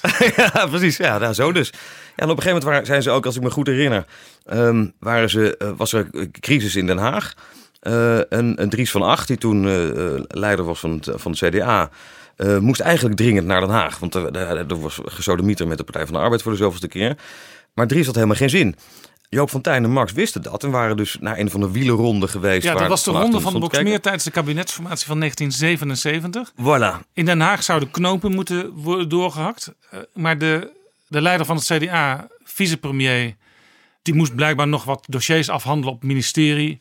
Maar men was in afwachting. Ze zaten al klaar in die zaal. Ja. En langzamerhand ontstond er een soort sfeer van de minister-president is zoek. Eh, op de radio kon je dat ook horen. Maar waar was de minister-president? Inderdaad, bij de ronde van Boksmeer. Precies. Het was in de zomer. En ja, Precies. En vervolgens zijn ze dus in de auto gestapt naar Den Haag. Ja, n- misschien moeten we nog iets uitgebreider vertellen, want het is Ja. echt zo'n mooi verhaal. Ze kwamen er dus achter, op de een of andere manier wisten ze, of misschien hadden ze het van Dries van Acht zelf gehoord, dat hij daar was. Dus ja, ze reden naar, naar Brabant, naar Boksmeer. Kwamen daar inderdaad Dries van Acht tegen. Werden uitgenodigd om in de dienstauto mee naar Den Haag te rijden. Op de autoradio hoorden ze al die berichten van waar is, waar is de leider van het CDA, die wordt verwacht in Den Haag. En ze stapten uiteindelijk doodgemoedereerd uit de dienstauto op het binnenhof eh, op- Ja, na- waar ja. het plaatsvond. Ja, maar pas, pas nadat Dries van Acht tot twee of drie keer toe eh, tegen de chauffeur had gezegd... "Lij- rij nog maar even rustig een rondje door het prachtige hart van Holland. Ja, Zodat het nog langer duurde. Wat een mooi landschap hier. Precies. Ja. en zij zaten dus intussen op de achterbank gezellig met hem te praten over wat er allemaal gaande was. Ja, dus een heel ortho- bijna on- onorthodoxe werkwijze. Gewoon, Ja, dat is ook iemand zo. is daar, we gaan er naartoe en we kijken wel waar het schip strandt. Ja, precies. En in die tijd kon dat denk ik ook nog makkelijker. Moest ze niet te nagesproken worden. Dat was natuurlijk een geweldige vorm van journalistiek. Maar dat, ik denk dat dat soort journalistiek steeds lastiger is geworden. Omdat het nu een, een haag van voorlichters en PA's eh, tussen, tussen gaat staan. En het praktisch eigenlijk onmogelijk is om zulke dingen nog te doen. Zonder dat vooraf af te spreken en precies te benoemen waar je het dan over wil hebben, et cetera. Overigens is Dries van Acht nog op het matje geroepen bij koningin Juliana toen. En toen sprak Van Acht de onsterfelijke woorden. Meneer Van Acht, kunt u dit uitleggen? Majesteit, dit kan ik niet uitleggen. Want hier stuiten wij op het onverklaarbare verschil tussen Rome en de Reformatie. Oh, prachtig, prachtig. Maar Joop en Max zaten dus in het complot. ja, precies. Ja. Ja, zo, zo heeft Max dat altijd gedaan. Niet dat hij zelf zo enorm vaak onaangekondigd met bloemen op de stoep ging staan, maar de, de vertrouwelijkheid van die gesprekken, dat, het gevoel van we, we, we kennen elkaar, we spreken elkaar bij de voornaam, we, we, we info- informeren hoe het met elkaar gaat. Die, die, die sfeer van, eh, waarin dus de mooiste gesprekken ontstonden, daar was Max een, een meester in. En dat deed hij met zo'n gemak dat je ook het gevoel had dat het niet eens expres was. Dat het gewoon achterloos ontstond allemaal. En daardoor voelden politici zich ook vrij om vrijuit te praten. En werd en, dan en niet- zeiden dus waarschijnlijk daardoor ook veel meer dan ze van plan waren te doen. Maar kwam er dan niet daarna weer een eindeloos an- onderhandelingsproces op gang van... ja, dit, dit zinnetje kan dat er toch niet uit en zo? Ja, en daar was Max zeer genereus in. Dat stond er ook weer tegenover. Hij wilde altijd eh, bij interviews. Hij wilde niet meemaken dat achteraf de politicus in kwestie dan ging zeggen: Ja, maar zo had ik het niet bedoeld. Of het is uit zijn context getrokken of wat ook.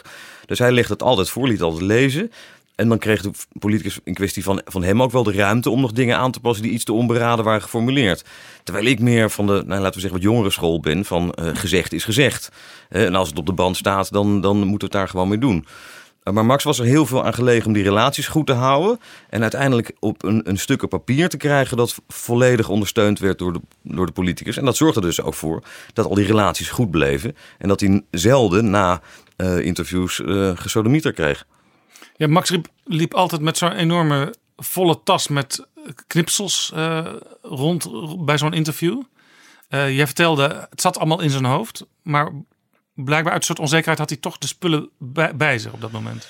Ja, kennelijk ja. En wat hij, ja, wat hij, wat hij ook nog wel, hij begon ook nog wel eens in die papieren dan te rommelen aan het begin van zo'n gesprek. Wat ik ook altijd heel gek vond. Of, op zijn, of gewoon op zijn telefoon te kijken. Aan het begin van een interview. Dat geloof je werkelijk niet. Dan zit je met, met de fractievoorzitter van een machtige partij aan tafel. Je hebt een uur. En wat gaat Max doen? Rustig een beetje zijn sms'jes doornemen. Turend over zijn, over zijn, eh, zijn eh, leesbrilletje. Ik denk dat was deels misschien ook een soort eh, een teken van een soort verlegenheid. Om zich een beetje een houding te geven. Maar tegelijkertijd, het werd uiteindelijk ook heel mooi. Heb ik heel vaak meegemaakt. Dat de politicus die op het moment al zelf probeerde iets te vertellen. Die zag je dan denken: oh, misschien is het niet interessant genoeg wat ik nu aan het oude hoeren Ik ben. moet meer leveren. Ik moet meer leveren. En vervolgens gebeurde dat dus ook. En dan keek Max opeens op. En later bleek dus ook dat hij alles, elk woord dat gezegd was, letterlijk onthouden had. Dus hij maakte, hij maakte dan, we namen het dan voor de zekerheid wel op. We hebben zelden de hele, hele band uitgetikt, want het kost allemaal veel te veel tijd. En daar had hij helemaal geen zin in. Dat deed ik nog wel eens, voor de zekerheid. Ja, maar dat hij- hij vaak krabbelde- de junior taak, hè, als je als junior erbij Precies, komt. en dat vond ik ook prima. En ik vond het zelf ook prettig om precies nog te weten wat er gezegd was. Maar Max had het allemaal in zijn hoofd. En die kon na afloop, op grond, op grond van een, een, een notitieblokje waar hij af en toe een paar hanenpootjes in krabbelde, kon die hele zinnen reproduceren. En als ik het dan had nageluisterd, bleek het bijna letterlijk overeen te komen met wat er echt gezegd was. Het het was wel- het had een fenomenaal geheugen. Ging hij dan ook meteen na het gesprek al dat reconstrueren? Of kon het ook de volgende dag Nee, dat gebeuren? komt prima de volgende dag of drie dagen later.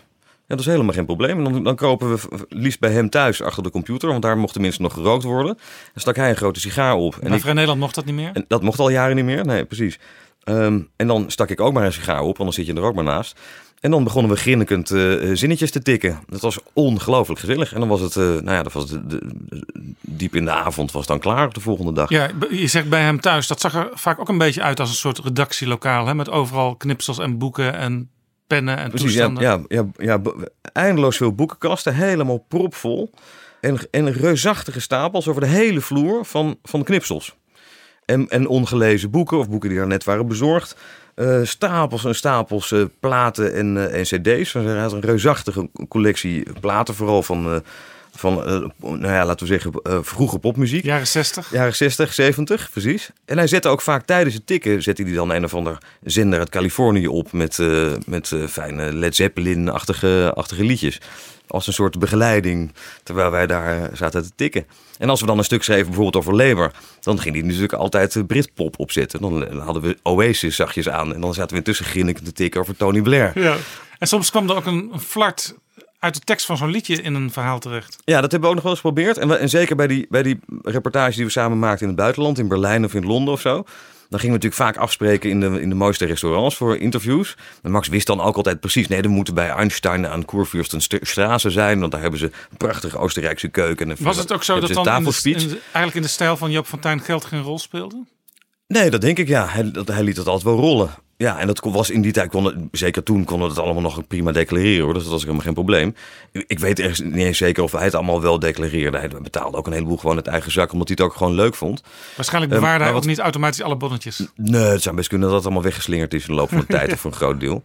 Dat interesseerde hem niet zo erg. Dat is buitengewoon genereus, altijd, voor iedereen Ja. in zijn omgeving. Dat hebben veel mensen meegemaakt, denk ik. Maar wat ik zeg, hij is, wat we dan probeerden te doen, is in zo'n grote, eh, in zo'n groot achtergrondverhaal over bijvoorbeeld de, de eh, neergang van de SPD in, eh, in Duitsland, die al vele jaren gaande is, probeerden dan al zoveel mogelijk leuke details over die restaurants erin te smokkelen. Want het waren altijd restaurants waar veel politici kwamen. Dus dan beschreven de sfeer en ook wat voor gerechten er op tafel kwamen. En van dan maakt- spreken dan maakt dat Helmut een soort- daar nog eens dit en dat heeft gegeten. En precies, onder precies. die omstandigheden. Precies, en dat hij, ja, exact. En dat hij, dat hij hield van ijsbein of, of, of, of, eh, Schweinsmagen, ja, zulke zaken. Dat moest er dan allemaal in. En dan probeerden we daar zoveel mogelijk van overeind te houden. En dan gokten we erop hoeveel de eindredactie daarvan liet staan. Want die vonden, die vonden culinaire details in elke alinea net een beetje te veel natuurlijk. Ja, want Max was ook zo dat als er een geheim overleg in, in Den Haag was geweest. Dat hij dan bij wijze van spreken nog ging checken. Oh, er kwam wijn op tafel. Dat hij wilde weten wat voor wijn. En dat desnoods nog eh, naar het etiket gezocht werd door een medewerker. eh, wat al in de keuken. In, in de afvalruimte van het ministerie stond. Ja, precies. Ja, dat hebben we altijd gedaan. Ook, ook, in, de, ja, ook, ook in de afgelopen jaren gingen we dan, gingen we dan nog op de website van zo'n, van zo'n, eh, zo'n restaurant kijken wat, er, wat de kaart was. En soms gingen we dan wel eens checken was die, of die kaart er al was op het moment dat dat achtergrond, beroemde achtergrondgesprek dat wij nodig hadden voor een reconstructie. Of die kaart toen al eh, bestond. Om zeker te weten dat al die details ook allemaal klopten. Ja. Vaak zo'n restauranthouder natuurlijk in totale verbijstering aan de telefoon. Waarom, waarom wilt u dat weten? Ja, precies. Ja, die snapte er helemaal niks u de van. kaart van nu dan niet mooi genoeg? Ja, exact. Ja. ja. Hij was genereus, zeg je. Hij was ook wel bereid om, om jongeren, jij was natuurlijk ook een jongere, een beetje op weg te helpen. Hè? Ik, ik zag, ik, wij waren samen bij de, bij de begrafenis. Daar zag ik ook een aantal eh, jonge journalisten die zelfs alleen maar stagiair waren geweest bij Argos. Maar die kwamen allemaal ook daar om Max te eren. Ja, precies. Dat realiseerde ik me de afgelopen maanden pas ook echt. Ik heb mezelf natuurlijk altijd als leermeester beschouwd. Maar ik dacht dat er misschien maar een paar mensen waren die dat op die manier hebben meegemaakt. Maar de afgelopen maanden kwam ik erachter dat hij in de loop van de jaren tientallen jonge journalisten heeft geholpen. Eh, als ze in de rat zaten met hun, met hun journalistieke loopbaan. Of als ze, als ze journalistieke dilemma's hadden waar ze niet Ook uitkwamen. dus van hele andere media. Ook, precies. Het maakt er helemaal niet uit van wat voor, wat voor medium. Van de radio, van televisie, maakt het niet uit. En omdat hij ook veel in, in allerlei televisieprogramma's en ra- vooral radioprogramma's aanschoof... ontmoette hij natuurlijk ook heel veel mensen uit andere journalistieke kringen. En kennelijk had hij zo'n vaderlijke warme uitstraling... dat een heleboel mensen ook bij hem kwamen uithuilen als ze het even niet meer wisten. En dan gaf hij, hij zijn goede raad. Ook vaak praktische tips. Hè. Was je als, hij kon, haalde altijd wel weer zo'n oud notitieblokje tevoorschijn met het privé-nummer van Dries van Acht of van eh, weet ik wie. eh, ook van, van hedendaagse eh, politici. Eh, dus hij heeft in de loop van de jaren heel veel mensen op weg geholpen. En ook jonge politici. Die met, met politieke dilemma's zaten. Die, die het niet goed konden vinden in hun fractie. En, eh, niet goed wisten hoe ze zich overeind moesten houden. Die ellendige Haagse slangenkuil. Mark Rutte was een van de jonge politici waar hij al snel kennis mee maakte. Ja, ja, precies. Ja, Mark Rutte is ook in het laatste. Dat heeft ook tot een grote genegenheid tussen die twee geleid. Merkte ik eigenlijk pas afgelopen jaar. Omdat Rutte onaangekondigd tot drie keer toe bij Max langs is geweest thuis op zijn, op zijn ziekbed. Dan stond hij opeens op de stoep. Hallo, daar ben ik. Ja, dat is natuurlijk wel prachtig dat je zoiets eh, weet los te maken. Ja, en er is ook nog dat prachtige verhaal wat, wat Gert-Jan Segers eh, eh, onlangs in het Oog op Morgen vertelde. Eh, dat Carola Schouten, eh, vicepremier van de ChristenUnie, Max op kwam halen op zijn verjaardag, of rond zijn verjaardag, om tegelijkertijd van die verjaardag taartjes te gaan eten tijdens het coalitieoverleg op maandag op het ministerie van Volksgezondheid. Ja, precies. Ja, Max vond het prachtig. De dienstauto voor de deur. Carola had het geregeld. Laten we even luisteren naar Gert-Jan Segers hierover. Carola Schouten heeft hem ochtends opgehaald eh, voor zijn huis. Dat was een verrassing voor hem. Zijn vrouw wist dat uiteraard en zijn dochter. Eh, we hebben hem opgehaald en toen naar het coalitieoverleg... wat altijd op maandagochtend is op het ministerie van VWS bij Hugo de Jonge. Ehm, en daar hebben wij taart gegeten, koffie gedronken. En dat was een hele bijzondere ontmoeting. Dus we zaten daar met alle fractievoorzitters, eh, premier, vice, vicepremier. En we hebben de verjaardag van Max, wat dus nu blijkt de laatste verjaardag van Max, gevierd. En ja, dat was een heel dierbaar, dierbaar moment. Dit was Gert-Jan Segers in het Oog op Morgen. Heel bijzonder. Ja, heel mooi. Ja, en Max vond het natuurlijk prachtig. Er zijn natuurlijk ook, er zijn ook politieke journalisten van, laten we zeggen, een jongere generatie. Die zouden zeggen, ja, dat zou ik nooit doen. Dat is wel heel klef. Dat je dan dankbaar een taartje moet gaan opeten met de ministers. Maar Max vond het heerlijk. En, het is, en, en hij heeft zelf altijd voldoende kritische distantie gehouden. Om in ieder geval, eh, als het erop aankwam, de kritische harde vragen te stellen. Ja, en Max was ook wel eens bereid om bij wijze van spreken een bepaalde onthulling nog even een tijdje uit te stellen, omdat hij wist dat het nu heel moeilijk lag voor die persoon. Ja. En omdat ze daar zo innig al onderling over gesproken hadden, dat Max ook wel vond dat je rekening moest houden met die lastige positie waar zo'n politicus dan in zat. Ja, dat is ook zo. Dat, ja. dat, dat zullen ook sommige journalisten not done vinden. Nee, dat is waar. Hij heeft dat, eh, dat vertrouwen zelden beschaamd. Het is één keer een beetje misgegaan. Toen hadden, we, dan hadden Max en ik een eh, dubbel interview gedaan met Jan Marijnissen en Felix Rottenberg. Die toen, als ik me goed herinner, voorzitter was van de kandidaatstellingscommissie voor de Partij van de Ja, in Arbeid. de burcht van Berlage was dat interview. Precies, en dat moest een mooi verhaal worden over de sociaaldemocratie en het socialisme en hoe het er nou voor stond in de wereld en met die twee partijen en hoe zich dat nou aan het ontwikkelen was. Ehm, en Rottenberg liet zich daar ontvallen dat Diederik Samsom, die een van de architecten was van het vorige kabinet Rutte, de bedrijfsleider van het kabinet was geworden. Ehm, en in die context was dat, neerbuigend is. was dat, ja, precies. In die context van het gesprek was het eigenlijk helemaal niet een rare opmerking. Want het was ook een gevoel dat breder leefde in de partij. Dus het is helemaal niet zo raar dat hij daar woorden aan gaf. Eh, maar achteraf, toen, toen we het stuk lieten lezen aan Felix, zei hij, ja, dat is wel heel cru dat ik dat nu gezegd heb. En zei, kan dat er dan niet- Juist omdat Felix op dat moment die Tweede Kamerlijst moest samenstellen. Precies, want hij kreeg meteen enorm glazen mee. Maar we, we hebben toen toch laten staan, ondanks het feit dat Felix erop had, op had aangedrongen om, het, om, om die formulering aan te passen. Max was genegen het inderdaad aan te passen, want hij, Felix noemde die een vriend en die kende die al twintig jaar. Maar ik heb toen gezegd, ja, maar eh, gezegd is gezegd. Het staat gewoon op de band. Laten we hem dan iets anders gunnen op een andere plek in het interview. Maar dit is zo brisant en bovendien is het... Hij, hij geeft ook nog eens uitdrukking aan wat leeft in die partij. Dus het is, dat, dat geeft, dit geeft scherpte aan het interview. We hebben uiteindelijk overeind gehouden. Waardoor Rottenberg uiteindelijk een reusachtig probleem heeft gekregen. En uiteindelijk moest terugtreden als voorzitter van die kandidaatstellingscommissie. Maar goed, ik, ik, eh, ik begreep van Max later dat hij het inmiddels met Felix heeft bijgelegd. Dus het is allemaal Ja, toch daar, goed daar, gekomen. dat, daar voelde hij dan wel een soort van ja, pijn van ja, dat had niet zo moeten lopen. ja, Eigenlijk. daar voelde hij zich heel bezwaard over, ja. Max, eh, dat vertelde Leonard Ornstein, met wie hij ook eh, jarenlang samengewerkt heeft. Eh, die had ook een ijzeren wet. Ik citeer Leonard: negen bronnen zeggen hetzelfde, maar juist die ene andere bron kan de waarheid vertellen. Dus met andere woorden, weten we eigenlijk, kennen we eigenlijk wel het hele verhaal? Moeten we niet nog verder bellen of praten met andere mensen? Ja, ja, dat is waar. Dat, heb ik met Max heel vaak meegemaakt. Zeker in de tijd dat we grote reconstructies maakten van wat er achter de schermen bijvoorbeeld bij, eh, bij kabinetsformaties was gebeurd. Of grote conflicten in een coalitie of zo. Over uitzendingen van troepen. Over het eh eh, uitzendingen naar Irak in de tijd, waar jarenlang verschrikkelijk veel gedonder over is geweest. Dan, eh, dan gingen, gingen we, Max in ieder geval, en ik dus ook vaak in zijn voetspoor, met eindeloos veel mensen praten om al die kleine puzzelstukjes in elkaar te passen. Waarbij je er ook nog eens rekening mee moet houden dat mensen ook te goeder trouw spreken, maar zelf een vertekende herinnering hebben aan wat er precies gebeurd is. Zeker als het een paar jaar geleden is. En waardoor zich een herinnering heeft vastgezet die misschien niet helemaal klopt. Ja, ik heb ook zelf En ook dat- wel eens meegemaakt dat iets net, eh, een heel belangrijk politiek moment net gisteren gebeurd was. En dat ik de volgende dag met alle betrokken partijen sprak.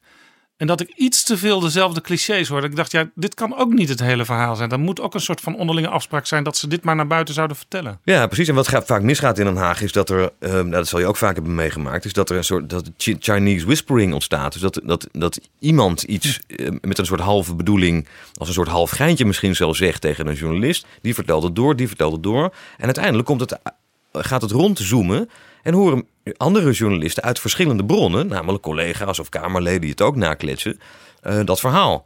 En denken dus, ik heb het van drie, vier verschillende mensen gehoord, dan zal het wel waar zijn, want ik heb drie bronnen.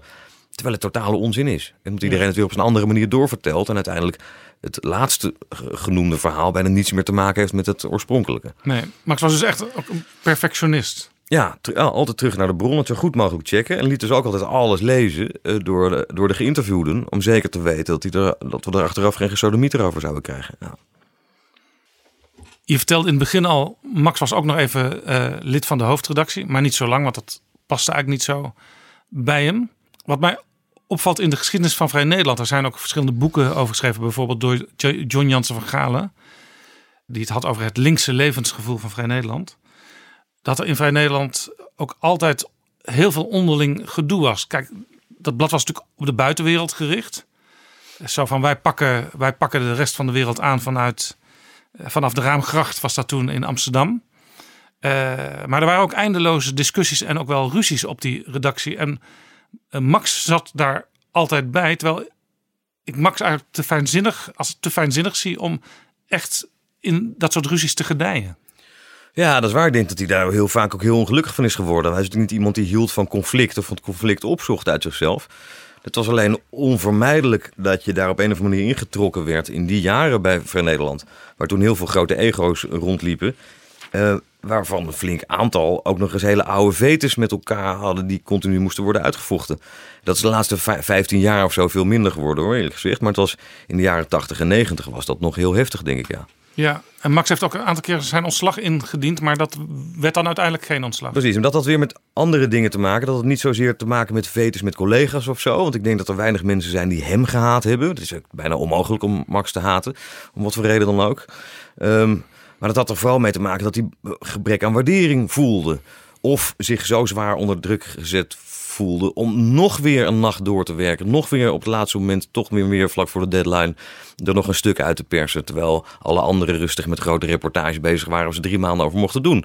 En Max heeft heel lang, eh, zeker in die jaren, het gevoel gehad dat hij zich als enige helemaal schompers moest werken, week in, week uit. Ehm, wat ook meespeelt is dat eh, Max heeft eh, als politiek journalist eigenlijk het hoogste haalbare gehaald. Hè. De twee, tot twee keer toe de prestigieuze Vondelingprijs gewonnen. Prachtige grote stukken gemaakt. Eindeloos waardering gekregen. Alle ministers en premiers sinds Joop den Uyl geïnterviewd. Een soort En politieke junkie, ook in de allerlaatste aflevering van Politieke Junkies in de Bali. Ja, precies. Ja, ja dat, daar was hij de koning ongeveer. Ja, dat was natuurlijk mooi om mee te maken. Ook Ja, voor hem. heel veel vooral. waardering ook daar van het jonge publiek. Ja, precies. Ja, dat, is, dat is wat hij de laatste jaren waar hij enorm van heeft ge- genoten. Dat hij ook een soort cultstatus onder jonge mensen verwierf langzamerhand. Mede door dat programma. Maar wat hij, wat hij al die jaren heeft gehouden... is een soort diepe onzekerheid of het wel goed genoeg was wat hij deed. Terwijl hij daar objectief helemaal geen reden voor had. Maar dat zat in hem. Waar kwam dat vandaan? Ik weet het niet. Hij heeft dat in zijn laatste interviews wel eens verteld. Ik heb het daar persoonlijk zelden met hem over gehad. Omdat hij uit zichzelf niet zo genegen was om daarover te praten. Maar hij, heeft zelf in een van die latere interviews met Carolina Logalbo, mijn oud-collega bij Vrij Nederland, verteld. dat het te maken moet hebben met zijn Joodse achtergrond. Dat hij als Joods jongetje eh, opgroeide met het gevoel ehm, dat hij zich eindeloos moest waarmaken. Eh, eh, dat hij er, om te laten zien dat hij er wel mocht zijn. Wel, wel deel mocht zijn van de grote wereld. Ja, en zich daardoor en daardoor een alles, de allersverzengende loyaliteit met Vrij Nederland heeft eh, Ja, gevoeld. Maar zelfs ook al, als het oog hem belde of hij wilde invallen, terwijl hij de volgende dag allerlei afspraken had, en dan deed hij dat ook. Ook vanuit uit het idee, nu vragen ze me nog. Ja, dat, is- ik denk dat hij heel ba- bang was, ook, eh, zeker ook in de laatste jaren, dat het allemaal tussen de vingers door zou glippen. En dat als hij nee zou zeggen, dat ze hem nooit meer zouden bellen. Wat natuurlijk helemaal niet zo was. Ehm, en, maar wat is ook gebeurd, dat heb ik zelf ook regelmatig meegemaakt. Heeft hij ook in zijn laatste interviews wel wat over verteld. Ehm, in de jaren voordat ik bij Vrij Nederland kwam, vertelde hij dus in die laatste interviews, heeft hij ook een paar keer op het punt gestaan om ontslag te nemen. Omdat hij door conflicten, gedoe, omdat er weer te veel van hem was gevraagd. Of hij niet serieus genoeg was genomen naar zijn eigen idee. Een paar keer bijna ontslag had genomen. Toen werd hij uiteindelijk toch altijd weer terug eh, erin gehaald. Door Joop van Tijn, later door andere, eh, de andere hoofdredacteuren. En ik heb zelf ook met regelma- regelmatig meegemaakt in de 12, 13 jaar dat ik met hem heb samengewerkt. Dat hij wanhopig uitriep als een soort drama queen. Ik ga nooit meer voor Vrij Nederland schrijven. En de aanleiding was dan bijvoorbeeld dat zonder dat het hem was verteld, een artikel, een interview bijvoorbeeld, een week was uitgesteld. De publicatie een week was uitgesteld, terwijl hij er afspraken over had gemaakt met politicus in kwestie, waardoor het in het gedrang kwam. Of dat hij zich niet gewaardeerd genoeg voelde door de hoofdredactie. En dat, was, dat heb ik altijd wonderlijk gevonden, dat iemand die zoveel heeft bereikt in zijn leven, nog steeds, ook in zijn laatste jaren, zoveel aandacht nodig had. En zo afhankelijk was van complimenten nu en dan. En dat hebben we allemaal in zekere mate wel. Ik in ieder geval wel. Jij misschien ook. Eh, maar Max had dat in verhevigde mate. Ondanks het feit dus dat hij, dat hij al die grote dingen al had bereikt. Ja, ik, ken het beeld van Max uit de tijd met Job van eh, dat ze tegen de deadline aan en zelfs over de deadline bij de, in de drukkerij nog aan stukken zaten te schrijven. Heb jij dat ook nog meegemaakt? Ja, we hebben wel vaak tot, eh, tot diep in de nacht doorgewerkt. Ja. Zeker toen Van Nederland nog een weekblad was. Eh, Want dan ik- moest je gewoon ik- op maandag, dinsdag het verhaal natuurlijk afkrijgen. Ja, precies. En, op, ja, en het was vroeger voor mijn komst. Het is toen ik bij VN kwam, eind jaren 90, gebeurde het ook nog wel eens. Dat, eh, dat de krant, zoals we hem toen nog noemden, en eigenlijk nog steeds de krant. eh, dat die veel te laat zakte. Omdat het gewoon te laat voor elkaar was gekomen. En er stond er een reusachtig boetebeding op. Dat was dan 10.000 gulden of zo in die tijd. Ja, dat werd, dat werd in de jaren 80 en 90 gewoon betaald.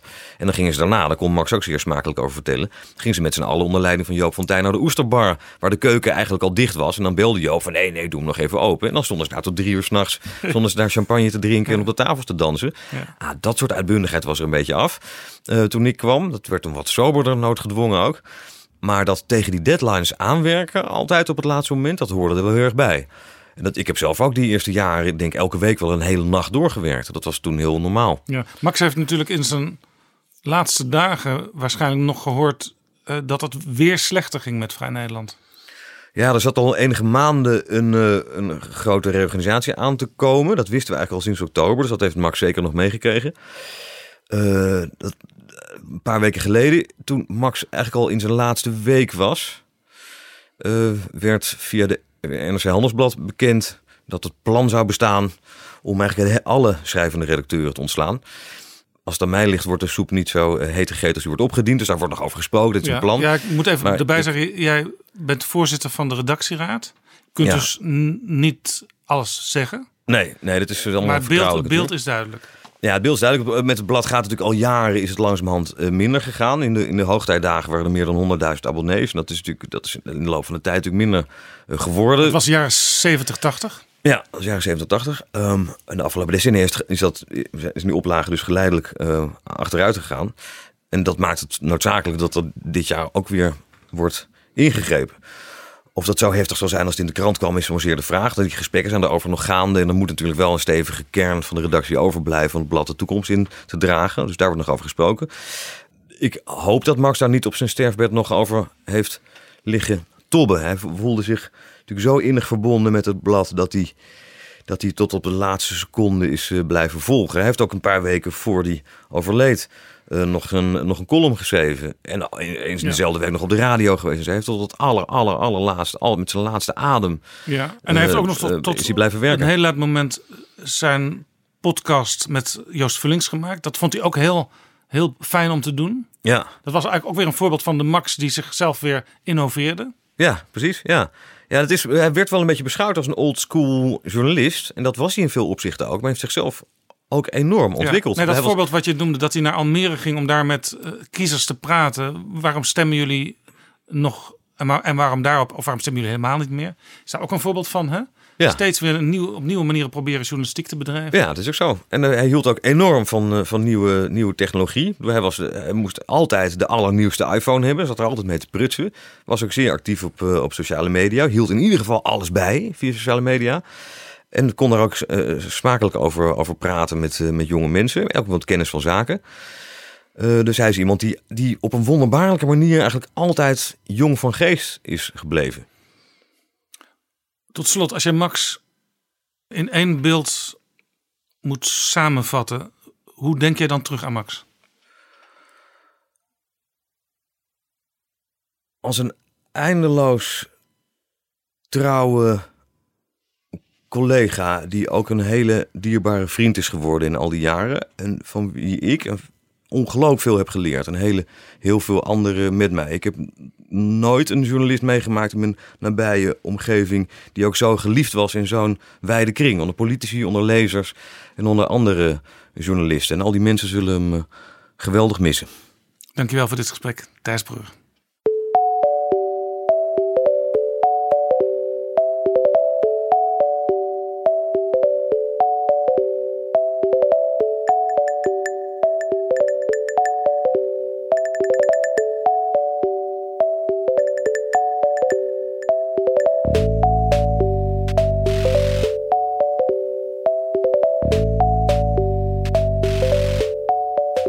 Dit was Betrouwbare Bronnen, aflevering 33. Ik bedank iedereen die hier aan meewerkte en ook de VPRO en de NOS voor enkele fragmenten. Tot volgende week. Betrouwbare bronnen